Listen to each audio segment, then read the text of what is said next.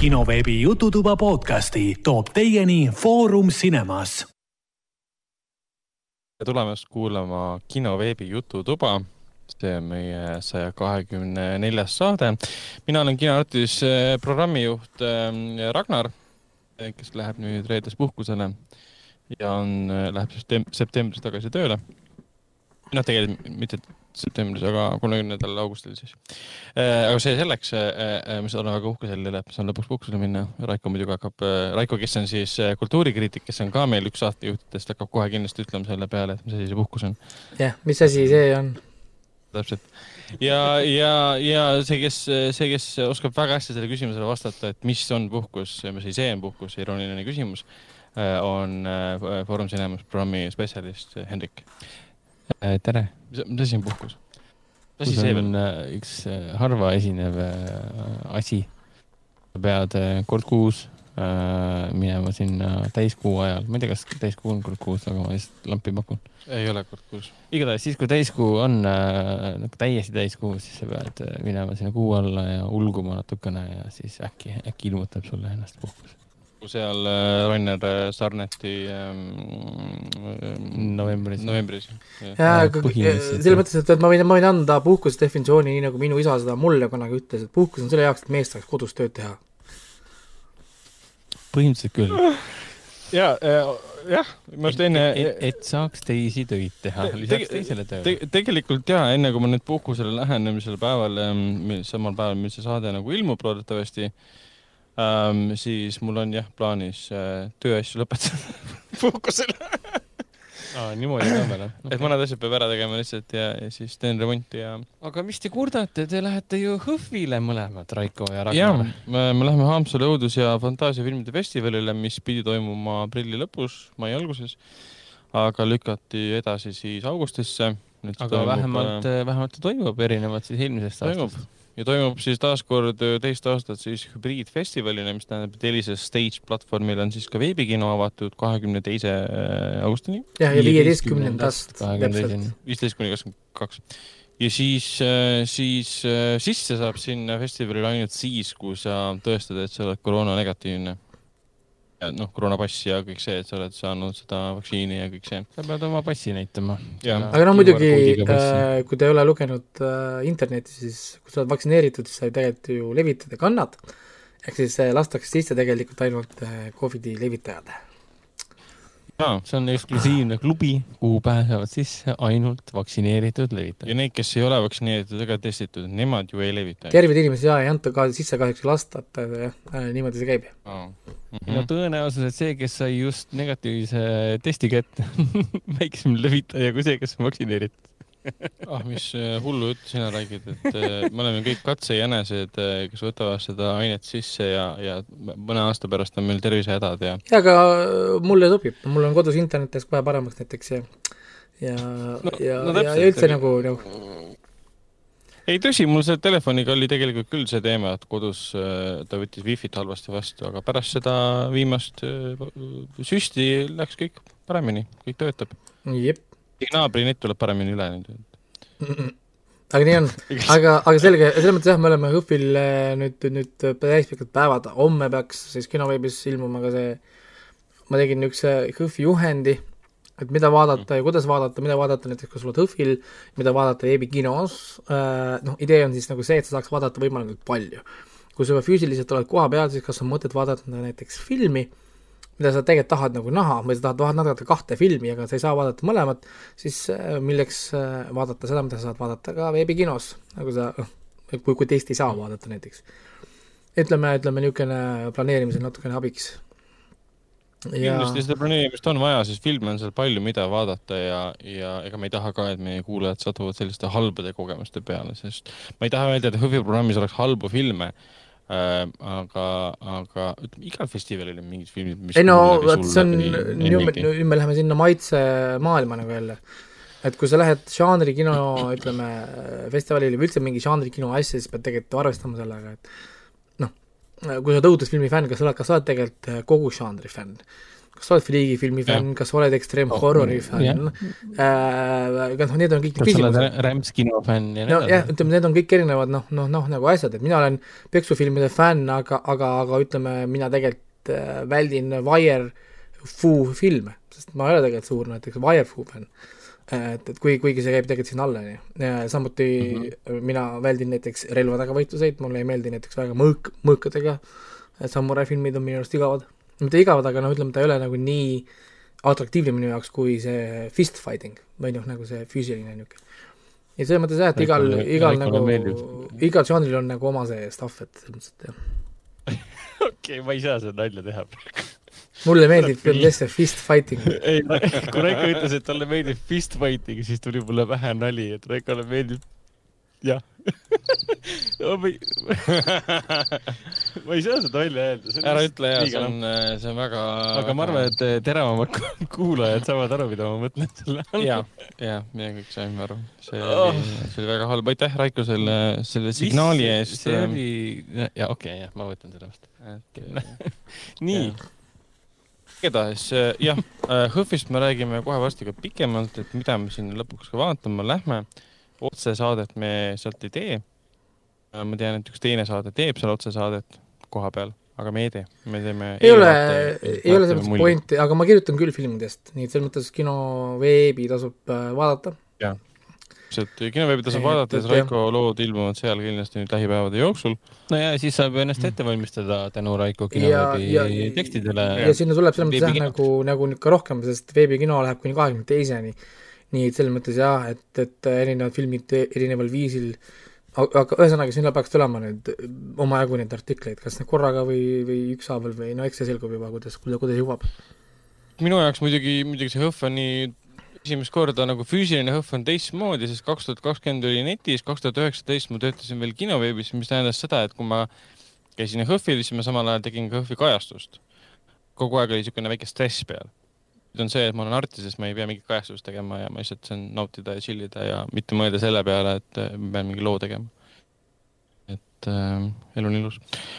aga Äh, enne kui edasi liigume saatejuhtide kuulamängu juurde, mis on siis järjekorras kahekümne üheksas, mainin ära, et kõik Kinoveebi jututoa saated on leitavad Delfi taskus, SoundCloudis, Apple podcastis, Spotify's, Google podcastis ja kõikides teistes podcasti rakendustes.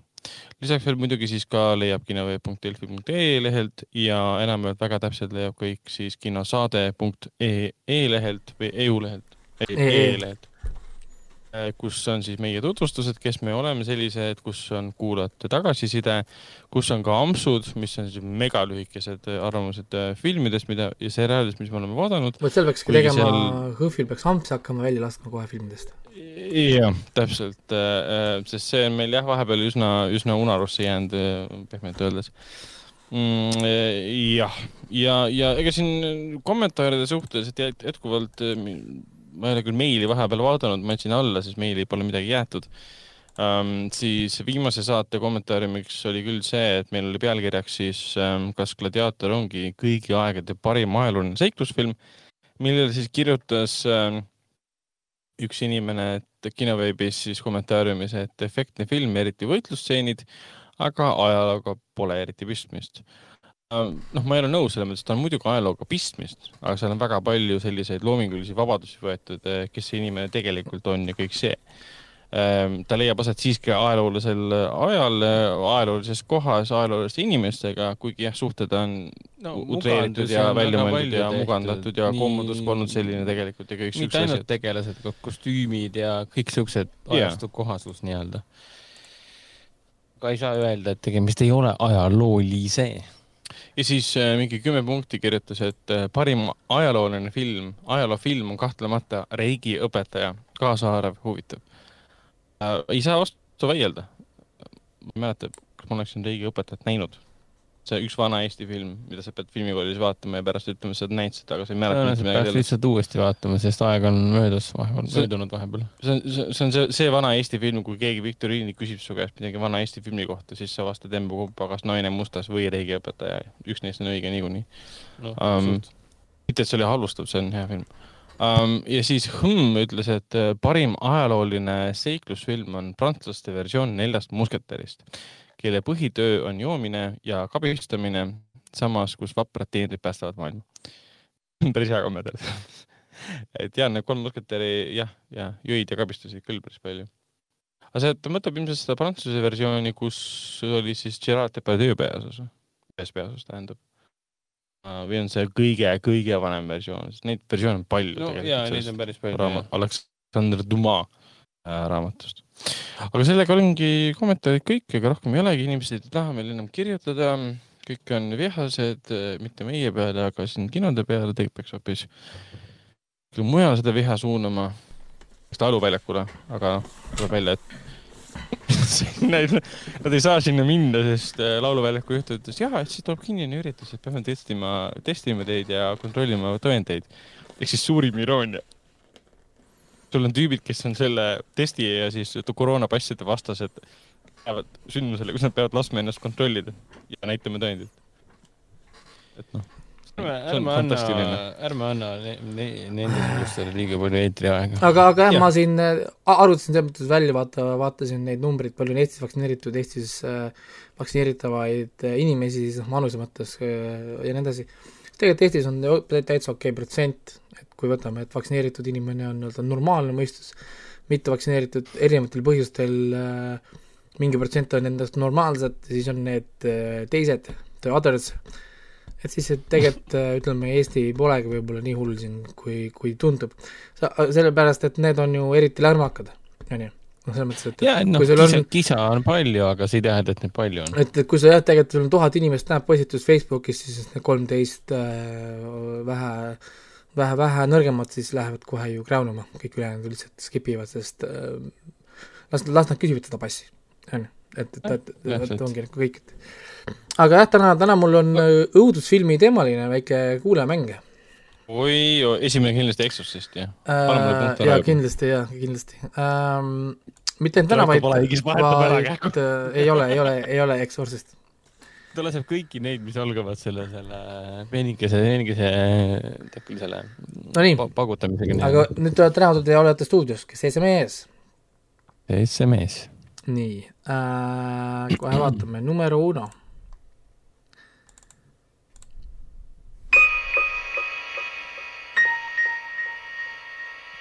ei tea, kolmteist või? Halloween, Halloween. mm.. Aa, se on se... Aa, aa, aa. Älä rioni kovasti. No come on ihmiset, älkää hakake näitä. Eli tuttavan. Ei, no, no siis shit. Tätä.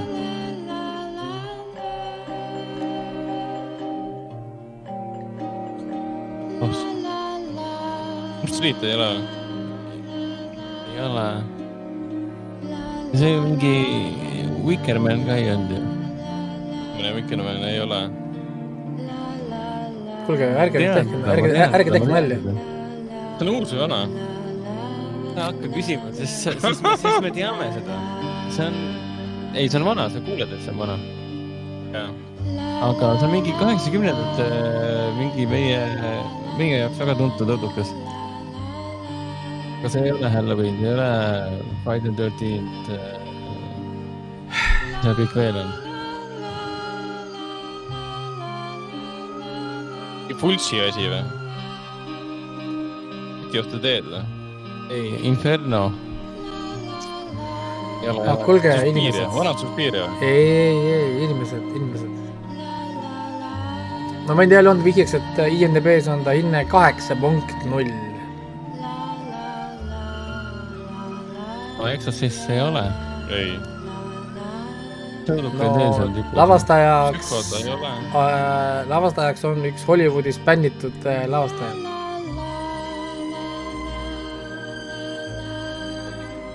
Kevin Spacey lavastas filme või? no Victor Salva. see Victor Salva film või? ei ole Victor Aa. Salva film. kurat. Jeepers Creepers, noh. See on selle Stephen Kay või mis ta oli, ta ei teinud, ta ei teinud õudukaid ju.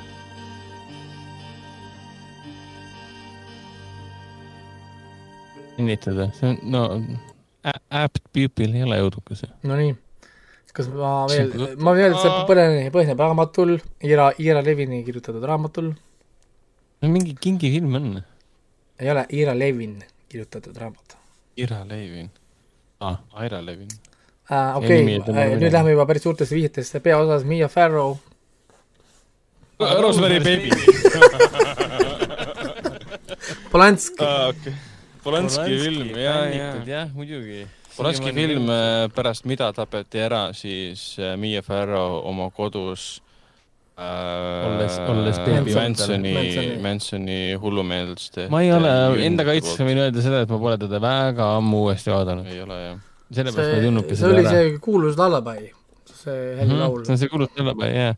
ma olen seda hiljuti kuulnud äh, mingis, mingis teises kontekstis, aga mitte filmi kontekstis. ma arvan, et sellepärast see peppu läkski praegu. okei okay,, see pidi olema see kerge, oli see pidi olema, esimene pidi olema soojenduseks see kerge, väga piinlik praegu. tõesti, ma oleks pidanud panema selle Exorcisti siia, et jaa, jah.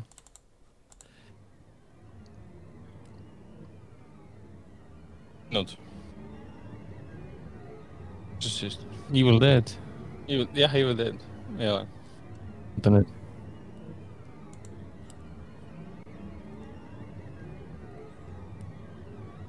no see Conjuring ka ei ole ju. ei ole. umbes minuti peal äh, läheb paremaks. on küll Evil Deadi moodi. soovin.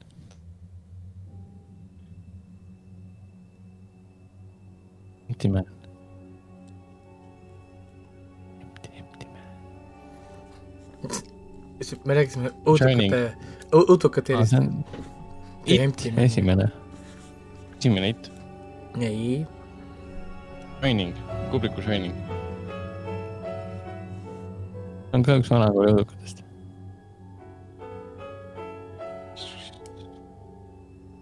ole nii keeruline.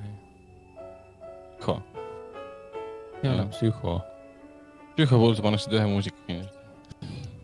seal on muud, muud muusikat ka. no nüüd,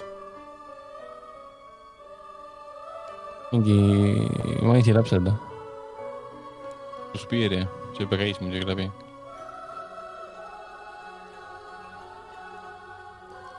Vikerman. ei, Vikerman ikka, teile meeldib pakkuda seda. ja, ja. Mingid naised laulavad.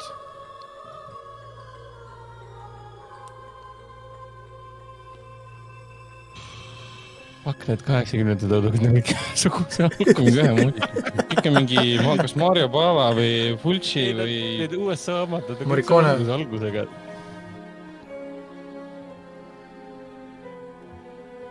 Nonii, kas tuleb?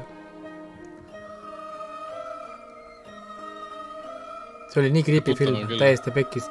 ma la-, lapsepõlves ikka legit kartsin seda filmi. Pet Cemetery. jaa. Esimene Pet Sematary või? jah, Nice eh, oot-oota äh,, ainukene Pet Sematary, ma, ma ei tea, et oleks ühtegi teist Pet Sematary filmi olnud. ma ei ole neid järgesid näinud ja remake oli no järgi ei tohi vaadata, seal on Edward Furlong, The Franchise. Killer peas. ainult äh, üks Pet Sematary film on jah, kahjuks. Rohkem pole, rohkem pole see tehtud. remake oli nii igav aga. ma tundsin selle järgi ära, mis sa ütlesid, et see rikkus, rikkus sind lapsepõlves, sest meiega juhtus sama. mitte ma ma arvan, nägin et päris päris, mi- päris miljonid lapsed äh, läksid jah sinna., me nägime Selle ikka korralikult õudukaid. seda filmi oli küll niimoodi, et kui ema palub sul mingi haige tädi ees hoolitseda, siis mul on see, ei.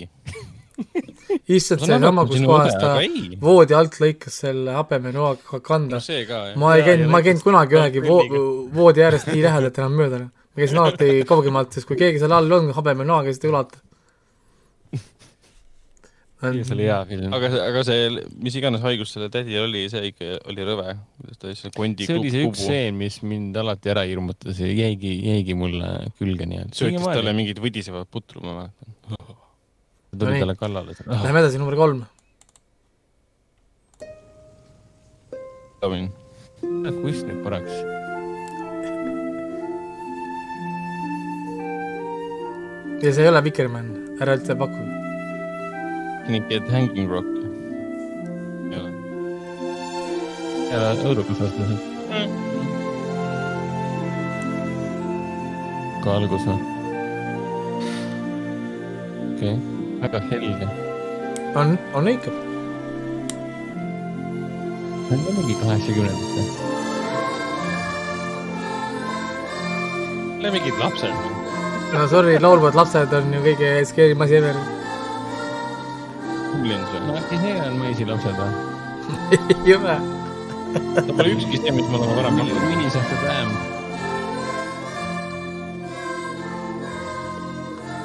aga see kõlab nagu jõuluhorror. ta kohe peaks äh, muutuma, Silent Night, Deadly Night.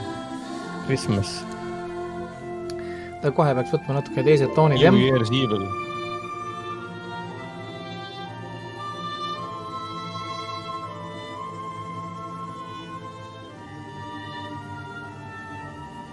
jaa, see oli ka väga hea film.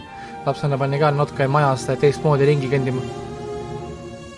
okei, okei.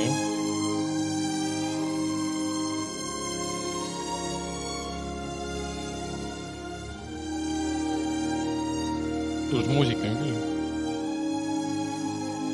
see on vastupidine sellele, mida me kuulnud oleme.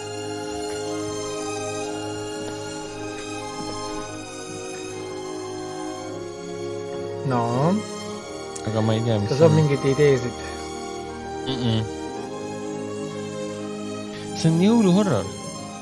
kõlab nagu jõulumuusika. Äh, filmis olulisel kohal on televiisor. Poltergeist. Poltergeist jah, täitsa õige. kurat. kas Poltergeistis oli sihuke musa või? Poltergeisti ma pole ammu, seda Steven Spielbergi lavastatud filmi pole ammu uuesti see ei vaadanud olnud Steven Spielbergi lavastatud film no,. väidetakse, et on. No jah. Tobe Hooper tegelikult polnud asjaga seotud. Nonii, number neli. see oli meie lapsepõlve lemmikfilm kusjuures. ma võin. see ei ole. Halloween. kui ma võtan Shazami lahti.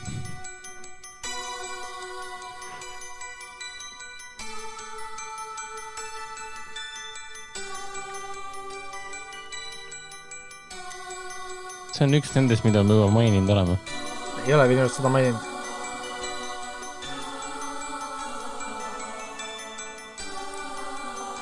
kui inimesed kuulevad seda muusikat, nad peaks saama aru, et kaheksakümnendatel oli väga ühesugune õudusfilmi teema. see on, veits küll, jah. et hilisemini on ikka nii tuntud. muidugi see on laulukoor ka. ja see muusika seal taga ka. jah. muuda tempokamaks, see on nagu Carpenteri komplekt. jaa, aga if it works. sündimusa töötab.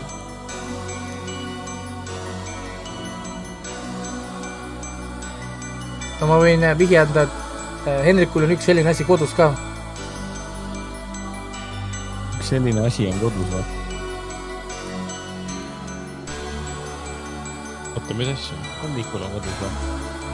jah, Hendrikul on kodus selline. ei, üks see, aa, mõtled mu last või? ei, asi, Basket case. üks selline asi on minul kodus. Baby. asi. asi, no. ta inimene.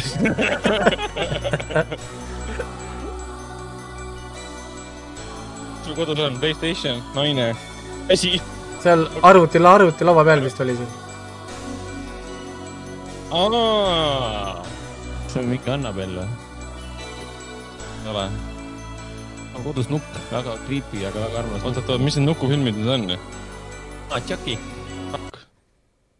ja Chucky. nii, aga mis selle filmi nimi on?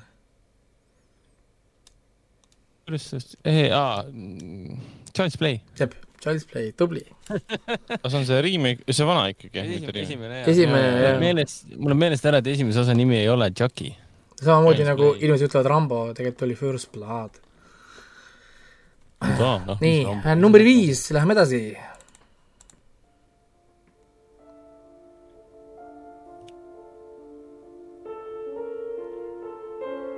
The Shining ju. ei ole. Breed või? Don't breathe, jah. ei ole. ole. tundus nagu ole. väga tuttav. just kuulnud seda. Väga kuulus film, väga kuulus film. tule meelde see. just hiljuti näinud seda. et et selle, et selle filmi kohta öeldi äh, õudusfilmide tagasitulek. esimene Conjuring või? ei ole, esimest seda ei ole siukest muusika.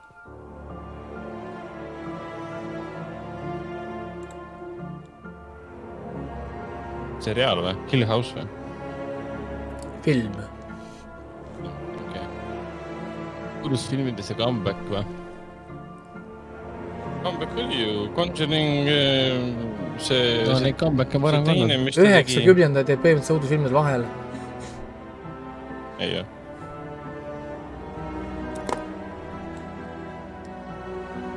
The Haunting või? ei ole. mis asja? vana, vana The Haunting. ei aga, oota. Scary Movie kolm. ei, mõelge Aasia poole. ring, esimene ring. Jaapani ring jaa, tere. uh,. Language, aga, aga jaa, selles mõttes, selles mõttes ma poleks ära arvanud selle muusika põhjal. ma mäletan, ma lapsepõlves vaatasin seda Jaapani ringi ja mulle ta ei meeldinud. ja siis ma vaatasin seda Korbervinski remake'i, see mulle väga meeldis. aga ilmselt ma olin väike ja ma ei saanud aru sellest, sest hiljem olen Jaapani õudukaid vaadanud, äh, millest on remake'e tehtud, siis ma olen aru saanud, remake'id on kõik pasad. Originaalid on fantastilised meistriteosed, kuigi selle juurde ma jään, et Korbervinski The Ring Naomi Wattsiga on vapustav film. ta on, ta on okei, ta on okei okay film. ma ei ütle, et ta mingi vapustav on, aga ta ei ole halb film. nii äh,, number kuus. Halloween.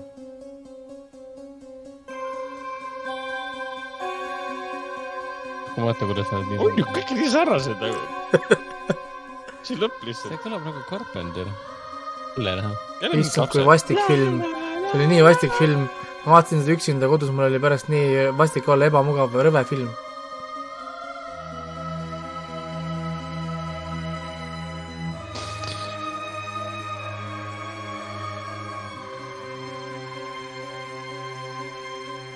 ikka rõve film.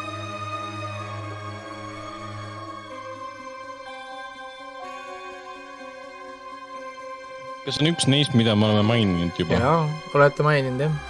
Aa. sest siis ta ei ole, vist Elm Street ilmselt mitte.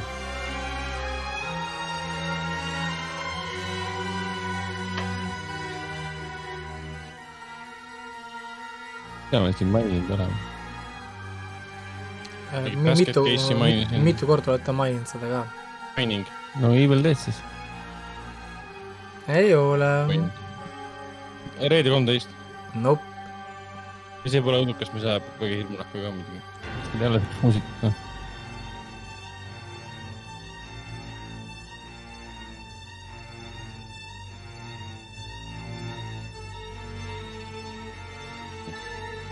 Don't, don't breathe. vana, vana film. aa jaa, jaa, ma. heli järgi tuleb ära, et ta on vana. Vau.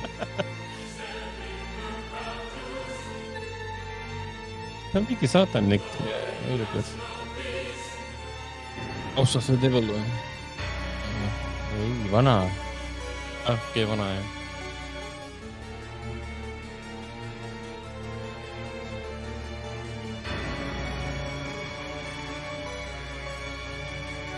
on ikka hea muss küll. on tõesti. Mõnusalt keerab ikka.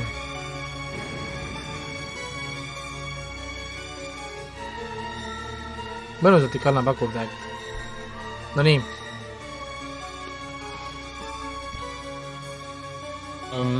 no ei tule. oleme seda maininud juba. jaa, aga aa, Vikerman. no kas ma nagu panen vihjeks äh,, mis oleks hea, hea vihje meile anda bussi nagu? Linda Hamilton,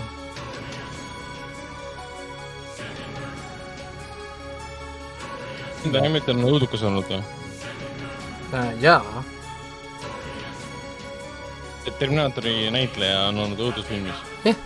no ju siis, Prophecy või? on vana, okei okay,, see ei ole nii vana. no see on siis Exorcist või? jah, Hamilton ei olnud Exorcistis. ei tea, äkki teises oli. no nüüd on mingi kuus juba. jah. Mida Hamilton? muusikaga on korralik. mis see oli? Children of the Corn. jaa. jaa, Linda Hamilton oli seal või? seal oli Hamilton või? aga noh, see ei ole nüüd nii vana film, see on üheksakümne. ei, kaheksakümmend. neli. jaa, oota, päriselt oli seal või? Hamiltoni ju esimeses ära on, siis tuli teine, nojah. tema oli see ohver ju, see ohver, kes tõmmati sinna rippuma ja värki. nii, aga oli viimane. Aga ma vahetan viimase ära, sest mulle ei meeldi praegu see viimane siin see on Halloween. äh,. ei äh,, ma võtan selle, ma võtan selle, vahetan selle viimasega praegu ära siin Drag me to hell. äh,. jah, see, algul ma mõtlesin, panen selle siia, aga vaadates, kuidas siis mõnega siin hätta jäeti, siis ma seda ei pane praegu, nii. Candyman. jah, no Candyman number seitse. Hakkab peale. End of days. päris hea pakkumine. sama teema ah,. Omen. jep, hea pakkumine, sellepärast tuligi. kiriklik muusika mm,. Omen. täitsa hea, nii. Hendrik sai üks, kaks, kolm, neli koma viis punkti, tõusis kahekümne kuue koma viie punkti peale. Ragnar Ja üks, kaks ja pool, teil on ka- mõlemal kakskümmend kuus koma viis punkti, ehk siis te olete igavad. päriselt, mõlemal on samad punktid või? olen väga rahul oma eluvalikutega praegu. aga aga ma olen üsna pettunud endas, et ma rohkem ära ei tund-, tundnud neid. jah, pole hullu, on ma võin juba öelda, öelda ka, et järgmine nädal on ka õudusfilmide erik, sest Õhv on just äh, saanud läbi, kestab veel järgmine nädal. nii et, et me saame veel arvata õudusfilme. Et modernsed õudusfilmid kõik jah. Äh, ma olen segamini jah, aga seekord ma läksin rohkem klassika peale ja ma mõtlesin, ma võtangi niisugused väga klassikalised kaheksakümnendad, kaheksakümnendad oli see õudusfilmide kuldajastu, meil oli lihtsalt nii palju jah, frantsiise, mis sealt alguse said ja, ja tõepoolest meil oli valida. ja, ja see list on ikka väga pikk, kui võtad kaheksakümnendate niisuguseid hitt-õudukaid, see on nii pikk nimekiri, lihtsalt legendaarne film, müstiline. jah, jah. ei jah, see aeg oli ikka hämmastav. No nii.. mida Itaalia reisijad tegid jah. Äh, aga, aga hakkame siis pihta, ma vaatasin filme põhimõtteliselt ainult kodus, kuigi ma vaatan nagu sarju ka, aga need on kõik, millest ma olen juba rääkinud ja need on nagu pooleli, siis ma hakkasin eraldi äh, nagu siis me näeme nendest äh, need Rick and Mortid ja kõik asjad äh,, noh, mis ma ikka räägin siin, finaal vist tuleb nüüd või, on ju? ütleme, ei, ei Ootame... tule päris finaal, siin tuleb nüüd vist üks või kaks episoodi veel ja siis alles finaal. Finaal kestab tund aega või midagi sellist. väidetavalt jah, tunniajaline finaal. kuskil septembris peaks tulema siis, et natuke mingi paar nädalat on vahet enne kui no finaal tuleb. nii palju oli selles Rick and Morty selles viimases episoodis, kus ta iseenda selles äh, äh, nii-öelda nagu minevikku vaatab läbi selle Birdmani või Bird Birdsoni tähendab. jaa me saime teada, et, et ta ei ole originaalne Rick, kes on oma perega koos. ja, ja me saime ju, minu, kas me teadsime seda varem, et, et, et Beth on varem nagu surma saanud või? me teadsime, et tema, me teadsime sellest, sellest virtuaalreaalsusest, vaata, kus teda kinni hoiti tulnukate poolt, kus vihjati, et tema naine suri. aga tulebki välja, et tegelikult Rick jäi ilma nii oma naisest kui ka tütrest. kui ka tütrest. ja ta ta ilmselt ilmselt, jäi ilma sellest sel, juba sellel ajal, kui ta Bird Birdsoniga sõjas oli, jah, koos käisid rindel. ja ilmselt ta tegi sama asja, mida tegi Mortiga, vaata. Läks teise universumisse elama perekonna juurde, sellepärast ta sisse koliski ja sinna jäigi. sellepärast ta nii obsessed ongi sellest Ehkki- multiversumist. ehkki siis äh, nagu Fringe. põhimõtteliselt jah, põhimõtteliselt jah. Et see ongi see moment, mida kõik fännid on oodanud, et kas lõpuks hakatakse lisaks stand-alone episoodide nagu arendama seda suuremat narratiivi ka või noh, andke midagi. Nad ja tegelikult anti, aga arendavad kogu aeg, me lihtsalt ei tea seda. me, me, me, me ei taju ja me ei seda. pruugi seda märgata, sest see Betty asi oli ühe, üks lause, mis oli kesk, kuskil action'i keskel ja rohkem seda kuskil ei arendatud. jah, see on nagu mööda minnes, ma panin küll pausile kohe, oota, mida? ma panin, ma pausi ei pannud, aga ma panin kohe tähele ja olin nii üllatunud, et lihtsalt korraks mainiti ja see on lihtsalt jutu keskel, lähme edasi. no fännid mm. -hmm. fännide suhtes on nagu näha INDB hindeid ka, et kohe, kui ta läks nagu nii-öelda suvaliseks episoodiks justkui, hakkasid hin-, hinnangud langema, et see sperma episood oli viis koma kuus, siis mis asja, see oli nii hea episood.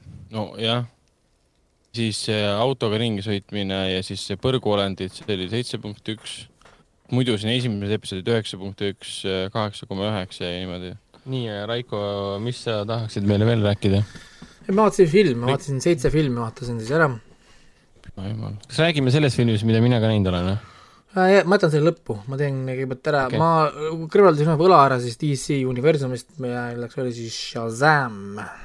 My god, sa pole Shazami varem näinud. ei, ma vaatasin seda siis esimest korda nüüd alles ja ei tore, kaheksa, kaheksa punkti film. Äh, on ju? väga nagu mõnus, natukene leebelt võib-olla käituvad selle Shazami niisuguse or-, origin story'ga, aga no olgu, see pole nii pü- häiriv ja teiseks sa püüdsid rahulikult alustada? mulle meeldib see, et nad ei selgitanud, kuidas need teised tulid seal lõpus. Lihtsalt ilmusid välja? ei no see on selles mõttes oluline tegelikult, kui siit jääb nagu mulje, et nüüd sul on nagu mingi seitse või kuus seda Shazami, mis oleks ju noh, tobe selle noh, ideega, et meil on ju kuus Supermani juures või, universumis, kus juba on Superman, on ju.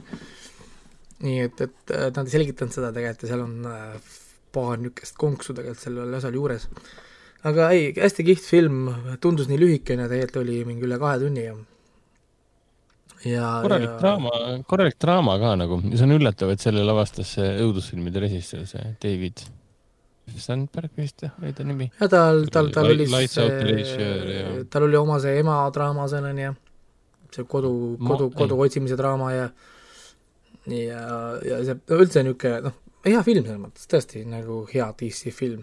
Ja ma ei vaadanud seda selle, selle inimlikku poolt väga hästi. Ma ei vaadanud seda sellepärast, et DC filmid olid nii pasad olnud tükk aega juba, kui see film ilmus, ma ei viitsinud enam. kuidagi niisugune, noh, allaandmistunne oli, et ma ei viitsi seda vaadata. nii et nüüd ma pean veel likvideerima oma selle Ant and the Wasp, siis on nagu niisugused superhero asjad nagu vaadatud. kuigi jah, selle superheroga kohe tuleb see Free Guy meelde, see Shieldiga ähm,. see oli hea, see oli nii hea koht, ma arvan, et inimesed naeravad ja räägivad sellest veel omajagu aega. ma kindlasti, või noh, me päris kõvasti naersime selle momendi ajal, me ei saa seda momenti seda ei saa öelda jah, see oleks spoiler. mina, mina ei ole näinud seda filmi veel. tahaks uuesti vaatama minna. see oli päris hea film, jah, aga äh, siis äh, jah, ütleme, ma ei hakka Shazamist rohkem rääkima, ta, ta oli suur, suur DC film, et las see olla. aga pigem ma nüüd räägin natuke teistest filmidest, mida tõenäoliselt võib-olla nii palju inimesed pole näinud ma vaatasin ära lõpuks ühe enda watchlist'is tükk aega olnud filmi Trollhunter mm.. on ka watchlist'is, pole vaadanud siiamaani. ja, ja, ja mul oli selles mõttes, et noh, nagu ma hakkasin seda sellepärast nüüd vaatama, et ma lappasin seal Voodoo's niisama ringi ja ma avastasin, et Voodoo's on mingi üüratu tasuta filmide library. ma reaalselt, ma mõtlesin, seal on mingi kümme või filmi tasuta või ma ei olnud kunagi vaadanud, siis ma tavaliselt läksin Voodoo'sse otsima konkreetset filmi.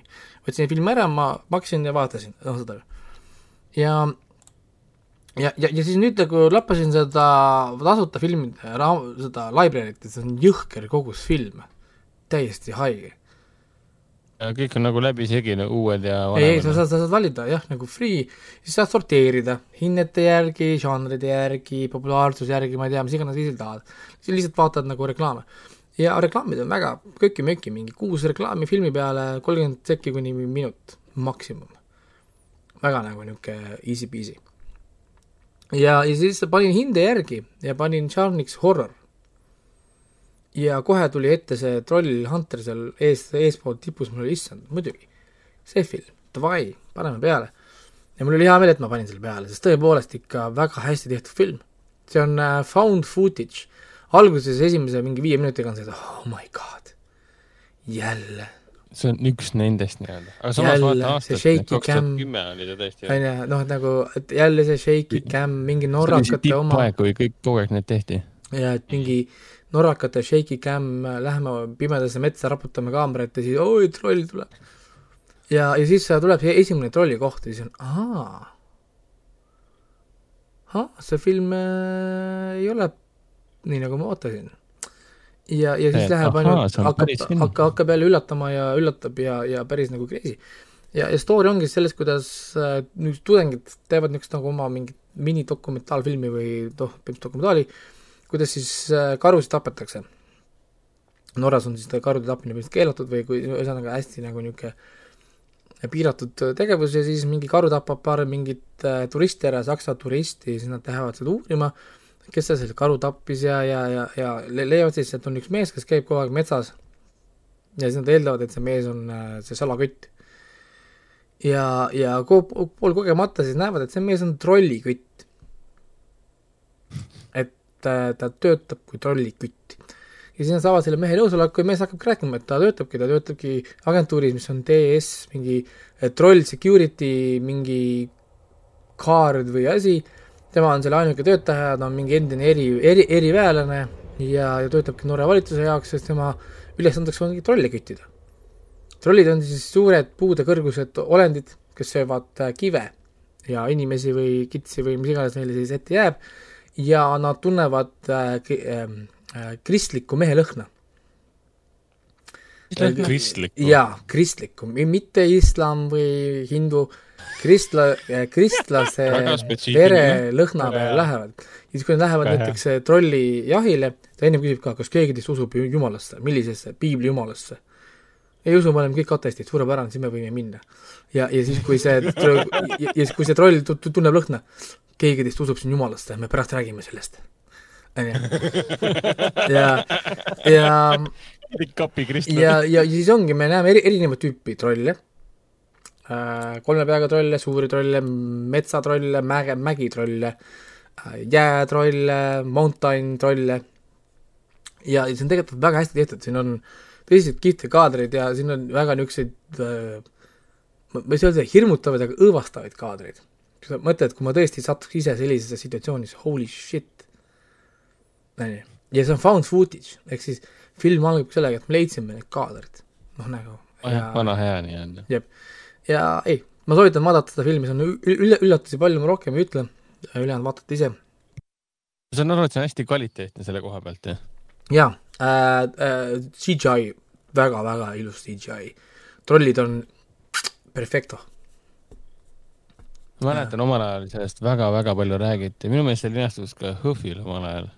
see oli üldse väga suur, nagu suur selline teenäitaja ka. mulle meeldis, kui, kui, kui, kui nagu unikaalne see film oli. on, ta on kihvt film kas selles filmis, mul on meeles, et ma ei ole filmi näinud, aga mul on meeles mingi klipp, kus siis keegi selgitas, et miks siin need suured elektriliinid on. jaa, e-, ele-, elektriliinid on äh, elektrikarvused trollide jaoks.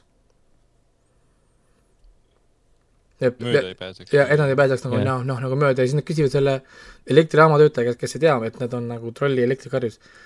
kas sulle ei tundu veider, et kui sa kaari pealt vaatad, siin sul jooksevad nagu mägedest ümber mägede, siis tulevad elektrijaama tagasi kuhu need kaablid lähevad, kui nad teevad lihtsalt ringi ümber mäe?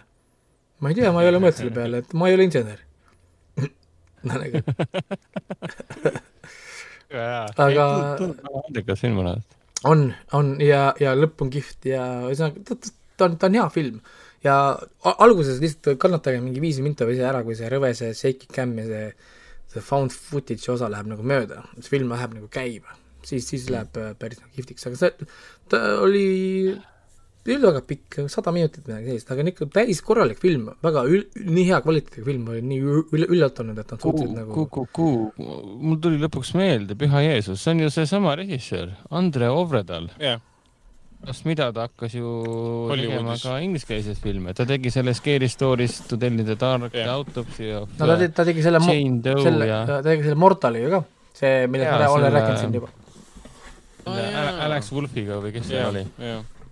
Nat Wolf, vabandust. aa ah,, õige, ta tegi selle Auto- äh,, Autopsy of Jane Doe. jaa, see oli ka väga creepy film. jaa, ei, selles mõttes ta, ta on, aa, ja sellel Trollhunteril, kas mitte üks, üks produtsentidest polnud kui Guillermo del Toro või? oota korra. Del Toro produtseeris Netflixi seriaali nimega Trollhunter. ei, ei, ei, ei, seesama minu arust oli, sest minu arust, kui ma, kui alguses tulid need nimed, ma nägin seda Guillermo del Toro nime, mõtlesin uh, what the fuck, oota korra. Äh,. ma, ei tea, kas ta oli või mitte. üritan leida siit, kus ma leian need ähm, äh, full, full see on võimalik, samas. Del Toro oli vahepeal põhimõtteliselt kõikide erinevate äh, õudusfilmidega seotud um,. ise lavastab nagu vähe, aga, aga samal ajal aitab teistel väga palju teha asju, mis on muidugi tore. siin ma ei leia, aga kui ma vaatan praegu siin videosid näiteks IMDB-s, siis ta istub siin äh, tema, temaga koos. äkki siis oli nagu executive producer? ma ei tea äh,, siin ei ole, aga, minu arust ma vaatasin seda filmi ja ma nägin Del Toro nime, mul oli äh, okei okay., ja kui ma vaatan praegu siin noh, videode all on ka, ta istub koos selle Del, Del Toroga siin räägivad sellest filmist siin, Troll Hunterist, ma ei tea. ühesõnaga, igal juhul ma räägin äh,, väga põhjusega seitse punkt null IMDB-s, väga teenitult, found footage žanr meeldib, siis igal juhul Troll Hunter on teema. ta ei ole sada protsenti nagu õudukas, aga ta on mõnus triller, niisugune mõnus müsteeri, mis värk nende trollidega nagu on, me õpime nende paaritumiste kohta, kaua nad elavad, kuidas neid tappa, või lihtsalt niisugune nagu, mingil määral nagu oleks nagu nature dokumentari, on ju aga, aga tegelikult samal ajal see hirm ja see, see, see kõik see, mis sinna juurde käib, see, et nad peavad öösiti neid jahtima ja nii edasi, see on, see on päris tegelikult scary. Nad on ju suured, ma mäletan treileris ka kunagi. Nad on massiivsed, nad on massiivsed, kolm, nagu, nagu hiiglased jah, selles mõttes mm. -hmm. nii et, nii et, nii et jah, tasub, tasub pilgu peale visata, et väga hea liid, väga hea liid oli. siis ma vaatasin ära Splice äh,, jälle samuti oh. äh, Voodoo, Voodoost oo oh jaa, Splice'i ma käisin kinos vaatamas. ja, ja noh, ma liitun siin nende inimestega, kes ütlevad nagu what the fuck, et selline yeah. ähm, no, see oli, see oli aga, Cube'i, esimese Cube'i Raceri film. aga, aga, aga raske oli eemale vaadata. film on ikka väga kütkestav selles mõttes, et ta, see müsteerium on nii suur. Story on selline, et kaks põhimõtteliselt teadlast äh, proovivad siis luua nii-öelda uut tüüpi elusolendit, et saada unikaalseid proteiine ja kui täna inimesed peaks teadma, proteiinidega me näiteks saame vaktsiine teha näiteks või noh, nagu ühesõnaga nendega saab teha väga palju asju. ütleme, kui sul on teatud nagu niisuguse tüüpi proteiinid, me saame neid kasutada mm., et neid sünt-, noh, nagu selle abil siis sünteesida whatever uh, uut uh, stuff'i, on ju. ja, ja siis neil õnnestub ka, nad loovad kaks niisugust olendit uh,, kes siis hakkavad nagu mees ja naine või noh, me ei saa öelda mees, naine, emane, isane siis äh,, olendid ja, ja ühesõnaga teaduslik avastus ja kõik läheb nagu hästi, nad leiavad ühe uue proteiini, aga siis neile öeldakse, et äh, et, et me ei vii seda järgmisesse etappi, seda äh, pro-, noh, nagu programmi veel, kuhu, kuhu teadla-, teadlastajana nad tahtsid liikuda sinna protsessi, et me saaksime inim-DNA-d ka lisada. aga neile öeldi, ei, et me praegu võtame proteiinid, mis me saame ja hakkame siit nagu vaikselt liikuma mm. -hmm. siis äh, aga noh, nemad muidugi, nagu ikka filmis on, nad eirasid seda, noh, põhimõtteliselt see on, see on naine muidugi. see, see naine, naine üldse ajas mind nii närvi, sest noh, mees võib rääkida mida iganes ta tahab, naine teeb ikka, mida ta tahab ja, ja, ja siis äh, kasutavad DNA-d, lisavad oma loomadele juurde ja siis tekib mingi väga veider olend, tuleb sealt. ja vaikselt kasvab ja kasvab ja kasvab, mida rohkem ta kasvab, seda rohkem inimese mõjutada võtab, aga samal ajal erinevad tema instinktid seal hakkavad seal võitlema ja ühesõnaga see film läheb väga veidraks ära mm. -hmm. siin on äh, väga friikisid asju hakkab siin toimuma. see on niisugune film, mida sest ei tohiks spoilerdada. ei no see, see oli nagu see moment, kus kohas siin üks, üks teatud stseen oli ja siis mul naine tuli kahe lapsega sisse. vaatas siia suurele ekraanile, vaatas mulle otsa, vaatas suurele ekraanile, vaatas mulle otsa, küsis, mida sa teed? Ma tean täpselt, mis sa inimesed mõtled. ja, ja ma ütlesin, et ma vaatan nagu filmi, ta ütles, et halloo, et noh, lapsed, lapsed käivad siin nagu ringi nagu päeval, vaata mida sa, mida, mida sa nagu teed? ma ütlesin, et ma, ma vaatan kvaliteetõudukat praegu ei ta oli kvaliteetõudukas ja kriitikute peal kõrgelt hinnatud õudus ja häiriv. see, see oli, kinos oli ka, mäletan, ikka väga ebamugav ja häiriv oli teda vaadata, kui, kui nad oma, kui ta oma, kui Adrian Brody, Oscari võitja Adrian Brody seal oma, oma surrogaat, surrogaat. ära spoilerdaks. okei okay jaa, jaa, ei, me ei, me ei, me ei spoilerda midagi, mulle nad natuke spoilerdasid, kui see ma... tõenäoliselt ei ole nii levinud film, et ka kõige suuremad õudukuse pärad ei pruugi seda ma soovitan, soovitan visata pilgu, pilgu peale küll, selles mõttes, et äh, tal on huvitav, ta, ta on nagu horrori niisugune teistsugune, ta ei ole see šoki horror, ütleme, mitte šoki horror, vaid see äh, jumpscare horror. Ehmatusõudus. vaid, vaid ta on lihtsalt selline reality horror või niisugune nagu, nagu niisugune psü-, psühhohorror vist või isegi nii, võib nii öelda? ta on ikka jah, nagu vastik film, selles mõttes eba, ebameeldiv film ja ta tekitab palju eba, ebameeldivust, niisugune väkk, väkk tunnet, oh my god, noh, vuhh, mida sa Pärast teed? duši alla minna no põhi, põhi, põhi, põhimõtteliselt lähed pesed ära ja ja, ja ongi nagu, ja siis pesed veel korra pärast, igaks juhuks nagu.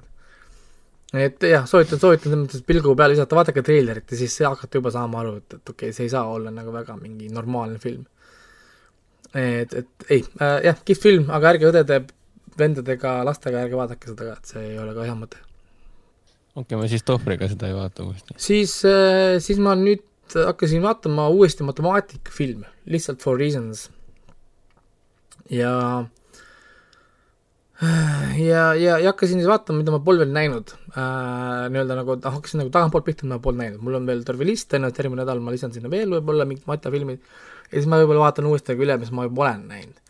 ja ma alustasin siis kahe tuhande neljateistkümnenda aasta filmist A Brilliant Young uh,, A Brilliant Young Mind uh,. Tubist vaatasin seda, see Tubist on tasuta üleval, saab vaadata, või siis praegu, praegu, praegu videos, kui teil on olemas uh, ja ah, jaa, ma mäletan seda filmi, tal oli teine pealkiri. tal oli X pluss Y oli ta vist Euroopas liikus, äh, noh, liikus äh, nagu Euroopas sellisena. Ja, ja ma ei oska öelda, ma jäin nagu kahe vahele, selles mõttes, et oli hea draama, on ju, ja, ja muidugi noh, see, et film oli pandud nagu draama romance nagu žanri, oleks pidanud mulle olema tegelikult nagu vihje, mina nagu vaatasin teda rohkem kui nagu matemaatika nagu filmi. Äh,, kirjelduse järgi äh, mulle tundus nagu, et oot issand, et äkki ma leian siit midagi enda kohta või no niisugust nagu, et põhimõtteliselt ongi see, et sul on nagu poiss, kes on niisugune, ta on nagu so-, sotsiaalselt siis mitte kõige sujuvam, aga ta lihtsalt on hästi osav numbritega, põhimõtteliselt. ja siis äh, ta isa saab nagu noores eas surma ja siis ühesõnaga see tekitab talle mingi teatud psühholoogilise trauma ja, ja, ja, ja siis äh, tema ema siis viib ta nii-öelda nagu andekate laste programmi, mille kaudu ta kohtub siis matemaatikaõpetajaga, kes ise oli kunagi nii-öelda nagu gifted child, aga nüüd täiskasvanuna ta enam ei ole nii gifted child. ja siis siin ongi niisugune nagu kaks lugu. üks lugu on siis nagu see õpetaja lugu, kuidas õpetaja proovib nüüd silmitsi seista minevikuga läbi selle poisi, kuidas tema oli kunagi see nii-öelda nagu matemaatika tulevik ja kus ta nagu täna on, et miks ta ei realiseerinud oma potentsiaali, kui nii-öelda nüüd see laps geenius matemaatikas. ja siis on nüüd see teine nagu lugu, siis see poisi enda lugu, kuidas see poiss proovib siis nii-öelda läbi matemaatika oma sotsiaalseid suhteid siis parandada või nagu luua, tähendab nagu rohkem. Sotsiaalseid suhteid ja selle jaoks ta tahab siis saada rahvusvahelisele matemaatika olümpiaadile äh, ja siis esindada nagu UK-d siis või saada nagu UK tiimi. terve film tegelikult räägibki seda protsessi, kuidas ta, see kõigepealt saab nagu Äh, sellesse eelvalimisringi, siis nad sõidavad Hiinasse, Hiinas nad vedavad seal noortega laagris, matemaatikalaagris, mille kaudu ta saab siis lõpuks sinna UK tiimi ja noh, ühesõnaga see protsess nagu. aga Hiinas olles ta armub ära ühte tüdrukusse. ja sellest see film tegelikult ei räägi mm,. Okay. et poiss on algusest peale tegelikult kõikidele öelnud, et, et numbrid on tema elu ja talle meeldivad äh, numbrid rohkem. numbrid on ausad, numbrid ei valeta äh, matemaatika on nagu tõde, inimesed valetavad, inimesed teevad tsirkust ja nii, ja nii edasi ja talle ei meeldi inimesed. kuni ta kohtab siis seda Hiina tüdrukut. ja, ja siis filmi niisugune lahendus siis või niisugune nagu puent, see on nii vana, vana film äh,, äh, oligi nagu siis see, et, et poiss peab otsustama, kas matemaatika või see tüdruk see, miks selline ots-, ots-, variant peab olema? ja noh, see on sel-, sest on Hiinast. okei okay. et, et Hiinas on natuke teistsugune kultuur ja ühesõnaga nad, selgitavad selle päris, päris hästi ära, selle, kuidas see protsess, protsess, protsess, protsess nagu käib ja miks see valik sinna jääb. ja, ja olulist rolli mängibki see õpetaja siin. Ja, ja siis õpetaja aitabki teha poisile siis paremaid otsuseid, kui tema tegi, nii-öelda. ja, ja suunab siis poisi tegelikult matemaatikast eemale vaata, vaatab oma, oma elu peale, kuhu tema jõudis, olles nagu mat-, noh, nagu sarnases positsioonis, kus poiss oli, tema valis matemaatika, mida see talle nagu andis või ei andnud siis. ja siis ta pigem oligi nagu see, et, et las see olla, mine noh, ja ela. no ütleme tema õpetajat mängis, kas see oli see Eddie Marsan või? ei, see oli jaa, see Rafe Spall äkki Rafe Spall on tal jah, ja Asa okay,, Asa Butterfield mängis siis seda matemaatikas. Asa oli see peategelane. selles mõttes ta on, ta on hea draama, ta on hästi südamlik draama, ta on hästi tehtud draama, hästi näideldud draama, et selles mõttes IMDB seitse nagu punkt üks on, on äh, täitsa nagu äh, minu arust nagu normaalne või õigustatud hinne, äh, ütleme filmile. matemaatikat väga vähe. päris kõrge et, et matemaatikat oli väga vähe, äh, ma natuke lootsin, et noh, nagu võib-olla rohkem matemaatikat, natukene selgitasid siin teatud matemaatikat, teatud äh, nagu noh, nagu tõe, tõdesid näiteks ja mulle meeldis, et nad tõid sisse ühe niisuguse klassikalise matemaatika ülesande, mis minule kunagi, kunagi noorena meeldis, ongi see, et, et sul on näiteks kaardipakk. on ju, ja, ja kõik kaardid on alguses äh, näoga äh, lava, laua poole. Nii, ja ükskõik kuskohast sa keerad nüüd ühe kaardi ümber, sa pead, sa pead, sa pead keerama ümber ka selle paremal pool oleva kaardi. noh, nagu mm., noh, nagu ümber. ja, ja, ja siis sa pead tõestama ära, tegema tõestuse, et kui sa hakkad niimoodi tegema, ükskõik mis järjekorras sa seda teed, sa lõpuks jõuad nulli. et kõik kaardid äh, lähevad lõpuks nagu ülespoole. On ju, ja, ja mulle nii meeldis see tõestus, kui ma olin nagu noh, nagu noor, sest see on hästi ele-, elegantne tõestus.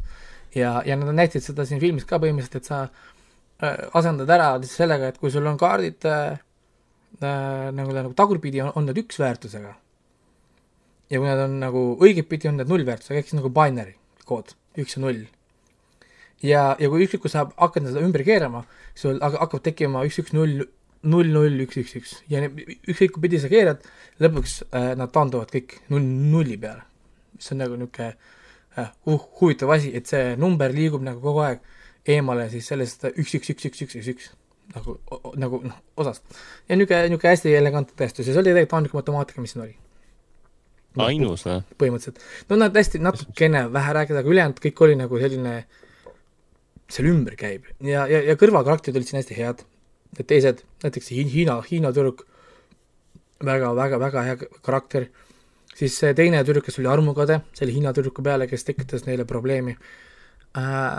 see on te teised matemaatikud, siis need äh, UK omad, neil on ka konkurents, nad olid nagu sõbrad, aga nad ka konkurendid tegelikult, noh, et kes saavad siis nagu sellesse Briti tiimi siis ta, siin oli ka selline ebaõiglus, mida ta siis näitas, et et üks poiss, kes oli sotsiaalselt kõige osavam, ta oli rikas, ta oli pikk, ta oli ilus ja ta oli kõige parem matemaatikas ka. ja, ja siis ta pidi kogu aeg toima, tulema toime sellega, et, et matemaatika oli tema thing, tal ei ole midagi muud. ja kui keegi teine, kes on matemaatikas temast nii palju parem, oskab ka veel kõik, kõike muud, siis kuidas see on aus? või noh, nagu, kus see nagu tasakaal on, kui tuleb ja siis see poiss seletas talle, et aga elu, elu ei olegi tasakaalus mm.. Noh, nagu ja ühesõnaga sellised noh, niisugused asjad, et, et jah, ta on hea draama, aga ütleme, ta ei olnud noh, see, mis ma ootasin.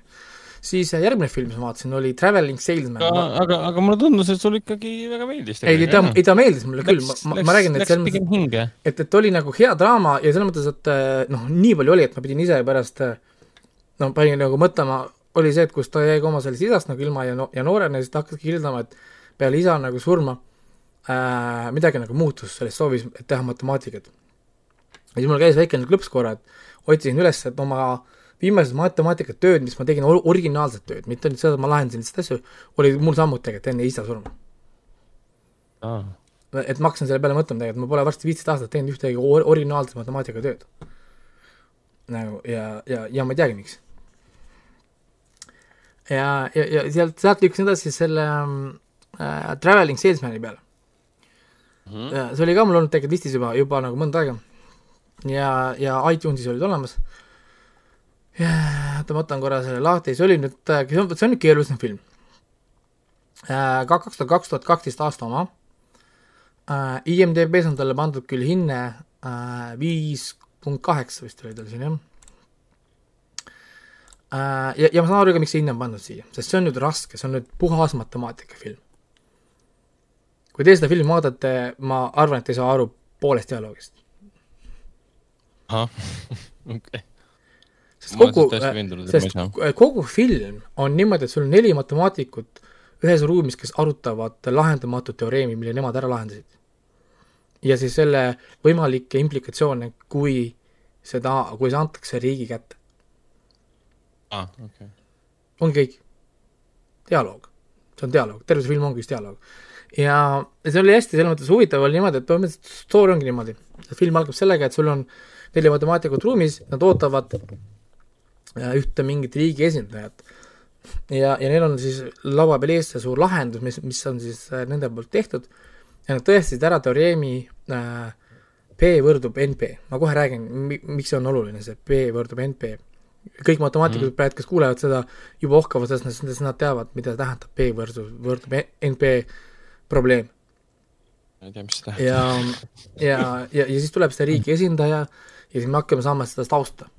riigi esindaja tuleb, näed, andke, siin on NDA-d, pange allkirjad alla, teie tehtud töö kuulub, avastus kuulub äh, USA-l noh, nagu äh, valitsusele, presidendi äh, tänukirjad teile, saate oma kakskümmend miljonit ülekanded, mingid pensionid, värgid, ühesõnaga tegite maailmale suure teene. et te lahendasite ära P võrdub NP. ja, ja siis hakkab film pihta, et matemaatika jutud, aga, aga see ei olnud see, millele me kokku leppisime. me leppisime kokku, et meie avastus jääb meil. ja siis hakkab pihta, aga me ei saa seda avastust avalikkust teha, siis saab, siis saab Hiina endale teada. siis saavad, ma ei tea, sakslased selle NP ja nii edasi. ja, ja siis me saame, natuke saame flashbacki, kuidas ütleme, avastamisprotsessi ja nii edasi aga põhiliselt see film käibki probleemi ümber, P võrdub NP. see on kurikuulus matemaatikas lahendamatu probleem. tegelikult mitte matemaatikas, vaid siis nagu arvuti, arvutiteaduses siis äh,. Arvutid ongi matemaatika, programmeerimine ongi tegelikult nagu matemaatika, lihtsalt nagu teistsugune matemaatika. siis P võrdub NP tähendab seda, et P põhimõtteliselt tähendabki probleem mm.. probleem, mida on võimalik lahendada, mille lahendust on võimalik kontrollida, tähendab P. ehk siis arvutis. ehk siis kõige lihtsam asi, näiteks sul on numbrid ma ei tea, üks, viis, ma ei tea, eh, üks, viis, kolm ja seitse, siis äh, probleem, et need numbrid tuleb panna järjestikku, me teeme lahenduse, üks, kolm, viis, seitse, nüüd on need numbrid järjest, ahah, lihtne lahendada, lihtne kontrollida. ja kõik arvutid, arvutid saavad sellega hakkama, on ju. Need, need on kõik, mis lähevad sinna B-probleemi alla. kõik probleemid, mida me saame lahendada kergelt ja me saame kontrollida kergelt. nüüd see NP on äh, probleemid, mida me ei saa lahendada kergelt, aga me saame kontrollida kergelt.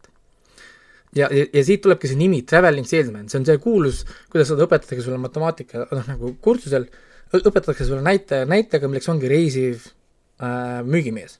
ongi nagu selles mõttes ka Eestis õpetatakse ka, kus kohas äh, müügimees käib mööda, mööda, ma ei tea, Euroopat või maailma ringi, käib ühest linnast teise linna ja, ja siis küsimus ongi äh, log-, tuleb nagu logistiline äh, küsimus tuleb, äh, kui, äh, kui mitu linna ta saaks läbi käia ühe selle kütusepaagi,? nagu maksimaalselt, niimoodi, et võimalikult palju distantsi läbida, samal ajal läbida võimalikult palju linnasid. seda on äärmiselt lihtne kontrollida, sa võid anda mis iganes lahenduse ja meie peame ainult vaatama, okei okay,, näed, ta, ta saab sõita, ma ei tea, tuhat miili ja aa, näe, saab küll niimoodi teha, ehk siis me saame lahenduse kontrollida, on kerge kontrollida, lahenduse saab kontrollima kohe. aga proovi nüüd leida seda lahendust, sellepärast siin on tohutult palju variante. Mis, mis linna ta kõige ennem läheb, kust linnast alustab, kuhu ta sealt edasi läheb, millise linna ta läheb ja kui neid variante on nii palju, siis seal ei ole nagu ühtegi nagu lahendust, mida me saaksime öelda arvutile, et tee niimoodi. siis tänane lahendus on see, et me lihtsalt paneme arvutile, kes kasutab lihtsalt toorest jõudu kasutab oma kiirust, teha miljon tehet sekundis või miljard tehet sekundis, ta kontrollib kõik variandid läbi. no saad aru, lihtsalt nagu ah! kõikidest kontrollitud variantidest see variant on kõige, on kõige lühem. Ehk siis see on täna, kuidas enamus arvutiprobleemid tegelikult tehakse, mis on tegelikult nagu lollus. aga kuna me saame ka kasutada seda, et mida me ei oska nagu teha lühidalt, me saame teha ringiga. aga kuna arvuti on kiire, me saame teha ta kiiresti, näiliselt see käib seitse sekundiga, on ju aga nüüd, kui me läheme suurematesse numbritesse, me läheme kosmilisse maailma, lähme proteiinide genereerimisse, haigustesse, siis me tuleme need protein folding ud. superarvutid teevad seda aastaid, sest liiga palju permutatsioone on, on ju. Siis, siis äh, muidugi nüüd ma, ma seletan matemaatikas aga aga, aga, aga põhimõtteliselt siis see nagu ähm, noh, okei okay, äh,, Sudoku on tegelikult kasutame Sudoku näidet, see traveling salesman näide on matemaatika näide, teeme Sudoku näidet. väga lihtne on kontrollida ju Sudokut, kui ma annan sulle lahenduse ette. sa lihtsalt vaatad, kas äh, igas kastis on numbrid ühest, ühest kuni üheksani. väga lihtne ju kontrollida. aga Sudokut lahendada pole nii lihtne. Kui ma, kui ma annan sulle tühja, tühja kasti. ehk siis see on seesama nagu idee, vastust kontrollida lihtne, vastust leida oh, ei ole lihtne ja, ja, ja, ja siis äh, see B juurde NP probleem on proovitud lahendada forever, sellepärast siin on teatud põhjused, ma, ma ei viitsi seletada, ma jäämegi seda eraldi podcast'i tegema, tegema siinkohal ähm,. Äh, et, et äh, B, et kõik pro-, kõik probleemid, mis esitavad arvutite maailmas äh,, on tegelikult äh, lihtsalt probleemid, lihtsalt lahendatavad ja lihtsalt kontrollitavad. me lihtsalt ei oska. noh, seda, seda nagu teha ja, ja siis siin nad arutavadki seda noh, neid implikat-, noh, nagu versioone, rakendusi näiteks, et kui, kui me tõepoolest saaksime selle ära lahendada, mis tähendaks seda, et äh, internet muutuks forever. peale, peale selle, et mitte, mitte ükski krüp-, krüpteering ei toimuks enam äh,, siis teine asi, mis, mis juhtuks, oleks see, et me saaksime näiteks äh, teha medi-, me-, meditsiiniline areng oleks utoopiline. kui, kui keegi lahendaks ära selle B võrdub NP probleemi. et, et näiteks kui täna tehakse teine test näiteks kakskümmend neli tundi, teine test muutuks äh, mikro, mikrosekundiga. sa lihtsalt paned kellelegi pikse, kohe saad vastused. instantselt terve G mm. DNA on analüüsitud, kohe. Sa ei pea ootama isegi, lihtsalt paned klõps ja sa saad kogu, info kätte, kogu DNA info. kohe käes, on ju sul on vaja teha mingit uut ravimit katsetada, vähiravimit, nüüd sa ei pea ootama kaks nädalat sul mingi superarvuti taga ja e, igat ühte proovida, vaid sa võid teha ühes päevas, ma ei tea, tuhat katset.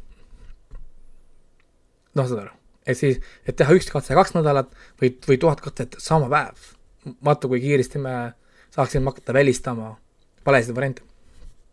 Mhm, on ju, et siis see B võrdub mm -hmm NP on üks nendest probleemidest, erinevad fondid pakuvad tohutut raha, et keegi lahendaks selle ära, pakuks mingisuguseid lahendusi, muidugi see B võrdub NP on väga lihtsustatud, sest seal on veel see EXP ehk siis eriti rasked pro-, probleemid, mida sa kontrollida ka kergelt, on ju. noh, nagu kosmosesse minemised, mustad augud ja nii edasi, aga kui keegi lahendaks ära B võrdub NP, see oleks tehnoloogiline hüpe. Kohe. Mikro, mikrokiibid näiteks muutuksid ma ei tea, kui, kui, kui, kui kiireks me, ühesõnaga see jah, see on selline suur unistus, mida siis tegelikult kõik matemaatikud taga ajavad, seda B juurde NP. aga probleem selle B juurde NP-ga on see, et inimesed lähevad, lähevad, lähevad, lähevad, hulluks, väga palju matemaatikuid on ennast hulluks, hulluks mõelnud, skisofreenia on tekitanud seda, proovivad seda probleemi lahendada, see, see tundub kerge probleem teatud mõttes, aga kui sa hakkad seda vaatama, siis sa saad aru, et holy shit, et see on nagu rabbit hole. ja siis see film pakubki meile siis sellise hullumelise lahenduse, kus neli matemaatikut mõtlevad selle välja mm. -hmm aga jah, siin ütleme, kogu see ränd mul siin, mis ma nüüd rääkisin, te peate arvestama, et see on kaheksakümmend minutit sellist väga sügavat äh, matemaatilist juttu. proovima. väga nagu, väga nagu tugevat äh, niisugust dialoogi ja, ja, ja see on hariv, selles mõttes, et see jutt, mis nad räägivad, kõik on õige. et ainuke ulme, mis siin on, ongi see, et nad lahen-, lahendasid selle ära. see on nagu ulme. Aga nagu kõik, kõik nagu muu ütleme, idee, et me lahendasime selle nüüd ära, mis nüüd maailmas hakkaks saama, see on nagu õige. et, et see, nad selgitavad ka nagu, et kui oluline ongi matemaatika nagu ja, ja inimesed ei saju seda, et kõik asi, mida me kasutame iga päev, on matemaatika. keegi on välja mõelnud, see mikrofon, mida keegi kasutab, keegi arvutas kõik asjad siin välja, kõik helitugevused, kaugused, raadiused, optimaalsed asjad, keegi kuskil on ka seda tööd kõik ära juba teinud nii et, et, et kõik majad, kus no, me elame ja asjad enam ei mõtle selle peale lihtsalt, jah. ikka ei mõtle, see tool, mille peal istud, äh, et, et ta kokku ei kuku, et maja sulle pähe ei kuku, on ju, kõik materjalid sobivad omavahel, kõik on kuskilt keegi varem kuidagi paika pannud, see on tohutu põlvkondade pikkune töö. nii et jah, äh, selles mõttes, et see oli see klaas, millest me vett joome, nii? no ikka, jah, kõik asjad. Mm, nii et selles mõttes, et jah, ei tea, ei selles mõttes on huvitav matemaatiline film, aga hoiatus ongi see, et see on matemaatiline film ehk siis jah, pange nii-öelda valmis oma, oma, oma, oma nagu pead, kaine peaga kindlasti, puhanud peaga, sest äh, visk-, viskavad päris palju infot, see on üks väga creepy tseen. mulle tegelikult meeldis see nagu see tseen, mida see tseen sümboliseerib. see oli see protsess, kuidas üks nendest matemaatikutest on siis nagu targem, näeb teid huvitava võrdlusega välja, et see matemaatik seal on parem kui oli Hardi. Hardist ma kohe räägin seoses järgmise filmiga ka. Hardi on kuulus, kuulus matemaatik. siis ähm, Äh, üks nagu tseen, kuidas, kuidas ta visualiseeris probleemi. kui nagu kummituse mast põhimõtteliselt. mis, mis ta vaatab ja rahule ei jäta ja tuleb ainult lähemale. okei okay.. see on päris jube, jah. aga, aga see oli huvitav, selles mõttes, kuidas ta nagu seda visuaali-, visualiseeris endale seda probleemi. või noh, nagu ütleme, kui hõljuvat nägu, mis, mis teda rahule ei jäta no pole ime, et matemaatikud sellest, sellest nagu sa ütlesid, hulluks lähevad. Lähevad küll ja see B versus NP on, ütleme, sarnane nagu on see probleem kolm X-i pluss üks. kolm X-i pluss üks, väga lihtne idee, kolm X-i pluss üks. ma ei hakka seletama, miks see kolm X-i pluss üks on üks, mul läheb mingi pool tundi aega, et seletada, miks see nagu äh, keeruline pro-, probleem on. kolm X pluss ühe puhul sa pead, sa pead tõestama ära, et iga tekkiv jada jõuab alati nulli. ehk siis sa võtad suvalise numbri, ma ei tea äh,, neli on näiteks noh, nagu näide, siis kolm korda neli, noh, korrutada vaata nagu, noh, nagu kolm korda neli pluss üks, kui on paaritu number, siis korrutad uuesti, kui on paaris äh, number, siis jagad kahega. ja see iga jada peab jõudma lõpuks üheni seda, see on ja, ja kolm X pluss üks on selline oluline matemaatiline teema, sest Riho Torres kunagi oli Eesti ja Ameerika kuulus matemaatik, võib-olla kõige kuulsam matemaatik, kes on Eestis üldse olnud, tema lahendas seda ja tema sai mitu auhinda sellega. kui, kui ta kolis Ameerikasse ja hakkas ka Ameerikas õppejõuks, siis teema nüüd matemaatika ajaloost on selle, et ta lahendas seda, noh, veits palju aega, et seda kolm, kolm X pluss ühte lahendada. kui keegi tahab äh, lugeda huvitava Eesti matemaatika kohta Riho Torres, siis äh, guugeldage, vaadake Vikipeediat ja, ja imestage, mida eestlased on tegelikult maailmas teinud mm.. nii et oh. jah äh,, ja, ja siis hoiatatakse selle eest, et ärge hakake seda, seda, seda, seda tegema, et mõistus võib üles öelda. ja siis viimasena vaatasin Telia tv-st ära siis The Man Who Knew Infinity ehk siis see Dev Patel ja ja mis ta nüüd oli seal, see Jeremy Irons minu poiss Irons ja ta Dev Patel. ja Stefan Fry oli väikene roll seal ja ja, ja see oli nüüd huvitav film, see oli äh, väga emotsionaalne film äh,, ütleme noh, jälle ma, ta on, siin on nüüd natuke matemaatikat ka, aga, aga matemaatika tehtud nagu mõõdukalt, et kõik sa inimesed saavad seda filmi vaadata. et nad õnneks nagu, nad leiavad alati mingi karakteri, kes käitub nagu publik, kellele siis keegi peab seletama, mida me just vaatame või mida, mis siin toimub. Et selles mõttes, et kõik saavad seda vaadata. Ja, ja see räägib siis äh, kuulsast matemaatikust äh, Ramanujan, India, India nagu oma, kui matemaatikat õpite natukenegi, Ramanujani nimi teate sama, samamoodi kui inimesed, kes õpivad füüsikat, teavad Einsteini nime. ja, ja, ja see Ramanujani lugu on tegelikult ise hästi traagiline lugu, see potentsiaali kadu tuli äh, maailmale massiivne, kui me saime Einsteini siin terve tema elu siis Ramanujani me saime ainult kolmkümmend kaks aastat saime mm.. ja, siis... ja see kadu oli massiivne.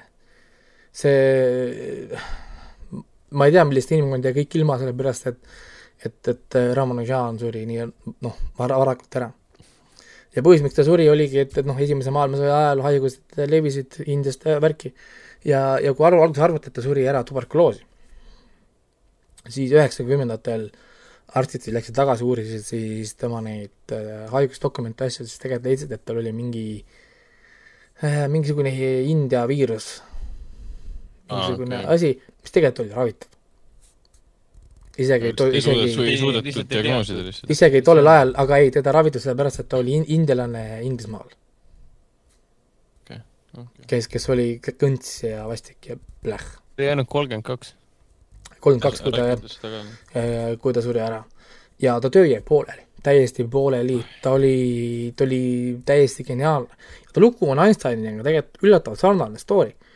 Kui Einstein tuli maailma täpselt samamoodi, ta töötas kui mingi patendiametnik, kes lihtsalt saatis oma füüsikateooriaid ja asju füüsikutele, kes kõik ütlesid, kes sa oled? sa, mees, sa vastad küsimustele, mida keegi ei küsigi veel, what the fuck? on ju ja siin oli sama, sama lugu, mingisugune Indiast harimatu, kes pole õppinud matemaatikat mitte midagi saadab äkki äh, Hardile, kes on siis äh, kuulus, põhimõtteliselt üks kuulsamaid matemaatikuid, kes on kunagi elanud äh,, G.H. Hardi, saadab oma nagu teooriaid ja siis Hardi vaatab peale, et ähm, what? siin on mingisugune äh, vend Indiast, kes väidab, et ta, ta suudab siin tõestada, ma ei tea, mis iganes asju. ja, ja tegelikult huvitav ongi, et see, et see äh,, ma ka jõuan sinnani, et see Ramanujan äh,, ütleme, tema geeniust saigi tegelikult ainult mõista Hardi. et poleks olnud Hardit, maailm ei teaks, kes on Ramanujan. ja põhjus, miks Hardi sai aru, et on geenius, ongi see, et Ramanujan ei olnud õppinud matemaatikat, mis tähendab seda, et ta ei tea, kuidas matemaatika käib. vaata, see ei ole lihtsalt niimoodi, et sa, oh, ma tean numbreid, on ju, ehk siis äh, võõras inimene vaatas siis, mida iganes ta oma sinna sellesse notebook'i kirjutas, oli nonsense. lihtsalt mingid põrandad, asjad, mis ei tähenda mitte midagi ja niimoodi kõik, kõik matemaatikud talle ütlesid. aga Hardi, kes oli ise juba teistest nagu peaaegu üle, üks edukamaid matemaatikuid, kes on kunagi elanud, vaatas sinna peale ja vaatas hmm,, tema nägi seda, et siin on keegi, kes vajaks natukene õpetamist, kuidas matemaatikat teha. ja kui me õpetame sellele inimesele, kuidas matemaatikat teha, kuidas asju tõestada, siis me saame siit midagi noh, nagu täiesti nagu noh, next level põhimõtteliselt. ehk siis siin oli probleem, millega mina, mina puutusin ka tegelikult ennem kooli kokku, oli see, et sa ei oska tõestada, sest sa ei oska matemaatikat, aga sa tead vastuseid. näiteks klassikaline näide, enne kui keegi õpetas mulle Pythagorase teoreemi, ma, mina sain aru juba riigis, kui ma nägin oma esimest seda äh, täisnõudlust kolmnurka, et äh, A ruut pluss B ruut võrdub C ruut. aga ma ei teadnud seda, ma ei osanud seda seletada, ma lihtsalt teadsin, et see nii on.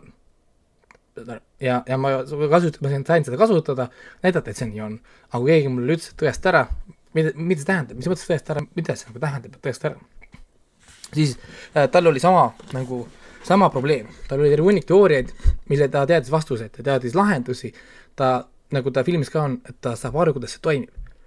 aga kui ta ei oska matemaatikat ja seletada seda teistele sellisel kujul, et nad suudaksid samm-sammult läbi tõestada ja kirja panna.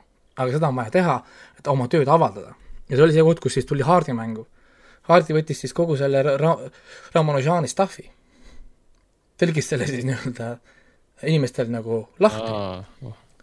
ja siis koos Ramanujaniga samal ajal teda õpetades äh, tõi siis selle nii-öelda stuff'i nagu välja. no muidugi kõik, mis Ramanujan tegi, muidugi ei olnud õige, sest seesama, ta ei olnud õppinud matemaatikat ja ta juba teadnud päris palju asju, mida oli juba ümber lükatud. saad aru, ehk siis ta oli kasutas mingit asja, keegi, mille keegi oli ümber, ümber, ümber lükanud ja nii edasi. aga no põhimõtteliselt äh, tema nagu niisugune kõige äh, niisugune suurem siis panus oli kombinatoorikasse, ütleme, kui mina ise olin, ütleme, tõenäosuse peal, siis, siis äh, Ramanujan keskendus nagu kombinatoorika peale ja ja, ja kui sa mõtled, noh, mis kombinatoorika on, no ongi, ütleme, noh, kombinatsioonid, ma ei tea, et ala üle, ülesannet, kui sul on äh, numbrid sajani, siis mitu erinevat või viisi on sul võimalik seal, seal osasid kokku liita, et saada number sada. näiteks see number on massiivne, see on mingi paarsada tuhat varianti on sellega. ja, ja, ja siis ühesõnaga kommentaarika on, kuidas seda vastust nagu leida, on ju, no või jada näiteks ja nii edasi. ja, ja, ja mis siis nagu selline Ramanujani niisugune, ma ei tea, kõige suurem panus siis jääbki, ma ei tea, ma mõtlen, mis tal võis olla uh, no põhimõtteliselt kogu nagu tema töö tuligi tegelikult tänu läbi, läbi nagu Hardile. aga Ramadžan teadis, et, et ta on haige ja kui ta oli nagu haige, ta teadis, et ta sureb ära, ta hakkas kiiresti oma kõiki ideesid panema kirja äh, vihikutesse mm. -hmm. ja need vihikud on kuni, kuni tänaseni, need lahatakse ja õpitakse nagu siia, siiamaani, oota millal ta suri, mis aastal? kakskümmend, tuhat üheksasada kakskümmend siiamaani pole lõpuni välja suudetud aru saada, mida ta oli kokku Nad, nad tõlgendavad jah, ja nad viimase leidsid veel seitsmekümne kuuendal aastal vist leiti tema viimane äh, vihik, mida peetakse ka võib-olla teaduse, matemaatikateaduse üheks suurimaks leiuks, teda võrreldakse näiteks selle Beethoveni kümnenda sümfooniaga. ja siis tema kalkulatsioonid ja tõestused sellest vihikust olid need, millega meie hiljem mustasid auke tänu Stephen Hawkinsile hakkasime leidma ja mõõtma ja infot tegema Stephen Hawkins poleks kunagi saanud seda teha, kui tal poleks olnud Ramanujani vihikut või noh, nagu tema tehtud, tehtud, tehtud nagu tööd. no nagu noh, noh näiteks. ja, ja kui vaadata filmi seda Theory of Everything, ta mainib ka seda Ramanujani seal päris mitu, mitu nagu korda, ütleme, noh nagu, aga, aga see on ainult üks nagu näide, et kui võtate, ütleme, Ramanujani Vikipeedia lahti, see on terve hunnik erinevaid äh, asju, mida, mida ta siis nagu jõudis nagu lisada, aga probleem ongi selles, et tal oli viis aastat enda aega meil oli Ra-, Ramanujan tuli maailma läinud viis aastat. nii-öelda nagu matemaatika maailmas. ainult viis aastat. ja see kogus tööd, mis ta sinna suutis teha ja lisada viie aastaga, oli, oli nii masendav ja, ja ma räägin selle lõput-, lõputseen filmis, kus kohas see Hardi peab seda kõnet, kui see noh, Ramanujan sureb ära ja ta peab selle Cambridge'is siis teiste eest seda kõnet, see oli minu arust nii heartbreaking et sama, kuidas ta kiri-, kuidas ta kirjeldab seda lost of potential. et, et, et kuidas tavaline inimene, tavaline mõistus ei saa kunagi aru, kui palju maailm kaotas täna. noh, nagu, et kui palju maailm kaotas sellega, et see Ramanujan suri ära. et selles mõttes ta on, ta on kurb film ähm,, see on selline ajalooline film, see on äh, bio, biograafiline film, et siin on seda niisugust rassismi või ma ei tea, sõjalist kiusamist, sest on noh, Indiast, India ja UK oli vist sõjas või midagi, on ju. Ja, jah, ta väga keerulisel aja, ajaperioodil tegelikult. siis tal oli, oli endal no, perega probleeme, sest ta sõitis Inglismaale, pere oli Indias äh, vaene ja nii edasi. aga, aga, aga jah, kui võtate Vikipeediast lahti, tal on eraldi isegi äh, see Vikipeedia Ramaju, Ramanujan's Notebooks ja, ja siis on veel see kuulus müstika, see Ramanujan's Lost Notebook, mida otsitakse taga, et üks on puuduolev notebook, on ju. Ja, ja sellest võiks täitsa oma filmi teha, et ma ei tea, National Treasure kolm, noh, Ramanujan's Lost Notebook see on see Take Note Disney. et, et, et noh, et et see on, on näiteks, näed, et siin on näiteks, ma võin siit lugeda, et the first note notebook uh, had three hundred and fifty one pages with some uh, with 16 somewhat organized chapters and some unorganized material. The second hand uh, the second notebook had 256 pages in 21 chapters and 100 unorganized pages and the third uh, 33 organized pages. nagu, ehk siis äh, ta pani oma mõtted kõik kirja nii kiiresti, kui ta jõudis, ilma nagu tõestusi tegemata. sa tead, et ta, et ta, ta sureb ära ja nüüd nagu matemaatikud kuni tänaseni proovivad nagu mõista, mida ta seal tegi. Mida ta, mida ta sinna nagu pani. ja, ja Hardi hilisem töö äh, oligi enamasti, ta veediski nüüd pärast oma ülejäänud nagu töö tegelikult või karjääri seda Ramonjani tööd siis välja tuues. aa, nii et ta siis tegeleski põhimõtteliselt tema, tema töö ei, ta võttis ta nagu, nagu noh, noh, tema nagu töö, ta kõigepealt tegi selle töö nagu ära ja kui vaja, siis ta täiendas seda ise ja hästi palju hilisemat tööd tulidki mm. Hardi Ramanujan nime all. Hardi Ramanujan konjektuur, Hardi Ramanujan mingi asi, noh, sest äh, tegelikult Hardi tegi tohutult tööd nagu ära. Ainult tegi küll mingi idee või lõi mingi uue nagu asja, siis Hardi nüüd pidi selle välja mõtlema põhimõtteliselt, siis tõlkima, tegema tõestusi, asju, tohutult tööd sinna panema nii et, et selles mõttes, et noh, ilma nagu jah, ongi need seitsekümmend kuus aasta, George Andrews rediscovered the fourth notebook with eighty seven unorganized pages, the, so, the so-called the first lost notebook. Nii et, et jah, aga neid peab veel olema, neli tükki on leitud, aga need raamatuid on kokku viis või kuus. Notebooki on olemas, väidab, väidetavalt pereandmetel, aga neid ei, noh, ühesõnaga jah. Ja, ja sarnane lugu, ütleme sarnane lugu, kuidas Einstein tuli äh,, samamoodi nagu Einstein vastas küsimustele, mida me ei küsinud, samuti tegi ka Ramanujan ja, ja samuti nagu Einsteini tööd kuni tänaseni alles tõestatakse ja lahti võetakse, siis on sama kehtib ka veel Ramanujani kohta nagu. Aga jah, ütleme, kui Einstein sai elada ikkagi täis elu, siis jah, kahjuks Ramanujan noh, ta suutis selle kolmekümne kahe eluaastaga ära teha rohkem, kui mõni inimene suudab siin seitsmekümnega. selles mõttes jah, nagu Hardi elas ka seitsmekümneni, et see oli päris ei, Hardi, Hardi on jõhker. issand, kui võtate Hardi Vikipeedia lahti, hakata vaatama, mida see mees lisas matemaatikasse, holy crap. Äh, ja kusjuures kõige pullim oli see, et Hardi ise arvas, et täna matemaatika, mida tema teeb, tema nimetas oma matemaatikat siis puhtaks matemaatikaks või nagu öeldakse pure mathematics, siis tema arvas, et tema matemaatikal pole mitte kunagi praktilist lahendust aga, aga point -hmm. oli oli, oli selles, et tema töö põhjal näiteks kasutas mees nagu Alan Turing, peaks olema teil tuttav ju -hmm. The Imitation Game, kes kasutas yeah. tema, tema tööd, et äh, crack ida koodi, mis omakorda viis ju meid arvutiteni mm. -hmm, täpselt ja, ja, ja, ja see, ja see Hardi ütles, et tal, tema töödel pole praktilisi lahend-, lahendusi, pool meie tänasest füüsikast on Hardi töö peale üles ehitatud. sellepärast, et noh, toovadki, ei olnudki neid field'e, mida nemad nagu tegid Nemad mõtlesid selle peale, et computer science või programmeerimine.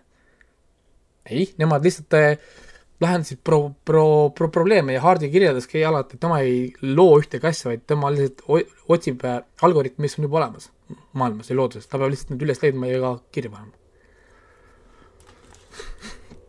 nii, selles mõttes jah, matemaatikafilmid, aga ma jätkan selle listiga veel, noh nagu noh, jooksvalt, kui ma siin jõuan, sest nüüd on HÖFFi filmid ja muud stuff nagu aga mul on siin terve hunnik Mata filme veel listis, ma lähen vaat-, kindlasti lähen tagasi, vaatan Beautiful Mind, vaatan uuesti ära. Russell Crowe, Russell Crowe'iga. tahan vaadata Anthony Hopkinsi Proof uuesti. see äh, Beautiful Mind on siis nii-öelda mingisugune Steve Nashi, ei, oli Steve Nash või? Play, oli jaa, aga see on siis nagu mingisugune pleebide matafilm nii-öelda, et siis noh, võimalikult äh, äh, kergesti mõistet-, mõistetav draama nii-öelda.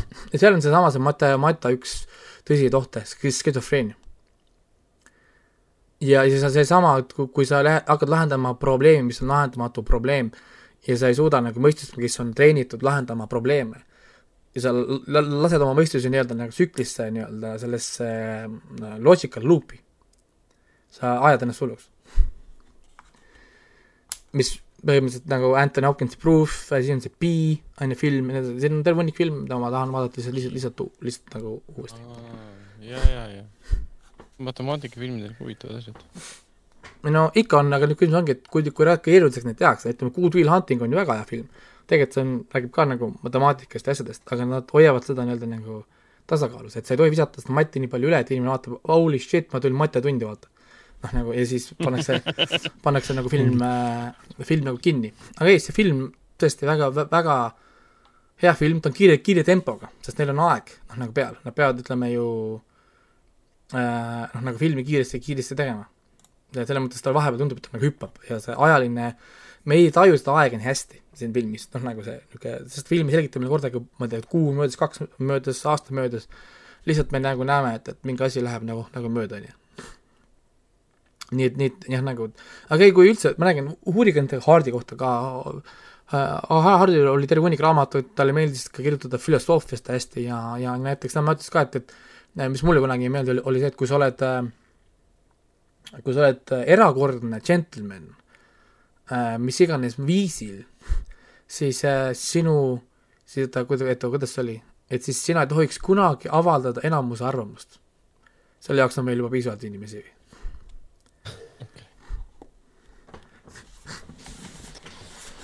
jaa, ei noh, see on jah, mingi žanr, üks selline žanr, mida jah, millega me ei ole varem üldse, üldse kokku puutunud, välja arvatud jah, need üksikud, üksikud siin Ron Howardi Oscari filmid nagu see Beautiful Mind ja ja Alan Turingu filmid, aga need ikka rohkem sellisele vähem matemaatikale, rohkem draamale, emotsioonidele ja traagikale keskenduvad filmid. aga süvamatemaatikast ma ei olegi tegelikult vaadanudki. jah, et, et, et kui ütleme, Traveling Salesman on huvitav, siis Pi peaks ka inimestele meeldima, sest Pi on väga skisofreeniline film, sest Pi on üldse müstiline ka kusjuures. Te tegelikult, ma soovitan üldse, kui tahate vaadata huvitavaid asju äh,, guugeldage The Mystery of Pi. Te leiate erinevaid Youtube'i videosid, erinevaid asju, kus inimesed matemaatikaga selgitavad, miks Pi on nii müstiline. ta on täiesti para-, paranormaalne isegi number.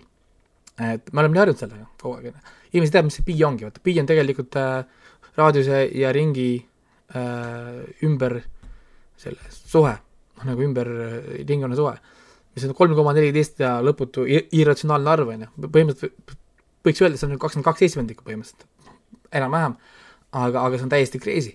pi, pi, pi rak-, rakendused on nii kasulikud, aga me ei tea, miks. näiteks huvitav näide on see, et sa võtad peotäis naelu, on ju, viskad need maha, need põrkavad kaootiliselt. sa saad arvutada nende suhet pi abil ja selliselt luua siis tagasi, kuidas nad kukkusid. aga miks see nii toimub, keegi ei tea. See on otseses mõttes matemaatika täna ei tea, miks see niimoodi toimib. nii et selles mõttes, et, et äh, jah, tahate niisugust huvitavat asja vaadata, siis guugeldage pi, siis on see Euleri konstant äh,, niisugused veidrad asjad, mis toimivad, aga me ei tea täpselt, miks. on ju, või siis see kuld, kuldne suhe nii-öelda. klassikaline kuldne suhe, mis esineb looduses igal pool, me teame seda konst-, konstanti, on ju, aga ma ei tea jälle, et miks ta, miks, miks ta toimib nii, nagu ta toimib. Ja eks inimesed on ka selle loodusest üle võtnud, et majad, majadel oleks, oleks disainis ja arhitektuuris kuldne suhe olemas ja kõik see. noh, kuldne suhe ju on telekas. noh, jah, täpselt. et jah, aga, aga, aga selge, et jah, ma vaatasin jälle filme, nüüd te saite Matja tunni, ma tean, et siin poole kuulajad praegu äh, ärkavad kohe, kohe äh, kohe ärkavad üles, et, et aga jah, ma tegelikult ma pean teha, kuradi see Matjaga on niimoodi, et kui Matja teema tuleb, siis ma lähen nii ränd ära, see on nii ohtlik.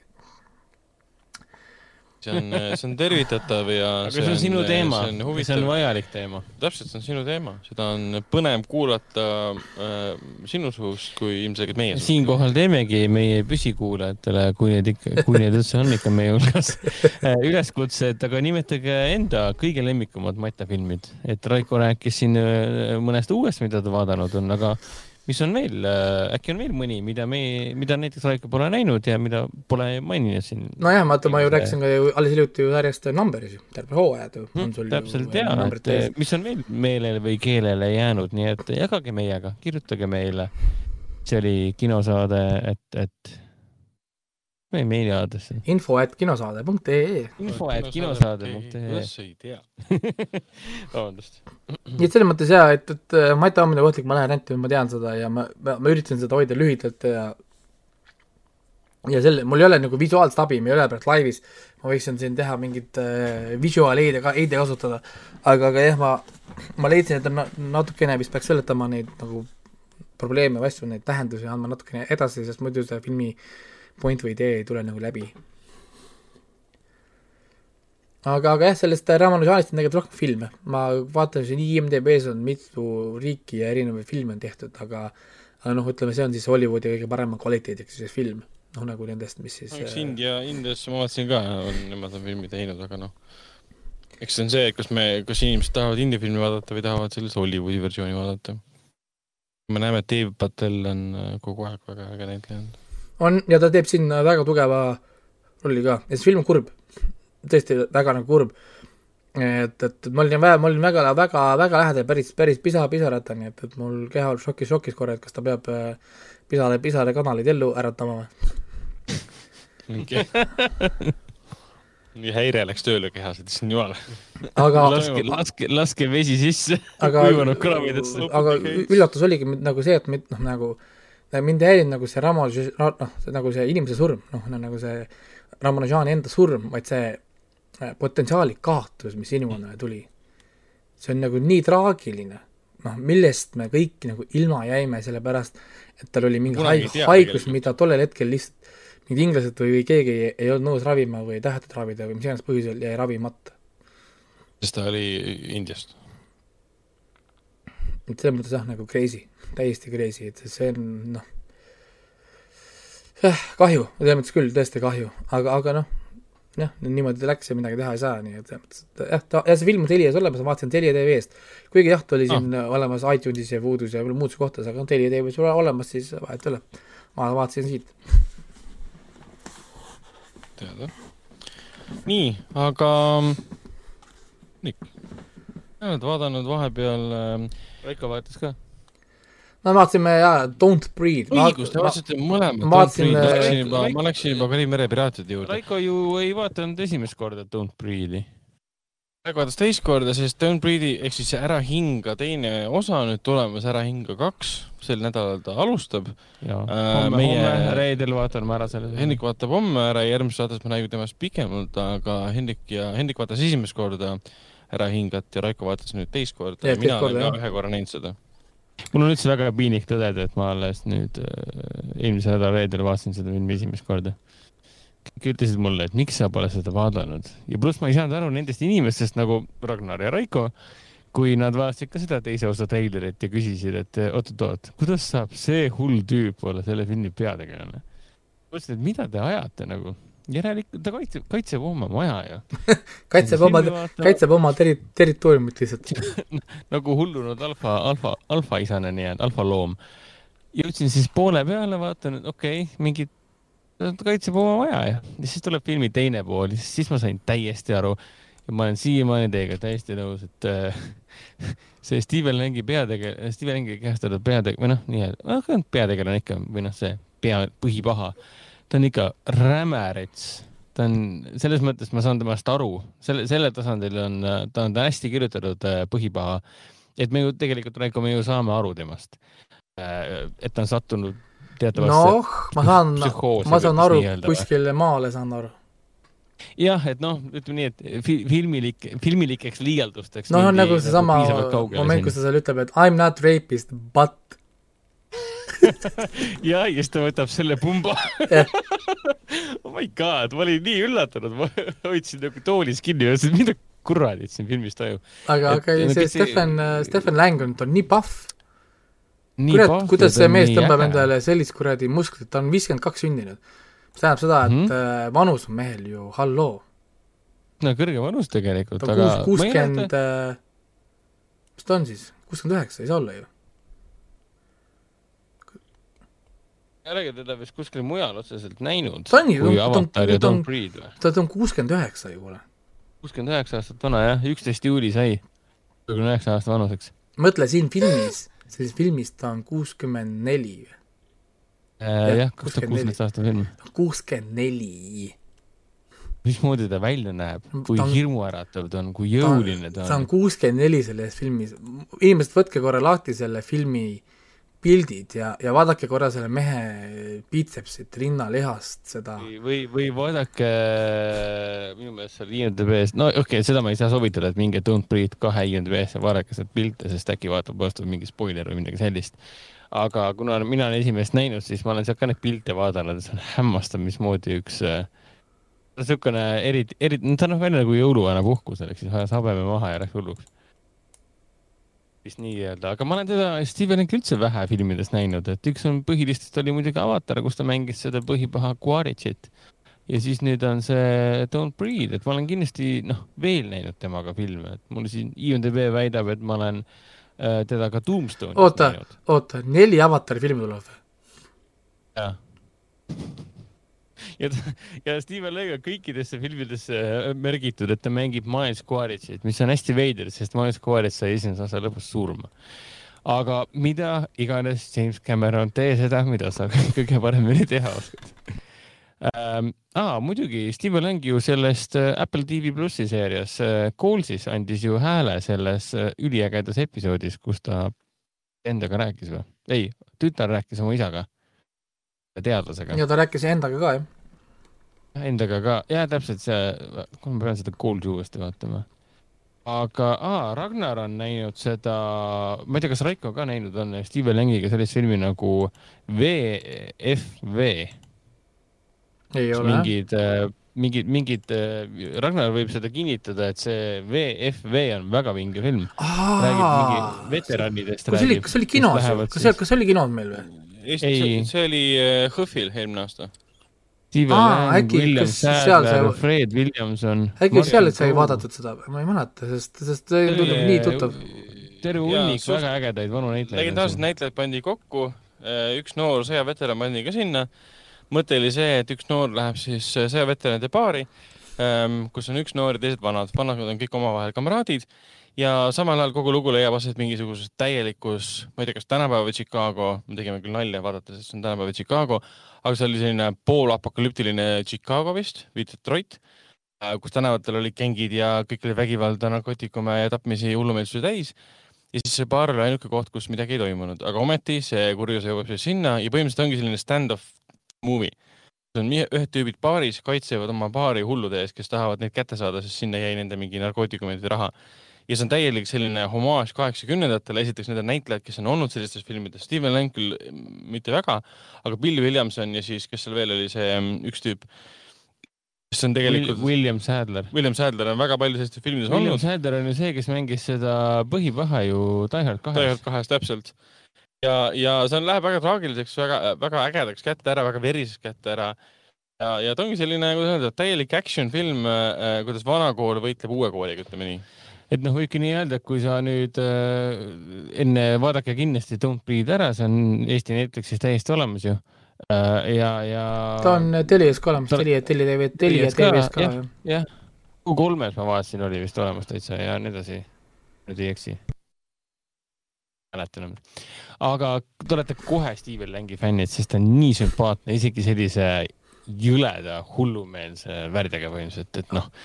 kuuskümmend neli selles filmis kuuskümmend neli ja ta on praegu kuuskümmend üheksa, saad aru, see mees on kuuskümmend üheksa aastat vana ja ta tegi Tomb Raider kahe praegu. ta ei näe päevagi varem välja, kui ta oli aastal kaks tuhat üheksa ja mängis seda Major Quaritši avataris. Quaritš, jah. Quaritš, jah. ta on nii badass lihtsalt, ma ei kujuta ette, mis kuradi workout'i see mees teeb, et äh, hoida oma õlgu ja ja ikka, mega, mega pikk karjäär ka, terve hunnik filme, millest keegi pole midagi kuulnud. B-film, terve hunnik mingi B-action filme oli siin, ma vaatan.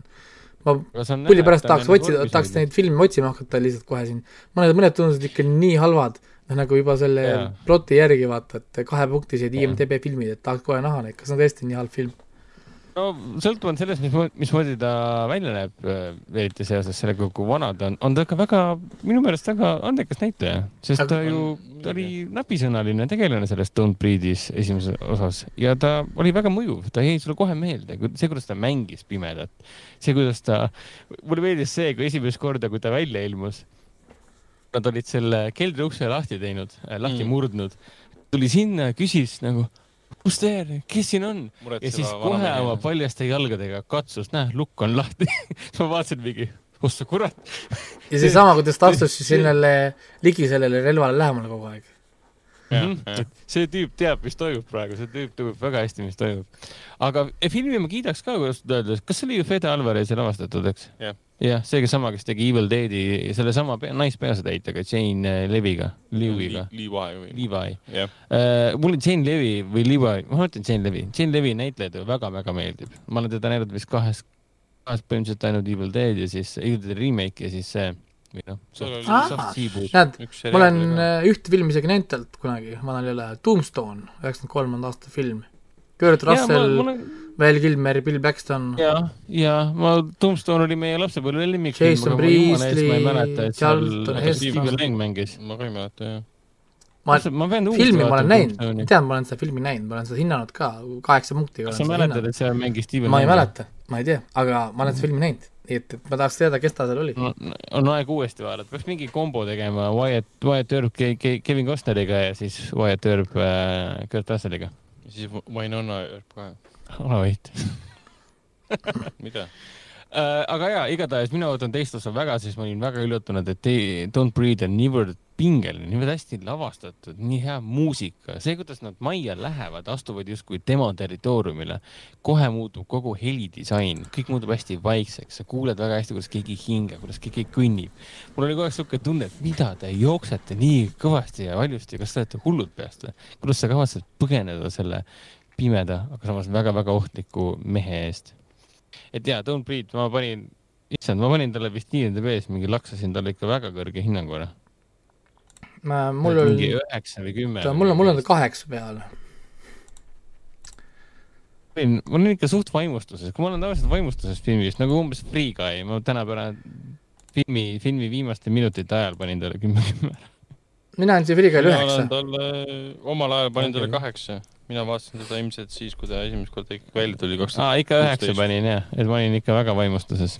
et, et ma Free, Free, Frigale panin üheksa. nii et eh, see on ka väga, no üheksa, üheksa on väga kõrge hinne selles suhtes, nii, aga ma olen- käiksin kähku läbi, mida ma siis vaadanud olen, et äh, me oleme päris, päris pikalt juba siin äh, meeldivalt, meeldivalt vestelnud te olete lihtsalt kuulanud, kuidas ma rändin lihtsalt muud, muud ei olegi. aga see igatahes Eesti tele, televisioon, mitte Eesti Televisioon, Eesti telekanalid näitasid seda esimest Karimere piraate ja loomulikult ma sattusin siis selle lõksu ja vaatasime siis, võib öelda nii, et kolmekesti koos pisikese tohvriga, noh, tema magas hambad laiali või noh Mm. igemed laiali vaatasime siis esimesed Piraate uuesti, see film on mulle täiesti, täiesti välja kulunud, selles mõttes, et äh, pff, ma käisin vahepeal poes ja mul äh, elukaaslane rahulikult vaatas koos lapsega edasi, siis ma mõtlesin, et nagu issand jumal, seda vaadates oli mul kohati igav, sest noh, ma olen seda liiga palju näinud, ei mitte mingit üllatust noh, ja siis järgmisel päeval panin kohe Disney plussi tööle ja hakkasin see, vaatasin seal siis seda Kariibi pira- piraadid kahte ja, ja on veel plaanis ära vaadata kolmas osa At World's End. Piraadifilmid on saadaval ka Telia tv-s, ma kontrollisin, et mingi viie euro eest või midagi sellist või kaks eurot või palju need olid ja neid, neid pole siiamaani lastud välja 4K UHD-s. jaa, Disney plussis on nad mingisuguses, ma ei tea, mis. Tavaline HD. tavaline ja ta näeb tegelikult umbes selline välja, et äh, karjub selle järgi, et Jah. miks, miks ma ei ole 4K või miks ma ei ole restaureeritud versioon või noh, ega ta siis halb välja ei näe, aga ta lihtsalt sihuke tunne on, et äkki puudu lisaks punki. puudu on midagi, vaata, nüüd sa harjud ära, vaatad siin neid 4K-s uusi sarju ja värk, siis tahaks nagu noh, Jah, har-, harjuda ära sellega. käid siin 4K-s Isensi gladiaatorit vaatamas, siis lähed vaatad Disney plussis äh, seda Dead Man's Chest'i ja mõtled, et miks see siuke talupoeg välja näeb, et noh. ei noh, jah, see Aga- niimoodi see käib jah. Aga homme vist äh, kavatsen ka At World's Endi vaadata ära, sest seda kolmandat piraadifilmi, sest rohkem piraadifilme pole tehtud, ainult kolm tükki jah, äh, olen ma kõige vähem näinud äh, enda teada. et esimest olen äh, nõrkemisi näinud ja teist olen ikkagi piisavalt palju näinud, et teist osa oli väga fun uuesti vaadata.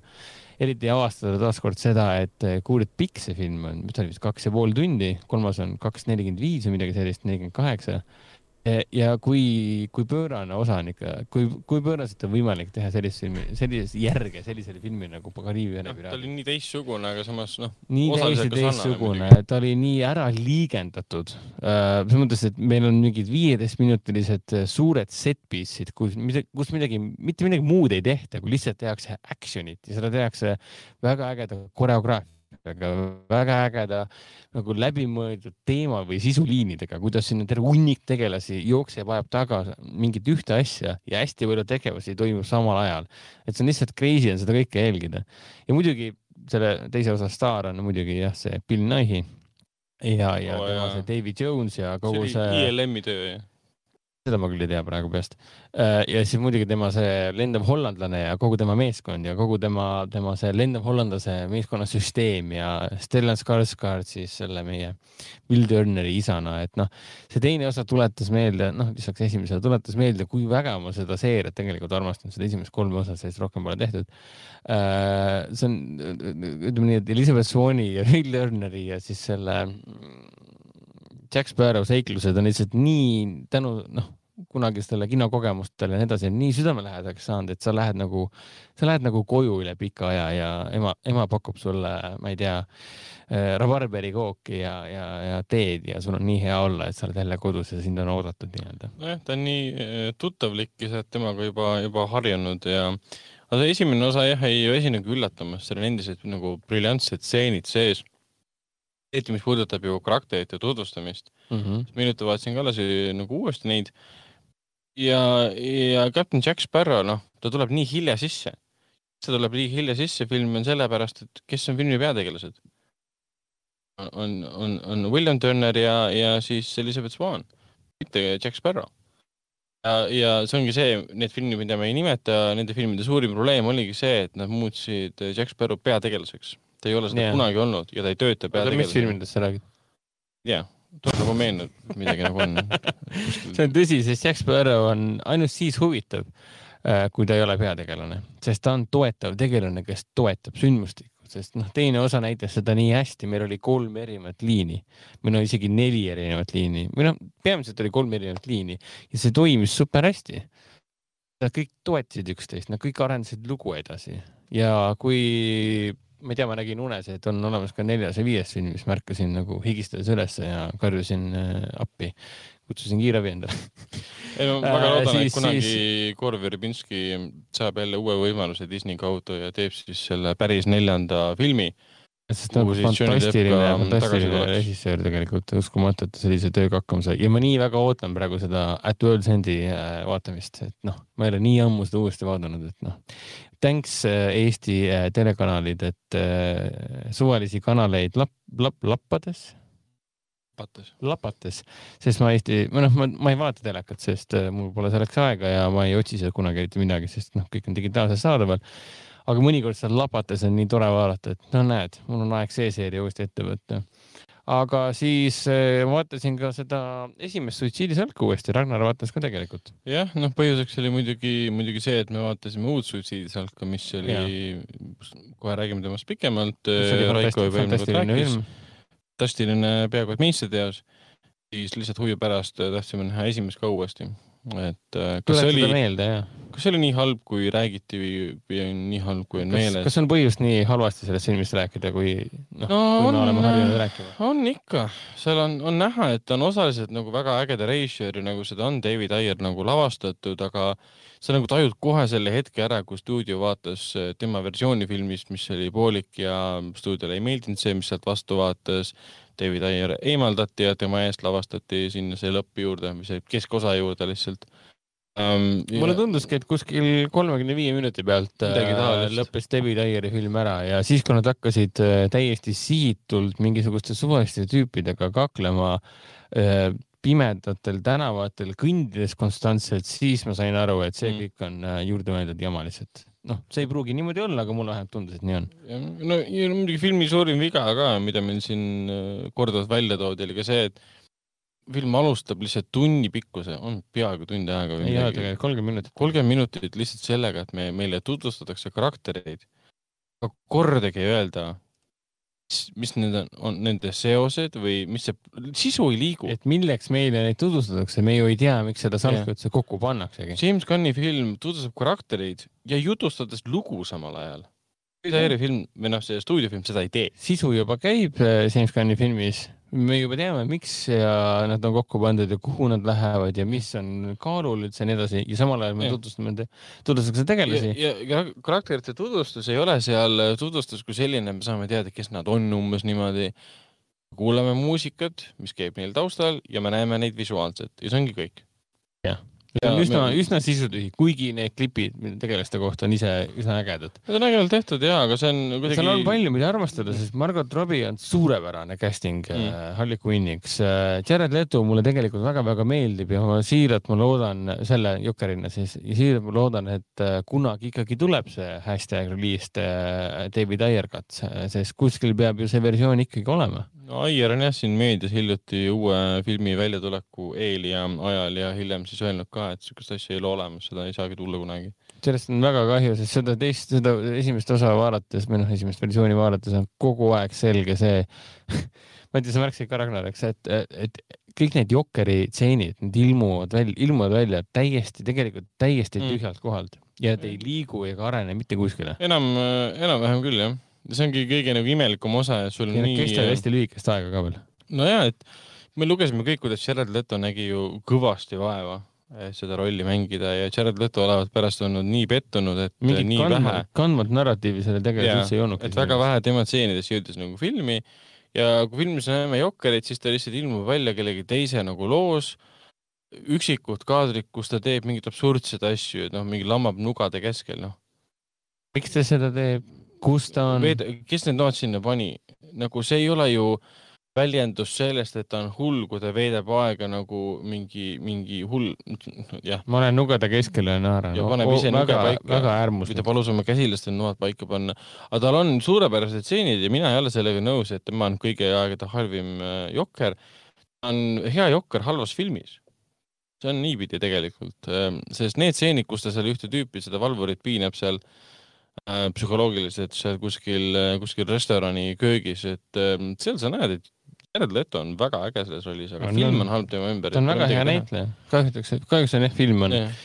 kehva selle ümber. pruun ja tume ja lõpus on mingi Sky Beam jälle ja siis on mingi üks vaenlane ja nad seisavad tema ees ja tulistavad teda ja kõik on nii motiivitu ja seosetu ja suruvad sisse sinna seda emotsiooni, mis on suhteliselt identne eesmärgi koha pealt uues filmis mis puudutab siis seda Will Smithi Deadshoti ja tema tütart, nüüd on meil Bloodsport ja tema tütar, keda siis mängib Idris Elba.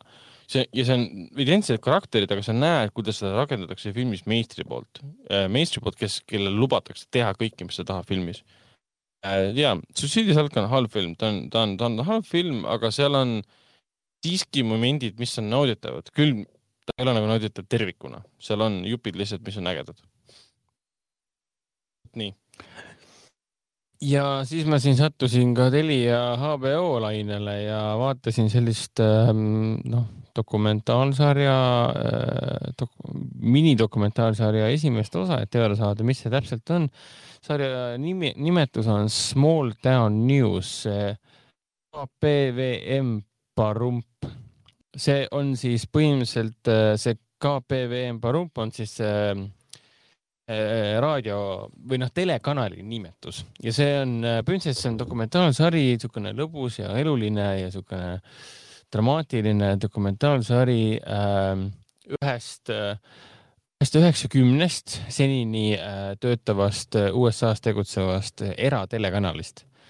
paar inimest põhimõtteliselt nagu kuskil Nevada kõrbes on püsti pannud oma torni, oma raadiotorni, oma teletorni ja, ja on seal juba mitukümmend aastat äh, põhimõtteliselt äh, hoidnud üleval omaenda erakana-, telekanalit ja see põhimõtteliselt seriaal räägibki selles, et kuivõrd raske on hoida reitinguid, ol-, olles erakanal, mitte kuuludes mitte ühegi suure konglomeraadi alla ja nii edasi mm. -hmm. et päris vahvad tegelased äh,, igaüks ajab oma hõru äh,, peategelane on noh, selline kiirakas äh, mehike, kes on põhimõtteliselt oma unistuse ellu viinud ja siis nad püüavad kuidagi ellu jääda seal äh, väga, väga täbarates, täbarates tingimustes Äh, noh, edasi ma seda ei vaata, sest see teema mind iseenesest väga ei paelu, aga väga põnev on näha, et see HBO dokumentari, see nii-öelda sektsioon toodab väga erinevatel teemadel nagu dokumentaalfilme ja mul oli väga huvitav seda esimest osa vaadata.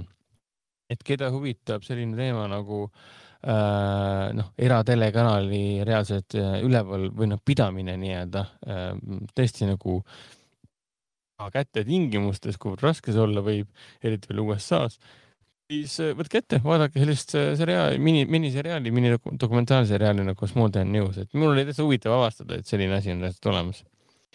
siis ma vaatasin täispikka dokumentaalfilmi, mille, mis kuulub Music Boxi või muusikakast, ma ei mäleta, mis ta Telia tv-s täpselt nimi oli, muusikakast või muusikakarp või midagi sellist aga selle sarja, ma saan aru, et sarja nimi on Music Box ja esimene osa sellest on siis äh, Woodstockist, äh, ühe tuhande üheksasaja üheksakümne üheksanda aasta Woodstockist.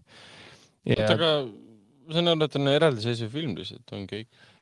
jaa, aga mingil põhjusel on sellele ette pandud Music Box okei okay,, ma HBO Maxis vaatasin ka, et miskipärast oli pandud. ja selle doki nimi episood. on siis Woodstock ninety nine, Beast, Love and Range, Rage ja põhimõtteliselt dokumentaalfilm rääkiski sellest üdini kurikuulsas äh,, üdini kurikuulsas üheksakümne üheksanda aasta Woodstockist, mis läks äh, ajalukku sellega, et see oli, ei saa öelda, et see oli totaalne läbikukkumine, aga see, mis seal toimus äh,, oli täielik hullumeelsus sinna läksid, ma saan aru, kümned tuhanded inimesed. seal oli kolmsada viiskümmend tuhat inimest kokku.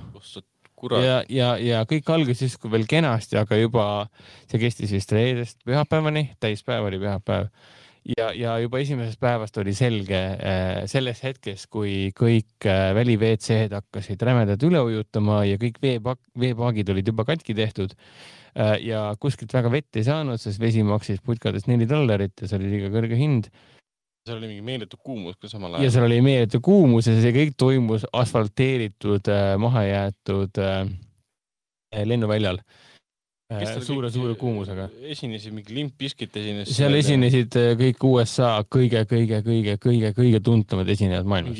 Kornid kor..., äh, Rage Against the Machine, äh, Limp Bizkit. kui Woodstock sai esimene. üle, üle saja esineja. Esimene Woodstock toimus Vietnami sõja ajal. kuuskümmend üheksa oli see Äh, oli sõja ajal siis jah? kui sa nii ütled. Vietnami sõda lõppes äh,. Äh, tähistades põhimõtteliselt kogu seda hipikultuuri, kus olid kõik maailma legendaarsemad siis muusikud kohal, Jimi Hendrix ja nii edasi. ja ma saan aru, vahepeal Woodstocki vist pole olnud. Mingisugune... pärast üheksakümne üheksandat aastat või? pärast äh, kuuekümne üheksandat aastat tead, ma ei ole Woodstockiga nii kursis, aga ma saan aru, et on toimunud aga ta uus... ei ole kunagi olnud iga-aastane üritus selles mõttes? ei, ei, ei, ma saan aru, et ta on iga viie aasta järel toimunud või midagi sellist või ma ei saanudki täpselt aru, ma ei jõudnud seda nii palju uurida, et ma ei ole Woodstockiga, see on ameeriklaste üritus, ma ei ole sellest kunagi täpselt nagu noh, aru saanud, mida see täpselt tähendab. Vietnami sõda lõppes seitsekümmend viis. kõik on õigesti um.... et ma, ma sain ise aru, et see on iga viie aasta järel tagant või noh, ma ei ole täpselt kindel, et on, et nüüd, nüüd pidi toimuma ju viiekümnes äh, aastapäev sellel Woodstockil ja noh, erinevatel segastel asjaoludel äh, uus Woodstock, Woodstock viis, viiskümmend jäi, jäi muidugi ära ka ja tõenäoliselt on see kõik seotud selle üheksakümne üheksanda aasta ürituse järelkajaga sest üheksakümne üheksanda aasta ürituse mõte oli põhimõtteliselt peegeldada kuuekümne üheksanda aasta üritust, kui ajad olid hoopis teistsugused, tegeleti Vietnami sõja vastasusega ja kõik see teema oli, mille nimel võidelda, lillelapsed, hipid ja nii edasi. aga üheksakümmend üheksa, kui, kuna selle doksarja äh, alapealkiri on äh, Rahu, armastus ja raev, oligi see, et kari noori, verinoori äh,, peamiselt just valgeid mehi ja naisi tulid kohale ajal, mil kõige populaarsem bänd USA-s oli Limp Bizkit oma üliraevuka äh, agressiivse muusikaga ja tulemus oli see, et noored äh, lihtsalt läksid hulluks ja hakkasid nii kõvasti laamendama, et Red Hot Chili Peppersi kontserdi ajal pühapäeval, viimasel päeval põhimõtteliselt pandi äh, kõik, mis kätte saadi, pandi põlema. seal tekkis mäss seal tekkis. inimesed said viga, inimesed surma. tekkisid tohutu suured tulekahjud äh,. samal ajal Limp Bizkit röökis ja laulis ja kõik suurimad. sa vaatasid ise ka selle ära või? ei ole vaadanud, ma treilerit näinud ah,.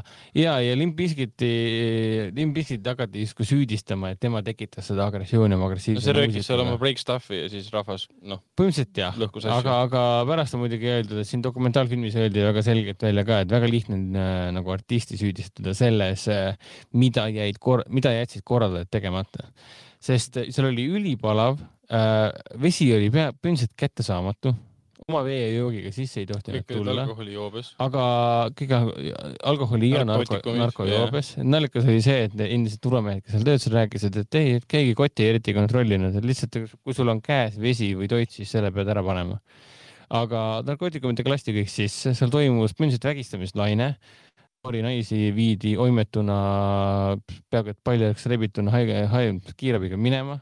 väga vähe neist üldse teatati, alles pärast hakati sellega tegelema, et anonüümselt saada kätte, mis tegelikult juhtus. Ähm, see oli noorte valgete vihaste ameeriklaste ajastu, see oli MTV ajastu see oli milleeniumi lõpp ka ju. põhimõtteliselt ja, et kus muud ei tahetud kui äh, Spring Break, näita dissi, olen valge, olen vihane ja ma ei tea, miks, et sellest põhimõtteliselt see dokumentaalsari räägib, dokumentaalfilm räägibki. ja see kestis vist tund nelikümmend või midagi sellist täispika filmi pikkus ja mul seda väga põnev vaadata. ma olin veel väikse tohvriga veel kahekesti kodus ka veel, mul äh, elukaaslane käis äh, teist doosi saamas vaktsiiniga ja siis me seal kahekesti, Tohvrik väsis ära suurest mängimisest ja siis ta pooleldi magas mul seal rinna peal ja kahekesti vaatasime, oli väga põnev äh,. Aga huvitav jah, et see, peaks, peakski kokku võtma enda jaoks, mis viis nagu selle raevuni seda see..., seda raevu see dokumentaalfilm väga hästi nagu lahkabki. uus sajand oli sai. nagu peale tulemas, Y2K fenomen oli kõik peal oli enne, enne sõda peamine asi, mis välja toodi, oli see, et eh, sihitus, polnud eesmärki. kui kuuskümmend üheksa oli veel eesmärk olemas, sõjavastasus ja, või ja. siis prosõda, siis üheksakümmend üheksa nagu ei olnud enam sihti. olnud üks eesmärk, et saada rikkaks või surra püüdes saada rikkaks. nojah, siis ja kaks tuhat üks juba tekkis uus siht, et mm aga vaatan kindlasti ära. siis äh, ma räägiks enne teistest asjadest ära, kui ma räägin, räägime koos What If'ist äh,. Rick and Mortil ma enam ei peatu, juba me jõudsime spoiletada siin loodetavasti ja kõik on olnud kohusetundlikud igal, igal esmaspäeval Rick and Mortit vaadanud, sest niimoodi peabki Rick and Mortit vaatama äh, Äh, nüüd ilmus Netflixi välja selle aasta uus versioon äh, šamaani kuningast ehk siis Shaman Kingist. seda sai nii palju vaadata. ja see oli sajandi alguse Jaapani anime, mida siin ka Eesti, Eestis kättesaadaval ähm, telekanalil näidati, ma mäletan, et see oli mingi Fox Kidsi nimeline telekanal vist äkki või? jah, oli küll. kuskil südaöösel näidati Shaman Kingi ja me sinuga, Ragnar, sattusime kogemata sinna peale ja kui tuli see algusmuusika mingi et Shaman King. ja see oli tore, ta jooksis mingi, mingi neli-viis aastat. seal oli metsikult palju episoode um,. seitsekümmend kaheksa episoodi oli kokku. kohutavalt palju, me isegi, me isegi, me vaatasime lõpuni selle. Enda teada, seal toimus jaa. mingi suur sõda selle suure koletise Hollandiga, tal oli see kaksikvend seal ja kõik siuke. igatahes äh, väga kihvt äh, anime sellest, kuidas äh, hakkavad toimuma suured äh, nii-öelda kahevõitlused äh, šamaanide vahel. šamaanid on siis inimesed, kel kellega koos, kelle sees, kelle ümber võitlevad ka vaimud, iidsed, iidsed, ülitugevad vaimud põhimõtteliselt. Ja see ongi siis lugu sellest, ma ei mäleta, mis ta, selle peategelase nimi oli, aga ma mäletan, et see esimene versioon oli väga hästi, väga hästi tehtud minu noore, meie noore mõistuse jaoks, väga hästi tehtud äh,. väga naljakas oli see, väga humoorikas, lihtsalt üks esimestest kokkupuudetest tegelikult meil tõenäoliselt animeega ka kuskil südaöösel vaadata. Miyazakit olime kindlasti varem näinud, aga sellise. ja no ma mõtlen anime seriaalina formaadis jah. kindlasti esimene jah uh,. ja siis no, ma mäletan. Oban Star Races oli ka ju. jaa, Oban. Aga ma vaatasin seda Shaman Kingi, avastasin lampi, et see on nagu tekkinud sinna Netflixi ja siis ma vaatasin esimest osa, tegelikult ma päris lõpuni vaadanud. ma jätsin ta pooleli, tead miks või? sest ta oli üks-ühele. sama remake. ja lihtsalt häälenäit-, või noh, lihtsalt häälenäitlejad on erinevad ja animatsioonistiil on natukene teistsugusem. aga see oli nii üks-ühele, et pigem vaatab seda vana. nojah, põhimõtteliselt tekkis mul vajadus selle järgi, et tahaks seda vanana hoopis näha. Muidugi teine asi oli see, et seda algust ehitatud muusikat ei olnud ju, ei ole enam ju endine, mis on ka arusaadav, sa ei saa kasutada sama asja uuesti, teed ju uue. nii et äh, jah, mul tekkis siin tunne, et kui ta on nii üks-ühele, siis milleks ma seda üldse vaatama peaksin. ma annan talle ikkagi võimaluse, et ma tahaks näha, et kas, kas äkki ta kasvab külge. kuigi see esimene osa oli kuidagi hästi kiirustatud ja ma ei tea, need põhitegelased kohtuvad kuskil hästi kiiresti, nad kõik on hästi niisugune, ma ei ole kindel, ma arvan, et see, ma olin ise väike laps, kui ma seda esimest osa, esimest seeriat vaatasin, nii et tõenäoliselt äh, vist on see hea vanasõna, et äh, mitte, mitte vanasõna või see ütlemine, et äh, proovi, sa rikud oma lapsepõlve mälestused mingist asjast ära, kui sa hakkad seda täiskasvanud peast vaatama. ma tahan Eesti Netflixis, King. see uus jah, jaa. tead ma ei leia, kas tal on mingi teine nimi? ma olin äkki USA-s siis, siis ta on USA Netflixis. millest te räägite, millest te räägite? Sha- Shaman Kingi reboot on, ma, ma eksisin, et ta ei ole Eesti Netflixis, vaid ta on USA Netflixis. et ma vaatasin seda natukene ja see minu meelest oli nii üks-ühele sama, mis oli esimene seeria, nii et ma ei ole päris kindel, kas see on seda vaatamist väärt. oota, me siin kuulete Nii. meelde, et me vaatame, räägime. Shaman King kaks tuhat kakskümmend üks siis seriaalist um,. kui teil on Netflixi konto ja tahate seda vaadata, siis saab seda teha USA Netflixis, piisab sellest, et kui võtate VPN-i programmi uh,, esimene kuu on tasuta. või maksate Ekspress VPN. ja paned, paned ennast lihtsalt kas USA-s mingi New Yorki või Chicago või whatnot ja võite vaadata. Ja siis ma siin John Oliveril on ikka mõnusalt edasi vaadanud äh, iga, iga, iganädalane tähtsündmus nii-öelda ja siis ma ah,, ma tahtsin seda The Prince'i mainida, see on see HBO sari sellest kuninganna perekonnast, Briti kuninganna perekonnast. aga äh, ma olen ühe episoodi jõudnud vahepeal ära vaadata, sest noh, elu on, elu on elu. aga ma tahaks mainida, et seal oli väga hea nali, kuidas äh, kuninganna ja tema nüüd äh, noh, nüüdsest juba lahkunud mees läksid koos välja einestama ja siis kuninganna vaatab oma mehe poole ja, ja, ja ütleb, et oi, sa näed, sa näed nii, sa näed nii noh, imekaunis ja nii võluv täna välja siin, eriti siin küünlavalguses. ja siis tuli järgmine kaader, kus me nägime seda, mis ta nimi on? no me saame aru, keda sa mõtled. ma vaatan, ma saatsin teile need pildid, et kuskil peaks olema see nimi ka. Veits piinlik juba, ma hoolin nii vähe sellest kuninga perekonnast, et ma ei suuda neid nimesid meelde jätta. Philip, prints Philip. King Philip, ei, prints Philip on ta nimi, ta nimi oli prints Philip. ja siis me näeme prints Philipit seal istumas äh, üsna liikumatuna, nagu ta on siin sarjas, on ta täielik zombi selles, see on HBO Maxis saadaval olev äh, animaseriaal, põhimõtteliselt ühelt äh, Family Guy stsenaristilt. Me näeme teda seal istumas, et kui, kui ravishing ja ta kaunistas tegelikult siis on ja siis küünlavalguses me näeme, et tema vari on tegelikult fucking Babadook. ehk siis selle peale ma nagu irvasin seal kodus seda vaadates ikka päris korralikult, sest noh, alles me rääkisime siin podcast'is äh, Babadookist ka. nii, aga mul ei olegi rohkem äh, seriaale, millest no, pikemalt enne kui räägime siin What Aa, If'ist What If, äh, Disney plussi uuest äh, seriaalist äh, põgusalt, sest äh, Raiko pole veel vaadanud seda, siis äh, mainin ära, et ma olen jah, Ted Lasso seda mm, seni viimast episoodi ka vaadanud. see tuli ju kolmapäeval. millal see tuli? reedel Oh, fuck, reedel homme tuleb, homme tuleb. homme tuleb Jah. ju. eelmine kord me ei rääkinud ju. Aga siis ma olen näinud teid Lassot, jah muidugi. jah ähm,. viimane Ted Lasso oli siis ähm,, püha jumal, oota, millest see oli? Äh, sellest ähm, See- see Sam, äh, tuli- Samist ja tema Aa. katsest jaa boikoteerida., Leed, Leed Tasso ilmus välja. Leet Tasso. jaa, Leed Tasso ilmus välja ja, ja, ja, ja siis Sam, see illuleedi üritas tagasi sisse sobitada ja tal see. mitte Sam, vaid jah, see teine. Jamie, jah. Sam oli see, kes hakkas vastu sellele naftakompaniile, ja, jah, see on Sam Obishana, kuidas ta nimi oli? Obissania.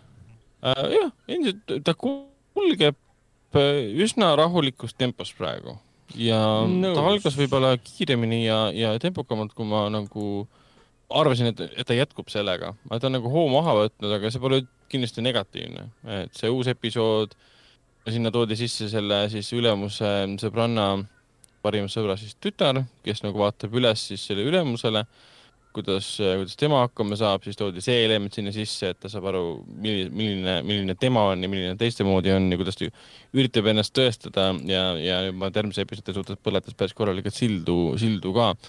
et jah, ta on endiselt tore ja südamlik ja tore, liiga, ma ütlesin tore kaks korda um,, sest see on tõsi ja ta on tore nagu uuesti vaadata ka. ma, ma arvan, et ma mingil hetkel lihtsalt vaatan esimese episoodi uuesti teisest hooajast um,. sest noh, vahed on nii pikad. nädal aega peab ootama. see on küll tüütu, see, ma räägin, et, et tänases vormis, vormis kuidagi see, see ühe nädala ootamine on selline niisugune väga, väga et nagu siia sobiks see, see Robin Williamsi ähm, kihv, et äh, mis aasta praegu on, et äh, Robin Williams tegelikult ka nüüd äh, surma-aastapäev oli. jaa, oli, eile, eile, eile oli vist minu arust. eile, eile jah. surma seitsmes hästi jube jah, seitse aastat see tagasi. kõik teeb mind nii kurvaks alati, kui keegi seda meelde tuletab. ja nüüd me ju teame, et ta tegi ju ikkagi enesetappu ju. ma olen nii aru saanud küll, jah. ja no me teame, miks ta tegi. sa oled äh, geniaalne improvisaator. sõltud oma mälust ja, ja, ja improviseerija ja oma peast ja siis sa saad äh, siin on, siin on praegu teooria selle Brad Alleni kohta ka samamoodi, et ta tegi suitsiidi, sest pere ei ole nõus äh, andma teab, teadma surma põhjust. issand jumal no ja see on alati põhimõtteliselt märk sellest. no jah, see no, ta... muidugi, muidugi anti-vaxxerid olid kohe, et oo, näed, Bad Allan siin Instagramis äh, pani see Pane õlg alla kampaania nii-öelda see rahvusvaheline värk ja yeah. näe, vaata, nüüd on surnud, vaata, et kindlasti vaktsiinid said kätte kui geniaalne inimene saab teada, et tema elu lõpeb sellega, et ta kaotab mälu, siis ilmselgelt tal pole enam soovi elada. kui Tony Scott, Ridley Scotti vend sai teada, et tal diagnoositi ka Alžeimer, siis ta tegi ka, hüppas Golden Gate'i sillalt alla lihtsalt. ma saan, ja ma, ma, mõnes mõttes ma mõistan tema valikut, sa oled terve elu lavastanud filme ja sa ei taha lõpetada inimesena, kes ei lavasta enam filme istud kuskil hooldekodus, noh. kellele sa tegelikult kasu, kasuks? ega ei olegi, ma olen, ma olen nõus sellega, minu arust see on väga ratsionaalne ja mõistlik kurb. valik, sest sa oled lihtsalt ju lähedastel ja ühiskonnal ju koorem aga lõbusamatest asjadest rääkides, siis uh, What if, uh, me ei spoilerda, aga me võime vist nii palju öelda, et millest see esimene episood oli. ära, Raiko.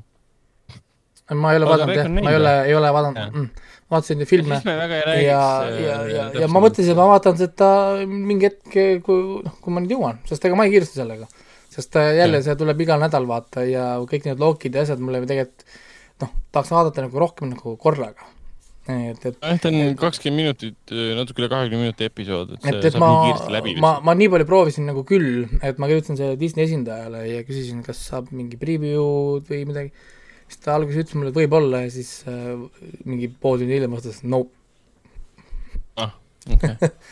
et, et ja siis mõtlesin, olgu okay, siis, siis, et, et kui ma, kui ma korraga ei saa, siis, siis, siis äh, jah, las ta siis olla, et kuigi ma tean, et korraga tõenäoliselt oleks see palju parem äh, nii nagu see Wanda Visioniga oli näiteks, sa näed korraga kõik ära, saad kohe nagu selle sutsu kätte ja mm. -hmm, täpselt. aga ärme siis spoilerite peal peatu. no nii palju võime öelda, et, et mis asi on What if? What if on, on äh, alternatiivsed lood Marveli universumist Ani, animasarjana. animaseriaalina. ja mida see tegelikult tähendab, on see, et, et seda kõike asja jutustab meile, vaatleb meie, meie jaoks ja toob meieni The Watcher Watcher, kes näeb välja nagu üks nendest vendadest ähm, teises ähm, Guardiansis, kus ähm, vara lahkunud siis ähm, Stan Lee. Stan Lee oli seal planeedi peal, kus olid kaks Watcherit. Watcher on keegi või miski, mis vaatab pealt ja kunagi ei sekku.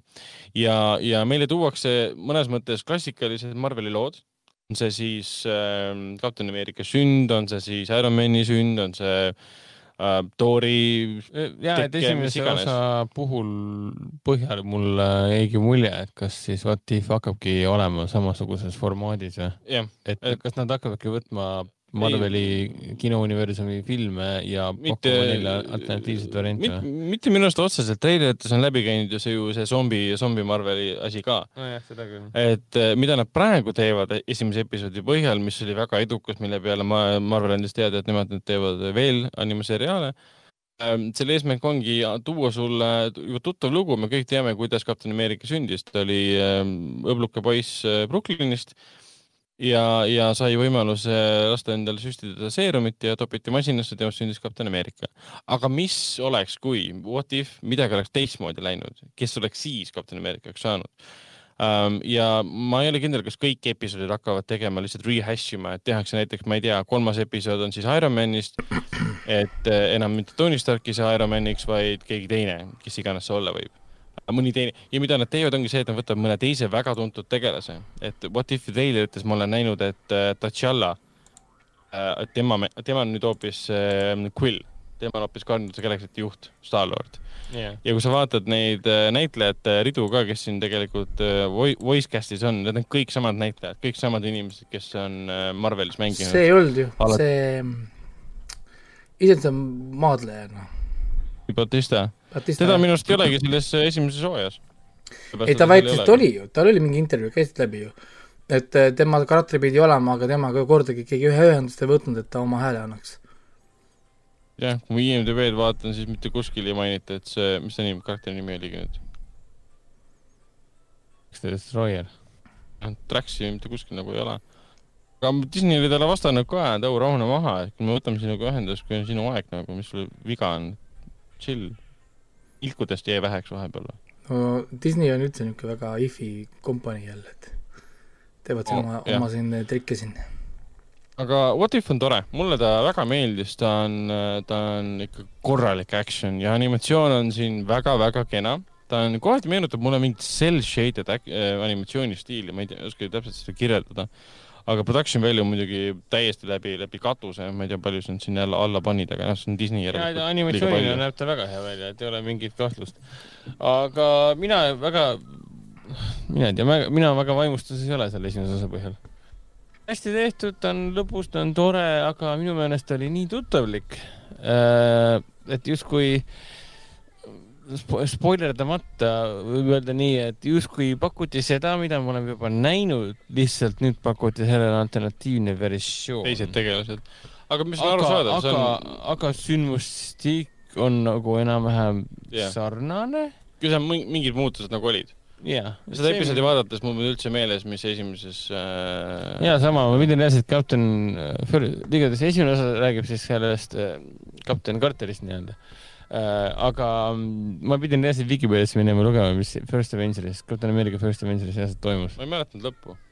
et. ma mäletasin paki teemat, aga ma ei mäletanud, mis sellest, mis sellest Red Skullist sai.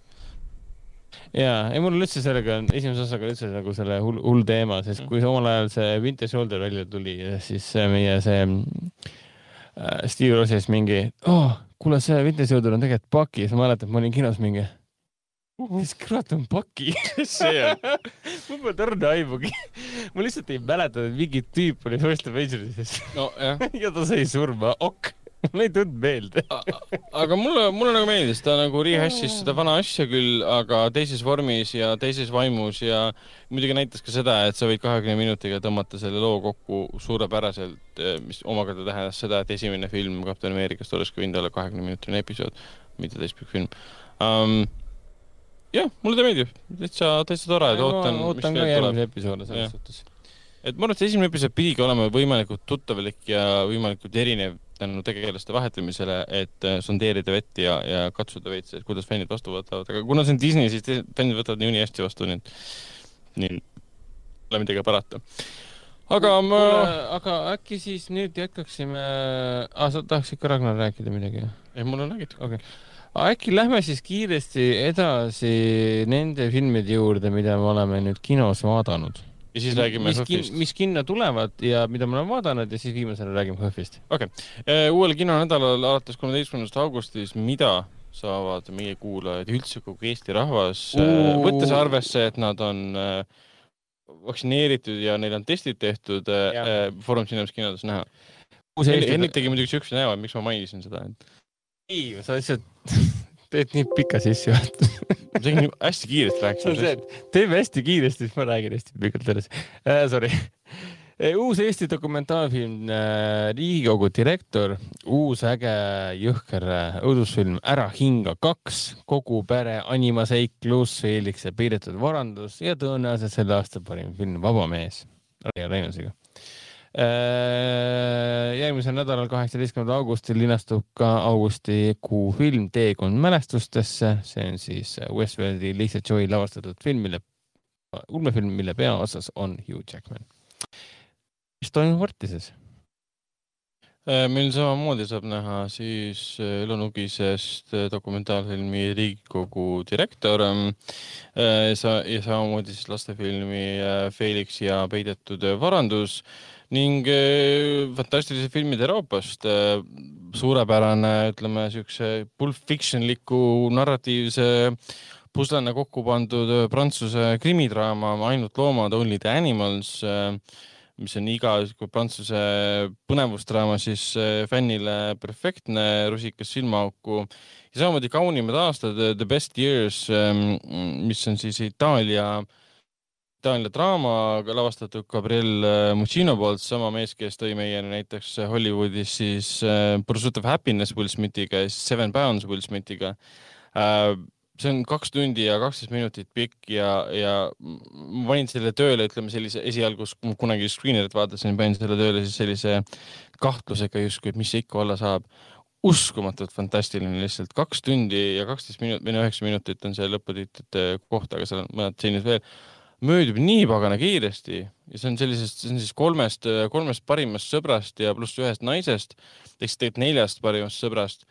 Äh, mis ma nagu naise eraldi välja tõin, ongi see, et, et, kolm parimat sõpra on esialgu, siis ilmub nende ellu üks naine. Nende, nende eludes neljakümne aasta jooksul ja millest see film tegelikult nagu ongi, ongi see, et meie eluteed võivad meie lapsepõlvesõpradest meid lahku viia uuesti kokku viia, me võime tülli minna, võime armastada üksteist, vihata üksteist, aga lõpuks, kui kogu elu on ära elatud ja oled võib-olla kibestunud kõigest, mis sul on või kaotanud kõik, mis sul kõik on, siis need vanad sõbrad, keda sa ei ole näinud mingi kümme või viisteist aastat, saad uuesti nendega kokku ja jääb mulje nagu polekski aeg möödunud, te ikka veel klapite, kõik on sama nagu mitte midagi poleks möödunud, tunned ennast jälle noorena ja sellest see film mõnes mõttes ka, ka ongi, et me kõigepealt näeme neid eh, lapsepõlves, siis me näeme neid juba täiskasvanu eas ja siin teatud momendid muidugi tekivad, et kui seal üks eh, Pier Francesco Favino mängib siis, eh, mängib siis advoka-, tulevast advokaati.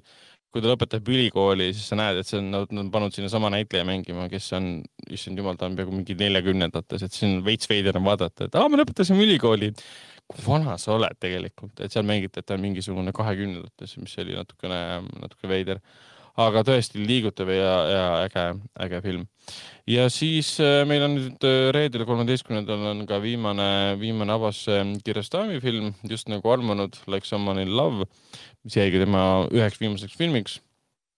üks film tuli tal siis pärast surma ja meil reedel siis pool kuus tuleb siis tuntud Eesti filmiajakirjanik ja filmikriitik äh, Tõnu Karjatse ja teeb kahekümne minutilise sissejuhatuse. räägib siis, äh, räägib siis pikemalt, kes on Kiarostami ja miks on Kiarostami Iraani filmi äh, pärandis niivõrd tähtsal kohal ja miks me temast siiamaani räägime.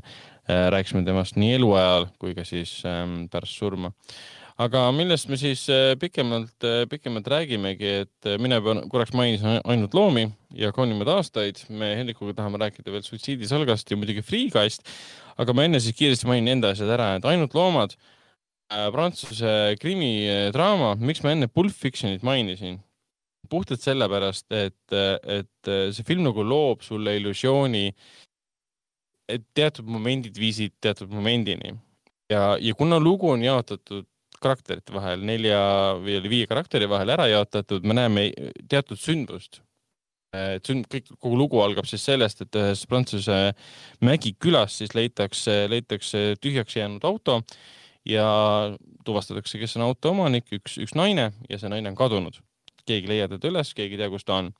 ja siis tuleb välja, et selles külas on siis ütleme viis-kuus inimest, kes, kes on kuidagi mingit pidi selle naisega seotud. kuidas, me ei tea aga me hakkame siis eh, perspektiivide kaupa nägema, ehk siis me võime näha esimese viieteist minuti jooksul, kuidas üks tegelane on seotud ja siis me võib-olla siis neljakümne minuti pärast me näeme uut perspektiivi, kus me, kuidas me näeme, mis tegelikult juhtus antud olukorras, mis viis selleni.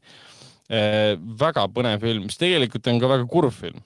Ehm, see ja film lõpeb ka sellise, sellise väga kurva, aga samas lootusrikka, lootusrikka noodiga siin üks, üks, üks sisuliin leiab aset ka Aafrikas, kus üks noormees siis üritab raha teenida sellega, et ta mängib ilusat Euroopa naist Euroopa meestele ja võtabki ühe meie peategelase õnge, õnge siis, kes elab sealsamas Prantsuse Mägikülas, kes ei ole rahul oma naisega, kes töötab seal sellises hooldusettevõttes, kes käib inimeste juures ja ühega magab muidugi.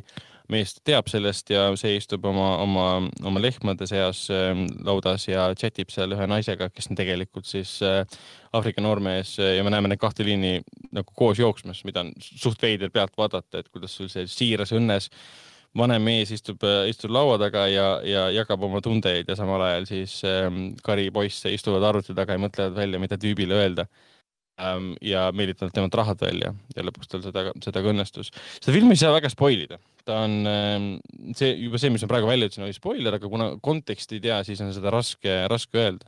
nii palju jah, saab öelda, et see on see, see, see, see naise kadumine on see, mis paneb asjad kõik liikuma. Siin on õnnetud inimesed, kes, kes võib-olla, kelle, kelle olemuse saabki hästi kokku võtta sellega, mis ka üks selline šamaanilaadne karakter Aafrika liinis ütles, et armastus on see, et sa annad endast midagi, mida sinul ei ole ja siin kõik karakterid annavad endast midagi, mida neil tegelikult ei ole. ja see, kuna see on jälle Pulp Fictionlik, ma kõik mäletan Pulp Fictionit seda stseeni, kus, kus me näeme, kuidas John Travolta karakter sureb. Me olime nii šokeeritud, issand jumal, ta sureb. aga, aga tegelikult film oli selleks ajaks põhimõtteliselt läbi ja tal ei olnud mingit rolli enam selles mõttes. ja selles. kas see kuskil keskel ei olnud? ei, see oli lõpus jah. lõpupoole ikkagi jah mm. -hmm. ja siin samamoodi, et me, me, me näeme teatud perspektiivist ühte sündmust filmi lõpus me näeme seda sündmust hoopis teisest perspektiivist ja siis sa paned pead kokku, issand jumal, nüüd ma saan asjast aru. aga see film ei ole segane, ta ei ürita sulle nagu, nagu, kuidas nüüd öelda, sind segamini või segadusse ajada sellega, näed, sa ei saa aru, mis toimub. ta lööb küsimuse õhku ja sa hakkab tegelikult äh, seda küsimust äh, harutama, lahti selgitama läbi ühe teise perspektiivi äh, võrreldes sellega, kelle kaudu see küsimus õhku tuli aga siin jah, tekib neid olukordi küll, kus tegelased lähevad hulluks ja, ja sa ei saa aru, miks ta hull on ja siis hiljem saad mõne kümne minuti pärast teada. aga mõjus draama ja, ja mina olin ikka jäägitult äh, ekraani külge tõmmatud, et treiler ei ole vist kõige, ütleme kutsuvam. aga, aga ta on täpselt selline film, et kui sa lõpuks istud kinno maha esimesest stseenist peale sa jääd selle lõpuni vaatama ja sa jääd ka, jääd ka lõputiitrit kuulama seda viimase, viimase lauluga ja kaunimad aastad samamoodi, mina olin sellest nii äh, siiralt, äh, siiralt üllatunud, et see on Pier Francesco Famina väga lahe Itaalia näitleja ka muidugi. siis riigireeturis oli ja Suburras ja kui ma ei eksi, siis ta kunagi oli selles uh, All Cops Are Bastardsis ka uh,. Või on, ma jään segamini. see oli, Akab oli Hispaania film, ma jään segamini ikkagi erinevaid inimesi. aga ta on väga tuntav, äratuntav lõustaga, et on täpselt see Itaalia näitleja, et sa näed teda igal pool või Itaalia draamades ja suurfilmides ja, ja, ja selles mõttes ta ei ole nagu mingi boyhood, et me oleme. hakkab oli Itaalia film äh,. siis sama inimene. Pier Francesco Famino. ja, ja tema jah, see oli ja, Sol, Sollimaa lavastatud ka. Sollimaa ja, Sollimaa tegi Suburra ka vist või um,? ja ta, ta ei ole, see film, Kaunimad aastad ei ole nagu päris, päris nagu boyhood, et me näeme ühe inimese kasvu, me oleme kolme sõpra, üks neist armub, leiab endale neiu tuleb välja, et neiu peab ära minema tema juurest, neiu on õnnetu, poiss on õnnetu, aga kolm sõpra elavad oma elu edasi. ja nagu ikka, bäm, kümme aastat hiljem äh, nad ei ole enam nii tihedalt, ei saa enam kokku nagu vanasti, nad ei sõida ringi, nad ei joo ringi, ei käi ringi, aga nad on veel sõbrad. et seal ongi nagu ikka, et vaene inimene, kes kasvas üles suures vaesuses, muutub aina rikkamaks, ohverdab oma põhimõtted, siis sul on vaene inimene, kelle perekonnas on palju traagikaid olnud, näeb aastaid vaeva, et saada näiteks õpetajaks, lõpuks see tal muidugi õnnestub ja alles väga-väga palju hiljem võrreldes oma teiste sõpradega saab endale edu rahalist edu ja siis ütleme vaimset edu, psühholoogilist edu. ja siis kolmas sõber äh, saab kohe endale õnne kätte, sellise keskpärase, mitte keskpärase, keskklassi õnne ja kaotab lõpupoole võib-olla selle suure õnne, mis tal on. aga suurim õnn, mis neil on, on nad üksteise, üksteise jaoks. Äh, kolm meest ja üks, üks naine siis, et kõik suhted, mis neil olnud on, mis neil katki on läinud või mida need õppinud üksteist vihkama erinevatel põhjustel, siis see lõpus kõik nagu kaob ära ja kõik on õnnelikult koos, et hästi ilus ja liigutav film ja siin on palju neid momente ka, kus sa nagu haarad näost kinni, issand jumal, seda ei juhtunud praegu äh,. ta on nagu sellel filmil on selline imetabane, kuidas öelda, oskus sind kohe sisse haarata. sul pole isegi aega mõelda selle peale, et kas ma nüüd, kas ma nüüd äh, mulle karakterid meeldivad või kas mulle see film meeldib, ta lihtsalt arvab sind kohe sisse, kaameratöö on nii tempokas, kõik on nii kiire, see on näha, et Musin on meister. noh, ta liigutas meie tundeid ka siis Seven Pounds'i, okei okay,, mitte nii väga Seven Pounds'i, aga selle, selle Pursuit of Happiness'iga. et ta on no,, ta on meister ja siin eriti üks võimas stseen on see, kus, kus meil üks peategelastest Gemma jookseb siis trepist üles ja, ja trepist üles jooksmisel äh, ta muutub nooremaks ja vanemaks, nooremaks ja vanemaks, elab nagu läbi, läbi selle jooksu oma neljakümne aasta äh, elu seoses ühe, ühe karakteriga, et seda oli tõesti võimas vaadata, et noh, film on visuaalne meedium, kasuta seda ja see reis ju kasutab seda igal võimalikul, võimalikul viisil. et neid kahte filmi ma soovitan, meil on Artises tõesti suurepärased, fantastilised äh, Euroopa filmid jõudnud kinno. Et need enne poleks olnud, aga nüüd on neid korraga niivõrd palju äh,. Nikuga vaatasime suitsiidi salga ära. olime, olime eelmises saates väga šokeeritud, kui Raiko ütles, et, et temale see väga nagu ei meeldinud äh, või siis mitte, mitte nagu ei meeldinud, vaid nii vaimustuses. igav oli vist. ma ei, ma ei olnud super excited selles mõttes, et ma ütlesin, et on hea film.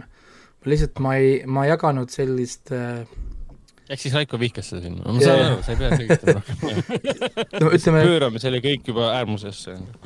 Erinevalt siis sellest äh, Free Guy'st näiteks, mis on minu arust nagu suurepärane film, siis Suicide Squad on, on, on noh, siin on ruumi veel minna, selles mõttes siin on nagu mm. variante veel teha. nii et mina olin sillas. ma olen, ma olen selles mõttes, ma olen, ma olen nõus Raikoga, et Free Guy on, noh, on parem, nad on väga sarnased filmid on. selles mõttes noh, meta, metatasandi filmid ja noh, üks on küll R-rated ja teine küll noh, MS12 film, aga nad on mõlemad noh, võib öelda nii, et vägivaldsed äh,. noh, in a way mingis mõttes äh,. aga Free Guy minu meelest on parem küll jah äh,. kuigi, kuigi ma ei ole päris kindel ka, ma pean vist Suitsiidisel ka uuesti vaatama, sest mõlemat filmi ühendab see üks asi, et neil mõlemal on see nagu suur-suur süda et nad on nagu, nad ultra palju nagu toimub seal, aga nad on kuidagi südamlikud. hämmastav, et see James Gunn suutis siin äh, Suicide Salka nii palju tegelasi kokku panna. ainult see, et ta kokku pani neid nii palju tegelasi, Ragnar on vist nõus sellega, et, et ta pani meid reaalselt hoolima ka nendest tegelastest ja siis äh, see, et see rotipüüdja number kaks lõpuks osutus kõige ma ei tea, paeluvamaks või armsamaks või selliseks yeah. li, liimi, liimi tüüpi tegelaseks, see oli nagu lausa üllatav nii-öelda. noh, see viis, kuidas teda tutvustati, et sa üldse ei eeldanud, et ta on oluline karakter um,. aga ta muutus selleks ja, ja ütleme, kogu see muusika ja, ja lavastuse ja näitlejatööde kombinatsioon, mis seal lõpupoole aset leidis, mind küll südamepõhjani liigutas, ühelt poolt oli see selline normaalne emotsioon, mida siis reisijad sinult soovis kurbus ja selline, selline aga ühelt poolt oli ikkagi, mul oli rõõmupisarad või rõõmujoovastus nii-öelda. see ongi imelik, et nii Freega kui Suicide Salk on äh, vähemalt selle aasta suurtes Hollywoodi plokipurustajate hulgas siis tõenäoliselt üks, kaks kõige, ma ei tea, südamlikumat filmi, mis ma Hollywoodi poolt äh, näinud olen või? ja see on nii veider, Suicide Salk oli nii verine ja jube kogu aeg. pead lendasid tükkideks, inimesed sursid, paljad nokud. rinnad distrik ka. Mhm. olid küll jah, kui ta sinna riietusruumi jooksis. kas sa tahad öelda, et sa, et, et sa, et sa näed filmis rindu ja sa ei loe, ja sa ei loegi kokku, mitu, mitu rinda ja nipu sa näed oota, oota, oota, mis riietusruum? selles, selles klubis olid, vaata. taganesid selle, selle teadlasega, kes see näitleja on, see noh Peter Capaldi. Peter Capaldiga kas... taganesid sinna läbi riietusruumi. kas üldse vaatasid Peter Capaldi vaatas ringi seal mingi. aa, oli jaa, see hetk, oo oh, jaa, jaa, jaa, jaa. aga, aga Suicide'i jalga puhul lihtsalt, Suicide'i jalg minu jaoks on tüüpiline James Gunni film. tähendab, et ta on väga-väga hea minu jaoks kõik asjad siin filmis töötasid, muusika töötas, lavastus töötas. kui Galactica Oliverit oled näinud James Gunni poolt, siis, äh, siis sa suht nagu teaksid juba, tead, mis, mis, mida oodata. ja James Gunnil on täpselt samasugune oskus minu jaoks vähemalt, mis on, mis on siis Dan Harmonil ja Justin Roilandil on väga lühikese aja jooksul tutvustada sulle kohutavalt palju uusi tegelasi, korraldada tohutut action'it, mis on nagu täiesti paranormaalne, ulmeline, uskumatu, aga süstida sinna sisse nii kiiresti nagu võimast emotsiooni. Need on minilood nii-öelda. ja need on, see on nagu siiras emotsioon, mida, mis ole fake emotsioon, mis sunnib sind nagu tundma midagi, millest sa näed läbi tegelikult. hästi lihtne ja hästi siiras emotsioon, ehk siis ei midagi liiga keeruliseks ajamata, sulle räägitakse nende, nende tegelaste lugusid no,. aga mitte nii nagu esialgses Suitsidis algas, et sul läks kolmkümmend viis minutit enne kui film peale hakkas, vaid äh, siin on juba film ammu peal ja uues on täpselt samamoodi, lihtsalt, lihtsalt täpselt samamoodi et, et, et ta sunnib sind tundma asju, mitte ei sunni, vaid paneb sind tundma asju, mida sa üldse ei oodanud sel hetkel. võtame selle King Sharki näiteks, sa vaatad, ah, mingi absurdne karakter, hästi mõttetu. siis tuleb see akvaariumitseen. tuleb akvaariumitseen, mul oli see, et film lihtsalt otsustas aja maha võtta, et panna see stseen sisse. aa Dumb Friends, mul oli, ma olin nii õnnelik tema üle. mul, mul oli. ja siis tuli see twist muidugi, et uued sõbrad ei olegi nii uued sõbrad no,. ja see Ratcatcheri teema samamoodi, mul oli nii kurb, et tema see Taika Waititi no, isa rääkima... ja kõik see.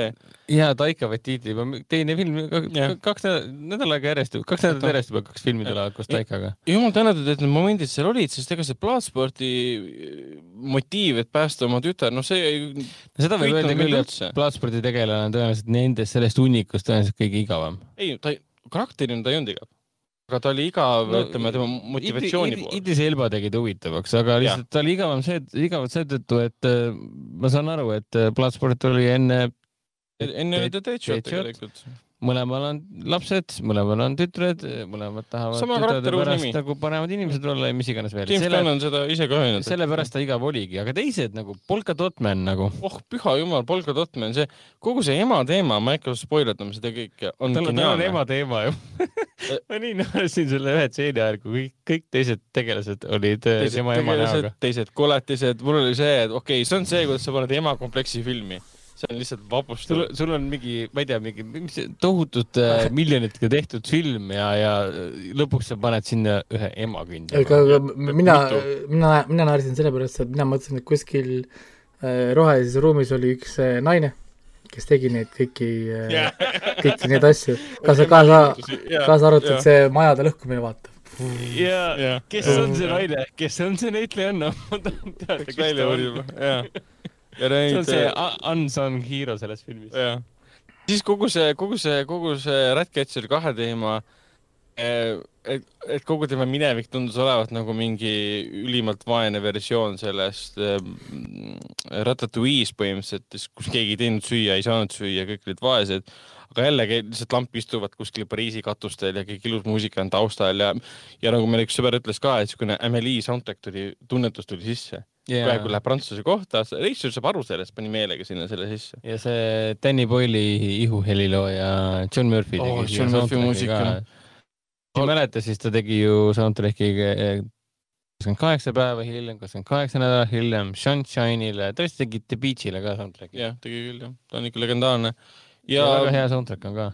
ja see film tõmbab nagu mitu korda vaipa alt ära, võtame kasvõi esimesed viisteist minutit, noh no see film oskab paika panna, mida tähendab suitsiidisalk, selles suhtes küll. sõnades mõttes annab sellele, annab tähenduse täpselt. muidugi annab sellele kaalu ka, sest esimeses eh, kohe alguses on ju seal Harley Quinn ja, ja Rick Flag on ka ja peale siis Ratcatcheri ja peale kõige muu, mis on nagu nii särav selle filmi juures, noh esiteks huumor ja siis süda õige koha peal ole, ole, omamine muidugi Harley Quinn. Äh, Harley Quinn on nagu lõpuks filmis, mis on väga hea. Äh, suitsiidisalk ei olnud väga hea. roll oli okei okay.. Of Prey'st mina ei olnud vaimustuses, mis ta oli röövlinnas. mulle, mulle meeldis. ma ei olnud üldse vaimustuses. mulle meeldis, mulle meeldis sellepärast, et Margaret Robbins sai, sai särada. sest see tegelikult, sorry, see tegelane, kes selles suitsiidisalgas on, on lihtsalt mingisugune noh, sa ei saagi aru, kes ta tegelikult on, et ta on paha sellepärast. samas on nii huvitav jälgida, kuidas Margot Robbie Harley Quinn on arenenud suitsiidisalgast kuni suitsiidisalgani yeah. et kui palju on tema tegelane läbi elanud ja Birds of Prey oli väga-väga hea vahesamm nii-öelda. siis mina jah. vaatasin seda uut suitsiidisalka, mis puudutab Harley Quinni, nagu ma vaatasin nagu Birds of Prey järge. ta oli, ta oli täpselt samasugune tegelane oli nii hästi äh, hoitud nii-öelda. no siinkohal võibki korraks peatuda ja et ega see, nagu Raiko isegi ütles see eelmine kord ka, et see uus suitsiidisalk ongi põhimõtteliselt otsene okei okay,, seda ei nimeta otseseks järjeks eelmisega, see on, see on, see on, ta on, ta on, ta on järg eelmisele, ta ei tühista eelmist, üks ei välista teist. saab rahulikult vaadata niimoodi, et sa vaatad ühe ära, vaatad teise otsa, Rick Flag ja Amanda Waller ja siis äh, Captain Boomerang. Captain Boomerang ja siis äh, osad tegelased nagu korduvad äh,, Harley Quinn ja, aga nad on seotud ainult tegelaste poolest, mitte nagu sisu poolest ja see on täitsa, täitsa okei okay.. aga Harley Quinn särab siin filmis. Kui mingeid auhindu anda, siis anda Harley, mm, anda Margaret Robbile. ta on sündinud seda rolli mängima äh,. tema action stseenides on muidugi jah, täpselt tunda seda, mida hiljem mulle nagu mainiti ka ähm, tuttavate sõprade poolt siis, et ähm, James Gunn äh, on ilmselgelt ju fänn selle, mida tegi siis, äh, siis Birds of Prey võtnud sealt eeskuju, kuidas see film kujutas äh, Harley Quinni ja tema, kogu tema olemust ja visuaalset identiteeti ja see, ta on sealt üle võtnud natukene küll ja edasi arendanud seda kõike. et Birds of Prey suurim eelis oli jah see, et, et lihtsalt Harley Quinn karakterina töötas fantastiliselt filmi action filmina või sellise et miks ma seda vaatasin, sellel ei olnud väga nagu põhjust peale, peale Harley Quinni. aga igatahes Suitsiidisalk minu jaoks, ma panin talle IMDB-s üheksa, kümme, minu arust on üks, üks lemmik, lemmikkoomiksi filme mul nüüd, üks lemmikutest, lemmikute hulgas nii-öelda siis, mitte üksainus lemmik. ja kindlasti selle aasta üks, üks parimaid filme minu jaoks ja võib-olla parim film on nagu palju öeldud, aga ta lihtsalt niivõrd hea elamus. seda ma nagu tahan. Black on... Widow vaatasin ära, siis mul oli see, et okei okay ei no ta on no jah, siis. klassikaline Marvel, aga DC uute filmide puhul on kogu aeg see, et mingi okei okay,, kas see on nüüd keskpärane veidrus või on see päris hea veidrus või väga hea veidrus no,? See, see kõlab nii huvitavalt, kui sa ütled DC filmid, siis pidevalt ma kuulen, et sa ütled DC filmid, mõtlen, et noh, DC filmid, kas sa oled näinud DC filme? no aga ikka venna, venna puhul on see loomulik ju ka. jah, pane, pane rissikad peale. Mis asi see praegu oli? see oli, see oli päris äh, tõesti seos, et ma ei suutnud seda nalja sõnastada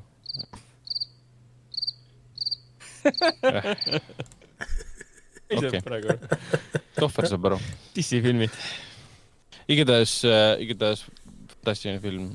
ja ma saan täiesti, täiesti Raiko kriitikast aru, sest äh, ütleme, see põhipaha, kelle vastu võideldi, on võib-olla väga põnev ta jällegi muudeti, teda inimlikustati, eriti selle viimase lausega, mis, mis tema kohta nagu öeldi või ta, ise ütles enda kaudu, ütleme teise suu kaudu siis. Äh, see jäi mulle lõpus väga kajama, et äh, kõik, mida ma tahtsin, oli lihtsalt vaadata tähti taevas, on see, et fuck. viimasel hetkel sa teed siukse asja sisse, ma ei pidanud hoolima sellest ju palju. see oli päris kurb jah, mul hakkas nii kahju sellest tüübist. jah ja, ja ikka need lõbusad momendid jah, kõik see Deadshoti ja siis Peacemaker ja John Cena oli muidugi fantastiline jälle. John Cena on lõpuks nagu avastanud oma niši, millest ta särab äh, no,. mulle, mulle ta Fast Nine'is ei meeldinud, aga siin ta väga mulle meeldis mulle. Fast Nine'is meeldis. Mulle ta pole koomiks, mitte koomiks, vaid komöödiafilmides kunagi meeldinud. Rocker, see oli täiesti arusaamatu, et, et kellegi isa ei näe niimoodi välja esiteks um, aga jah, jah, räägime, räägime Free Guy'st ja mina ja Raiko räägime Free Guy'st, aga räägime siis niimoodi, et äh,. aga ma võin, ma võin korraks ära minna, et. jah, sa võid korraks ära minna. spoilerdage ja..., spoilerdage rahus, aga andke siis kuulajatele kindlasti mingisugused hoiatused ka. jaa, me hoiame, püüame ennast tagasi hoida. ei, aga ma ei saa aru, et äh, mida me spoilerdame siin ma ei tea. seal ei ole tegelikult selliseid plot point'e, mida saaks väga nagu spoilerdada. igatahes point on selles, et äh, ütleme nii, et film ei olnud läbi saanudki, kui ma juba läksin nii-öelda WC-le, panin talle kümme, kümme. ta oli lihtsalt nii hea film. ta on nagu, Guy äh, räägib siis äh, non-playable character'ist ehk siis NPC-st suurest äh, avatud maailmaga võrgumängust, põhimõtteliselt nagu GTA viis või Fortnite. GTA või mingi Fortnite, jah, niisugune ultrapopulaarne äh, videomäng, kus kohas pole mitte miljon mängijat, kümme miljonit mängijat, vaid pigem mingi viiskümmend kuni sada miljonit mängijat, niisugune eriti populaarne mäng.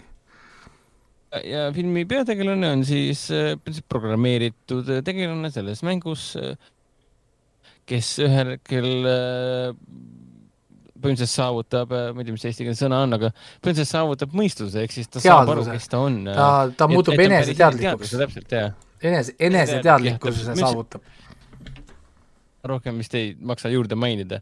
Äh, ehk siis, ehk siis äh, programmeeritud tegelane mm, hakkab mõtlema omaenda peaga ja sellest see film räägibki ja see on Ryan Reynolds, äh, kes põhimõtteliselt teeb siin täielikku sellist Deadpooli sarnast äh, huumorit, et kohati film algab nii Deadpooliliku sellise pealelugemise metahuumoriga, et mul oli niisugune tunne, et kas ma vaatangi Deadpool kolme või et äh, seda filmi vaadates äh, jäi mulje, et Ryan Reynolds otsustas kuidagi välja elada seda, et tal oli vist väga palju mõtteid Deadpool kolme jaoks, et ta mõtles, et davai, ma teen vahepeal siis Free Guy, et saab oma loomingulisi mahlu kuidagi, kuidagi ikka ekraani peale saada.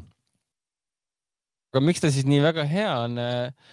siin on näha ja tunda, et see on tohutu suur armastuskiri videomänguritele. no ja, ja, siin, siit kohe ka, siit tuleb kohe ka probleem sellega. viiekümne aastased, neljakümne aastased inimesed, kes pole videomänge mänginud, kes ei jälgi videomänge, mida nende lapsed mängivad nende jaoks äh, enamus naljad lähevad mööda.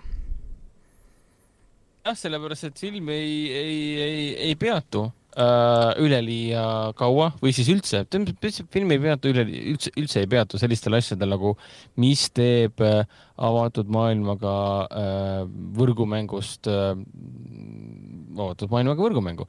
meil on hästi palju elemente, mis sinna kuulub ja me näeme neid, äh, peategelane katsub neid, avastab, mida need tema jaoks tähendavad, aga meil ei selgitanud mitte kordagi seda kontseptsiooni ennast äh, et noh, kui sa tõesti oled nagu, ma ei tea, minu isa vanune ja vaatad seda filmi ja sa mõtled, et nagu, mis asi see siin toimub, mis asi see, milles ma peaksin aru saama, et Ready Player One kui selline näiteks filmina oli väga hästi nagu lahti selgitatud, sest ta ongi palju võõram teema, tänapäeval ei ole olemas sellist virtuaalreaalsuse mängu nagu Ready Player One'is oli sellise Steven Spielbergi lavastatud film.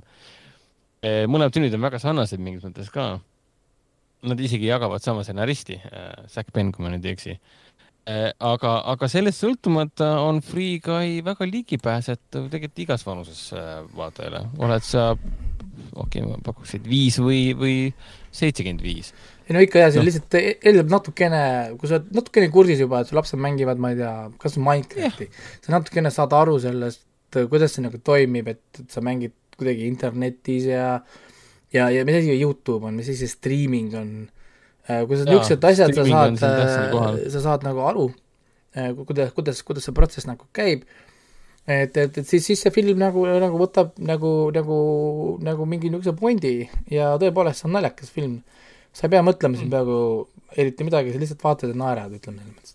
konstantselt lihtsalt naerad, sest see Ryan Reynolds, mis sellel mehel viga on, et tal nii palju seda energiat jagub, see on lihtsalt hämmastav mis, mis ta on, kas ta on mingi Jeesuse teine tulemine või mis värk on, kus selliseid inimesi tehakse nagu? no oleneb kus..., äh, see Hitmani Wife's Bodyguard oli küll okay, puhas saaste. Äh, nii et selles mõttes, et, et ainult temast üksinda ei piisa, et tal peab, et, et, et noh, et tal peab olema ikkagist nii-öelda nagu õiglane meeskond tuleb, peab olema ütleme nagu see teema, tal peab nagu, nagu kuidagi see teema nagu sobima või ma ei oska öelda. Sindalel või läks ikka see väga nagu kergelt peale ja tundub küll, et ta ei, ta noh, ta, ta ei näita siin otseselt, ta lihtsalt teeb oma ühte karakterit ja see läheb, see toimib. jah yeah ta nagu, kui ta teed, esimese Deadpooli ära tegi, mul on tunne, et ta jäigi sinna Deadpooli karakterisse sisse. no tal ei ole, tal ei ole, tal ei ole vaja ju rohkem teha, selles mõttes, et, et ta, ta ei saa Deadpooli karakterist välja tulla, kui ta ise ongi Deadpooli karakter. nojah, see oli, see oli seesama, mis oli sellel ju sõprades Chandleril ja Matthew Perry, noh.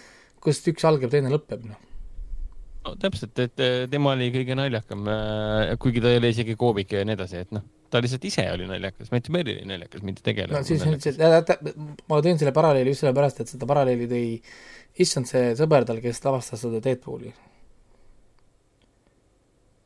see esimene Deadpool mm,. ma vaatasin, Milleri oli, mis tähendab, ma vaatasin seda nende seda Wyatt intervjuud, mis tal oli see mm. Youtube'is või kuskil ja siis seal ta mainis ka seda, et, et, et ta võrdles seda just seda Matthew Perry'ga just sellepärast, et nad pidid pidevalt stsenaariumit ümber kirjutama sellepärast et Ryan Reynolds improviseeris paremini kui äh, noh, neil oli nagu see noh, nagu stsenaarium või noh, nagu, nagu, noh, nagu, nagu, nagu dialoog ja, ja siis teiste inimeste reaktsioonid olidki ehtsad, sest nad kuulsidki neid esimest korda. ja, ja inimesed olid nagu ärevil ja ootused, asjad tulidki tihtipeale sellepärast, et nad ei teadnud, mida Ryan, Ryan Reynolds äh, välja nüüd viskab. nii äge tegelikult.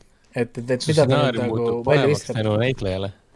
No ja siis sama asi oli oli, oli sõprades ka, et, et noh, äh, nagu teiste reaktsioonid olidki tihti eht-, ehtsad kogu aeg, sest nad lihtsalt nagu kuulsid seda esimest korda, kui mm -hmm. Matt, Matthew Perry tuli, viskas selle nüüd välja ja siis inimestel oli okei okay,, what the, what the, what the, what the fuck was that, aga, aga mis iganes see oli, see oli naljakas. selles mõttes, et noh, ma pole mõtet väga pikalt selle Free Guy juurde nagu kinni jääda, ta on igal juhul selle aasta üks parimaid komöödiaid mina andsin talle üheksa punkti kümnest, nii et selles mõttes, et noh, komöödiate mõttes on ta ikkagist äh, suurepärane. Kui liiga see... pikalt sellel peatuda, siis me nagu rikuksime selle võlu ära, et mis siin kõik toimuma hakkab, et nagu, aga samas siin ei olegi tegelikult otseselt liiga palju midagi nagu spoilerdada või treilerid on nagu fine, treilerid on fine, vaatad, vaatad treileri ära, ära ja sellest piisab sulle. kui treiler müüb ennast sulle maha, siis sa oled juba müüdud ja mine vaatama, sul ei ole põhjust seda mitte vaatama minna, see on lihtsalt nagu, kui sa tahad näha midagi tõesti lõbusat, hingepugevat, südamlikku, üli nagu äh, tegelikult väga action'irikast ja väga vägivaldset ka, see film on kohati ikka väga vägivaldne, sa muudad R-reitinguks ja siis lendab siin sama palju verd nagu Deadpoolis, et noh. Aga, aga siis tõesti, see on nagu, nagu tõesti parim meelelahutus, mis ma sellel aastal näinud olen. jah, et siin ei ole poliitikat ka õnneks, et mood, moodne, vist ühe korra see, oli see white pri privilege korraks, aga, aga, aga, aga muidu oli väga vabalt mul tuli see white privilege'i kommentaar meelde siis, kui sa rääkisid äh, sellest India matemaatikust, see on see, et äh, mis see oli, see Hardi või? et ühel on siis see white privilege, siis ehk siis tema ei sure ära, aga teine sureb. aga põhi, põhi, põhimõtteliselt seal oli Briti, seal oli Briti, Briti impeeriumi privileeg. kui sa oled valge ja sa oled britt ja sa oled, noh, siis pole ju probleemi, sind ravitakse, aga kui sa oled Indiast ja sa oled indialane, siis noh, gonna die, noh white privilege. ja, ja, ja. samamoodi üks oli indialane minu meelest et, et minule meeldis üks, üks, üks kommentaar, ma ei tea, kes, kes seda ütles, aga et Ramanujan oli nii, niivõrd tark, et, et tema surmaga isegi India keskmine IQ langes. See on päris hea, see on päris andekas asi mind öelda.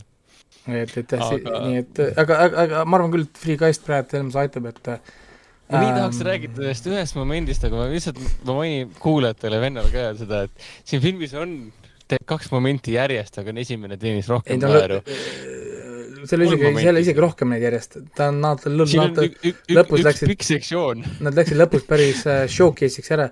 põhimõtteliselt, mõtteliselt äh, Disney fleksib natukene ja see on päris naljakas.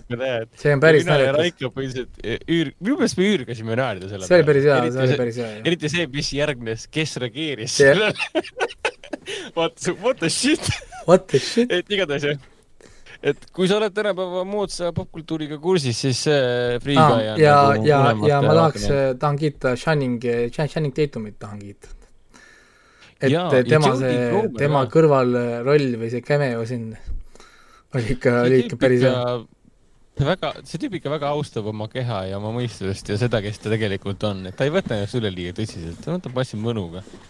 Äh,. aga ma vaatasin, et see Jodie Comer on reaalselt mingi alla kolmekümne aasta vana, ma mõtlesin, et nagu, tea, ta näeb välja nagu vanem inimene äh,. ma saan aru, et ta on sellest Killing Eve'ist hästi populaarseks saanud ja ülihästi mängib siin, nagu kõik näitlejad toimisid nii hästi, isegi see Lil Ray Howard või mis ta nimi on tavaliselt mulle see Lil Ray üldse ei meeldinud, aga seekord oli ta kuidagi armas ja südamlik siin, et nagu, nagu asi nagu toimis, siuke classic uh, funny friend black eye. aga, aga jah, ma tahaks nüüd näha seda, päris seda musklimeest, milline see tegelikult näeb välja, kelle näo asemel siis see, jah, the dude oh my god, see oli kohutav lihtsalt, see klipp aga, on väljas ka Youtube'is. aga, aga jah, mõelge selle peale, et see on kahe. see ei olegi tehtud lihtsalt reklaami jaoks, see on filmis ka. see on filmis ka, see on filmis tähtsal kohal. Et see on kahetunnine, kahetunnine film, nii et selles mõttes see on kahetunnine komöödia, mõelge selle peale, aga aeg lendab päris kiiresti, igal juhul äh, jah, tasub vaadata, aga, aga räägime kiiresti Õhvist, me oleme kohe kolm tundi juba seda saadet teinud, nii et jaa äh,, rääkige Õhvist. mis me Õhvil siis vaatame nädalavahetusel?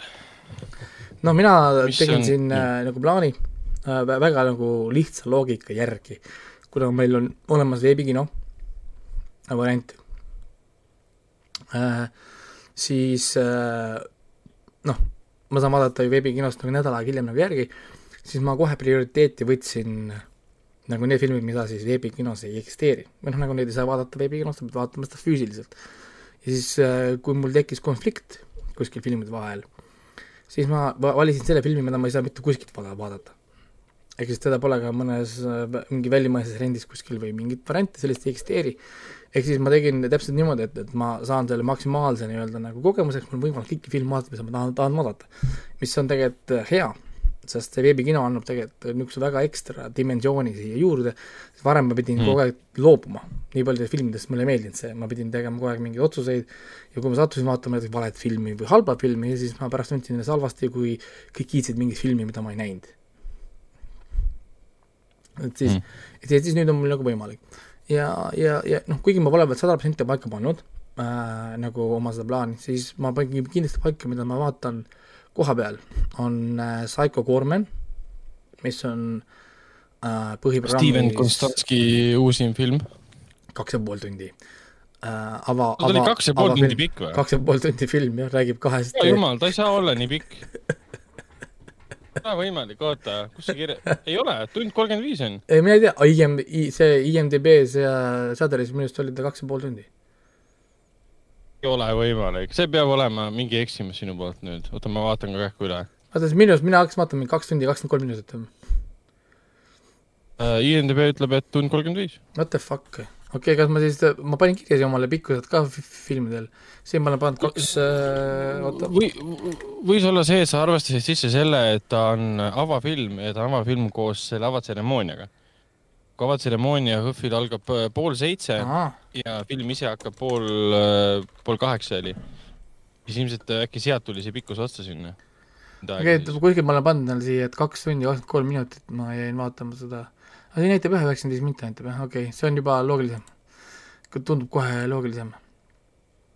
okei okei jaa, ma olin väga ehmatunud, et ma siis, ei viitsinud äh, siis minu järgmine plaan on Kratt, ma pole endiselt Kratti näinud, ma vaatan seda selle uue kinos, mis on siis minu esimene uue kino äh, variant, mis on juba reedel siis, ehk siis äh, homme, kakskümmend kaks viisteist. kaks viisteist ma ise kaalun ka, et ma vaatan seda uuesti, sest HÖFFi publik on hoopis teine publik. aga nüüd ongi, teine asi on samal ajal, on äh, Deliver Us From Evil, Lõuna-Korea oma. õigus jah, ma tahan, ma olen seda ka näinud, ma pean mõtlema, kumba mina vaatan. nii et, nii et selles mõttes jah, nagu, et, et, et noh, kuna õnneks Deliver Us From Evil eksisteerib tegelikult ka nagu väljaspool HÖFFi, siis ma tõenäoliselt valin Kratti, sest ma tahan näha Kratti Eesti filmi ikkagist ka ja, ja ma pole veel kirjutanud sellest, ma pole vaadanud seda, on ju. siis äh, järgmine, mis mul on plaanis vaadata, on laupäeval, ma ütlen äh, kohe aja järgi kõige varasem laupäevane mul, mis mul kindlasti vaatan kohe peal, on kaksteist kolmkümmend Macabre. suures saalis ja ka põhi, põhiprogrammist ja, ja see on siis Brasiilia film ja põhiline põhjus, miks ma seda valisin, on see, et ta on IMDB-s kuus koma kaheksa, mis on päris kõrge, arvestades mm. tavaliselt niisugust nagu uudisfilmi kvaliteeti. ja, ja teine ongi nagu see, et teda ei ole mujal kuskil vaadata, teda ei eksisteeri mitte ühes streamingus, mitte üheski rendis, mitte üheski variandis ega ka mitte veebikinos. siis, kui sa ei vaata seda Macabret HÖFFil, siis sa ei näe seda. okei okay., nojah see on umbes sama, et miks, miks, miks üldse vaadata Solarist, Solarist siis HÖFFil ah, Solar, sorry, Solaris oli kaks tundi ja nelikümmend viis minutit, see esimene ah,, see yeah. esimene film, mis oli, õige, mitte see avafilm ei olnud, vaid äh, Solaris, mis on esimene film. jah, Tarkovski legendaarne siis Lemmi põhjal tehtud, tehtud film, millest ka Steven Soderbergh tegi ka siis siin George Clooney'ga remake'i kunagi kaks tuhat alguses midagi. et see on jah, põhimõtteliselt esimene film siis HÖFFil et ma kaalun seda vaat-, vaatamist ainult sellepärast, et esiteks see saab enne avamist läbi ja teiseks ma ei ole seda filmi kunagi suurel ekraanil nagu kinoekraanil näinud. ta on suures saalis ka veel. Tuurikeskuse suur saal on päris tore, kus vaadata filmi. jaa, siis äh, järgmine sõna, mis ma nagu olen endale kirja pannud äh,, mis ma kindlasti koha peal vaatan, siin on nüüd väike vahe sees, mis, mis jätab mulle sinna noh, võimalust valida, kas ma vaatan kuskil veebikinos või ma jätangi endale pausi äh, kirjutada ja teha muid asju on siis äh, õhtul kakskümmend viisteist on viirus, rikutud hing ah,. seda ma vaatan ka kindlasti. ja, ja ma tahan ja. seda näha, sellepärast see on Eesti linastus ja seda ei näe tõenäoliselt mitte, mitte kuskil väga pikka aega, ma arvan äh,, seda, seda filmi. nii et, et jah, kuigi ma olen näinud klippe sellest ja, ja ta näeb välja ikka niisugune saast, aga noh äh,. sellega nüüd, sellega nüüd oli see, et see Pean, mis see oli, grupp Pean saama näidata või Suren äh,, sealse filmi režissöör ähm, tänas äh, inimesi, kes toetasid ja ta midagi mainis siin grupis ka, et tegelikult filmi saab näha hiljem kuskil, kuskil, ma leian. aga no eks me kuuleme seal ka sellest, sest ta, ta on ise seal Ilmselt ja ta räägib jah. sellest. et saab äkki võib-olla isegi paari küsimust küsida. aga see pidi ikkagi, treileri põhjal võime öelda, et see, see saab olema veel omapärasem elamus, kui seda oli esimene õiglus. aga jah, nii siis, siis ongi nüüd, järgmine variant ongi äh, õhtul, kakskümmend kaks kolmkümmend laupäeval olekski õigluses kaks, mida sa, saaks Oh. vaadata koha peal, aga see on olemas ka veebikinos. on ju, siis, siis noh, minu variant näiteks laupäeval veel on äh, Sleep või siis eesti keeles Maga, aga see on olemas veebikinos, see on kaheksateist, viisteist muidu suures saalis ja siis on Violation, rüvetamine, mis on laupäeval neliteist, nelikümmend viis suures saalis see on olemas veebikinos kui ka Shudderis tegelikult. nii et selles mõttes, noh, nagu ma pean veitsa kaaluma, oleneb, kuidas mul on power'id, kuidas ma noh, muude plaanidega jõuan, kas ma vaatan koha peal või ei vaata kohe. sest mingi hetk ma pean Õi- ikkagist kirjutama ka ja, ja ma ei taha väga korjata endale viisteist, viisteist filmi korraga ja siis pärast proovi meenutada ja kirjutada, on ju.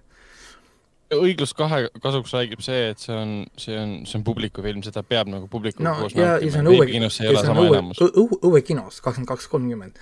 aga noh, kui vih-, vihma sajab ja ilm on sitt, siis ma, ma ei viitsi seda vaadata, sest okay, ma, jaa, ma ei kavatse kuskil seal ju, noh, oodata.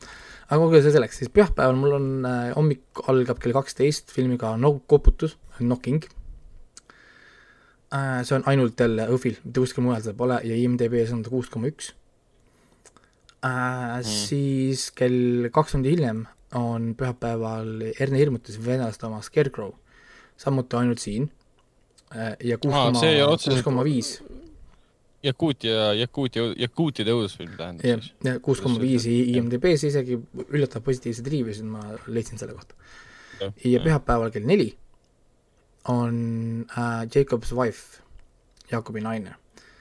Veebikinos seda ei eksisteeri, kuigi ta on jah renditav teoorias kuskilt välismaa rendivariantidest, siis, siis ikkagist kui muud selle all ei ole, siis miks mitte vaadata otseselt nagu kinos. aga jah, ma olen siin lühifilme üldse ei kaalu ju. äh, ainuke, mis mul on plaanis, on ah, laupäeval kell seitse mul on millegipärast jäi ütlemata, on äh, Sa-, Sanderi Õuduse tund. okay,. aga lühifilmi programmid, ja lühi, lühi, lühi, Äh. lühi, lühifilme mühi ei ole plaanis vaadata. okei okay., ma ei tunne ennast üldse puudutatuna. Mina ja vend panime need programmid kokku. Need lühi, lühifilmid omad või? jaa, me oleme viimased mingi mul- kuus aastat seda teinud juba. mul ei ole nagu jah, olnud nagu plaani, et, et äh, ainukene, mis mul pakkus huvi, oli see Nicola Pievosani äh, aa jaa, jaa, see Robot Will Save You. ta tegi jah mängu, mängu vahepeal valmis oma lühifilmi põhjal. Ma ei tea, kas see on välja tulnud. see oli ainukene, mis mulle pakkus nagu huvi, aga ülejäänud olid niisugused noh, nagu so-so. aga ma räägin, kuidas see lõpuks nagu noh, mida ma, noh, mida ma tahan niikuinii näha, ma räägin, ma tahan vaadata Deliver Us From Evil, ma tahan vaadata Violation, ma tahan vaadata Sleep äh,, need tõmbavad mind, mulle meeldib see filmi The, The Vigil idee või siis see surnuvalve äh,. mulle seda tundus tahan mina ka näha. siis äh, mulle tundus huvitav panna jälle äh, Coming Home in the Dark äh,. aga noh, see on, see on veebikinos, et on kellaajaliselt niisuguse magusal ajal, siis tõenäoliselt see jääb veebi, veebikino ütleme vaatamiseks. ja, ja, ja siis, kui ma jõuan, siis on kõik need muud, isadepäev, Manborg äh,, Blood Machines, Crazy World ja nii edasi. Lundberg on mitu korda tegelikult juba olnud õhtul ka. see on ka Steven Konstanski film, kes selle ähm, Psycho Gormani tegi. see oli lühike, lühike film ju, see oli mingi nelikümmend viis minti jaa, alla tunni. Aga Blood Machine'i ma soovitan, sellest on hästi palju siin äh, VFX-i tüüpide kogukonnas räägitud, et äh, üks või kaks tüüpi tegid oma rahade ja aegadega seda mingi minimaalselt. ma tean, et see on see kui vaatad Kung, Kung Fury't Youtube'ist, siis seal all on äh,, vaadake Blood Machines ka. jah, jah, jah. ütleme siinkohal meelde, et Kung Fury'st on tulemas täispikk film, kus ühes peaosas oli vist, kui ma ei eksi, Brad Pitt. okei okay,, see oli päris, päris huvitav fakt. Et ei tea, ka et, et kusjuures äh, mind huvitaks, kuidas on see tehtud, et miks on elektrooniku seiklused neli tundi pikk? sest see on, see ei ole üks film ju. on kolm, kolm, kolm filmi või? kolm kolmkümmend viis, ta on äh, kolmeosaline telefilm, aa, okei okay.. sellepärast. ja ta on ko- kokku pandud niimoodi. oota, mis saalis ta on? ta on pühapäeval kell kümme Rõdu saalis. kodusaal, okei, okei. Ja see ongi te teised filmid on noh, ikka kahe tunni tagant suures saalis. noh, viskab üle ja lähed vaatad mingit te- teist filmi, et noh. no minu kasuks räägib see, et ma olen ühe korra maksnud elus Õhvi eest tänu sellele, et ma olen ühifilmi programmi teinud vennaga, et siis mul on alati ükskõik, et ma lähen filmid poole pealt ära, kui vaatan midagi muud. no mina ikka tavaliselt ikka olen maksnud Õhvi eest jaa, ma nüüd see aasta ei maksa, aga muidu ma olen ikka maksnud. aa ei tegelikult ei olnud, kaks tuhat üheksateist ka ei maksnud. Nii et äh, eelmine aasta maksin siis veebikino noh, nagu ainult ja siis see aasta ei maksa midagi. aga, aga jah, ikkagist, et, et noh, see aasta muidugi ma tahan kohe vaadata ka kohe siis selle eest nagu rohkem. et kui ikkagi, kui sa ise ikka maksad, siis sa valid ikka filme ikka mm, kõvasti nagu rohkem. muidugi.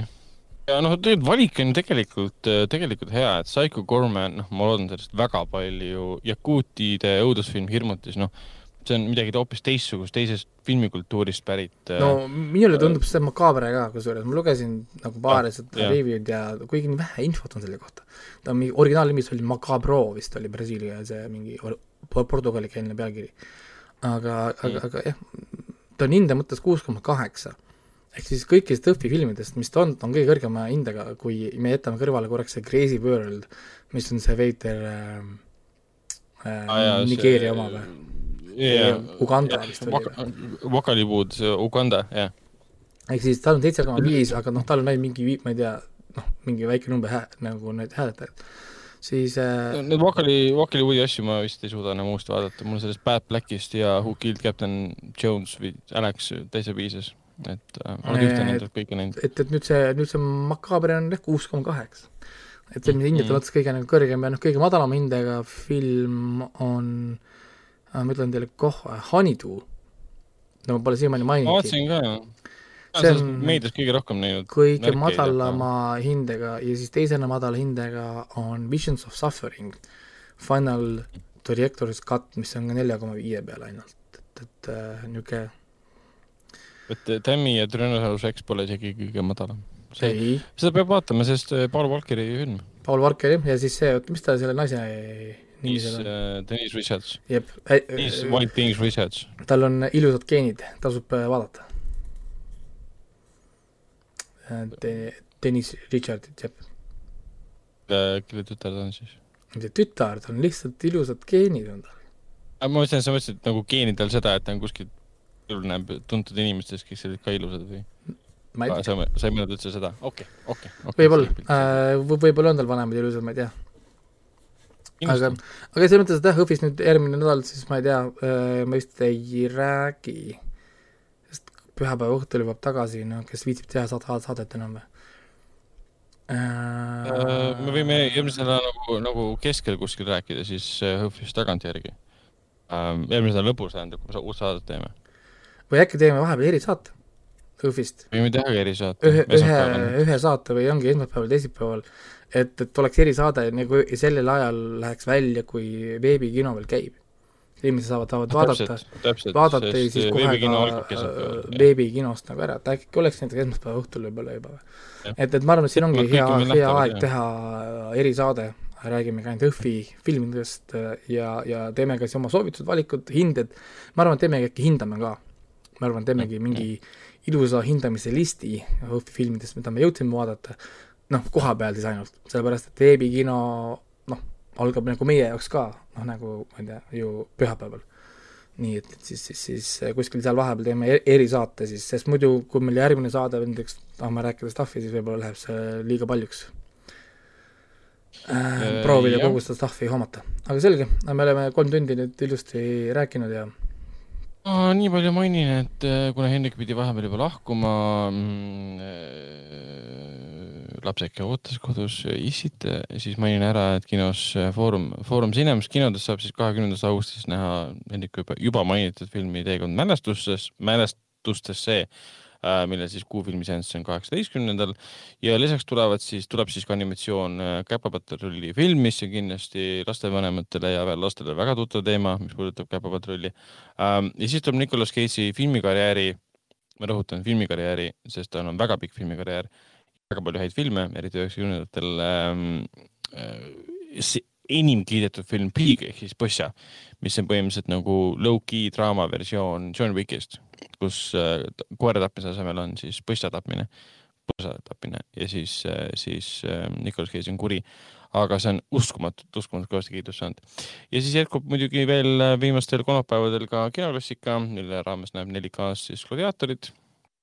ja siis ka Andrei Review äh, suvekontsert, kakskümmend kaheksa äh, august kuni siis kakskümmend üheksa august.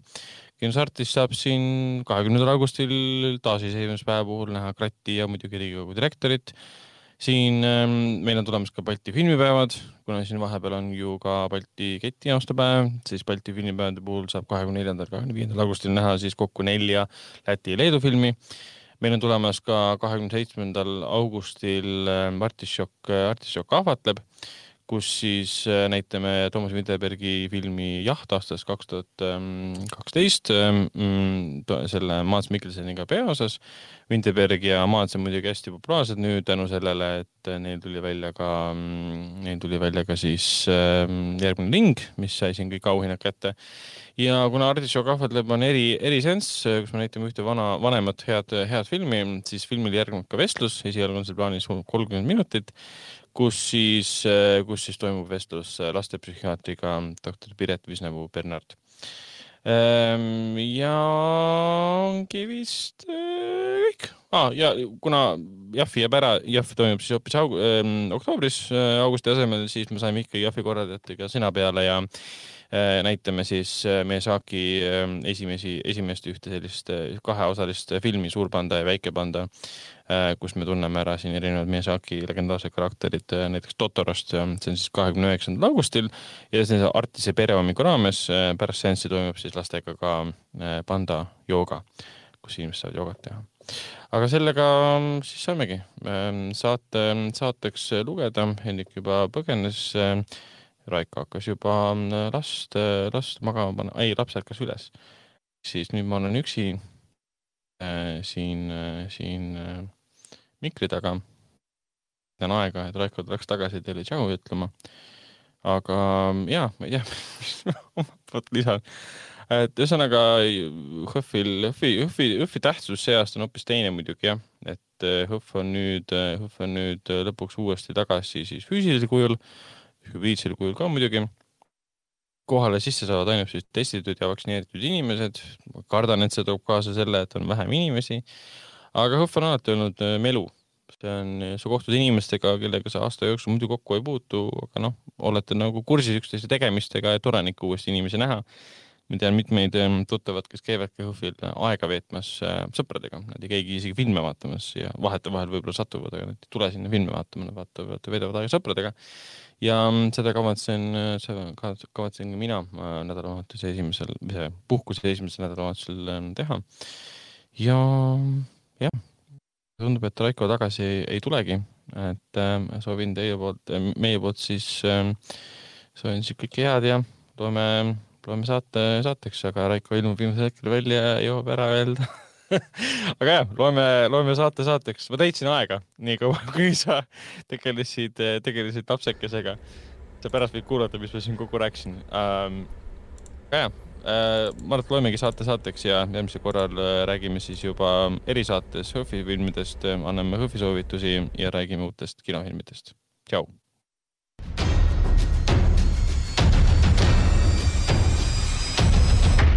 Kinoveebi Jututuba podcasti toob teieni Foorum Cinemas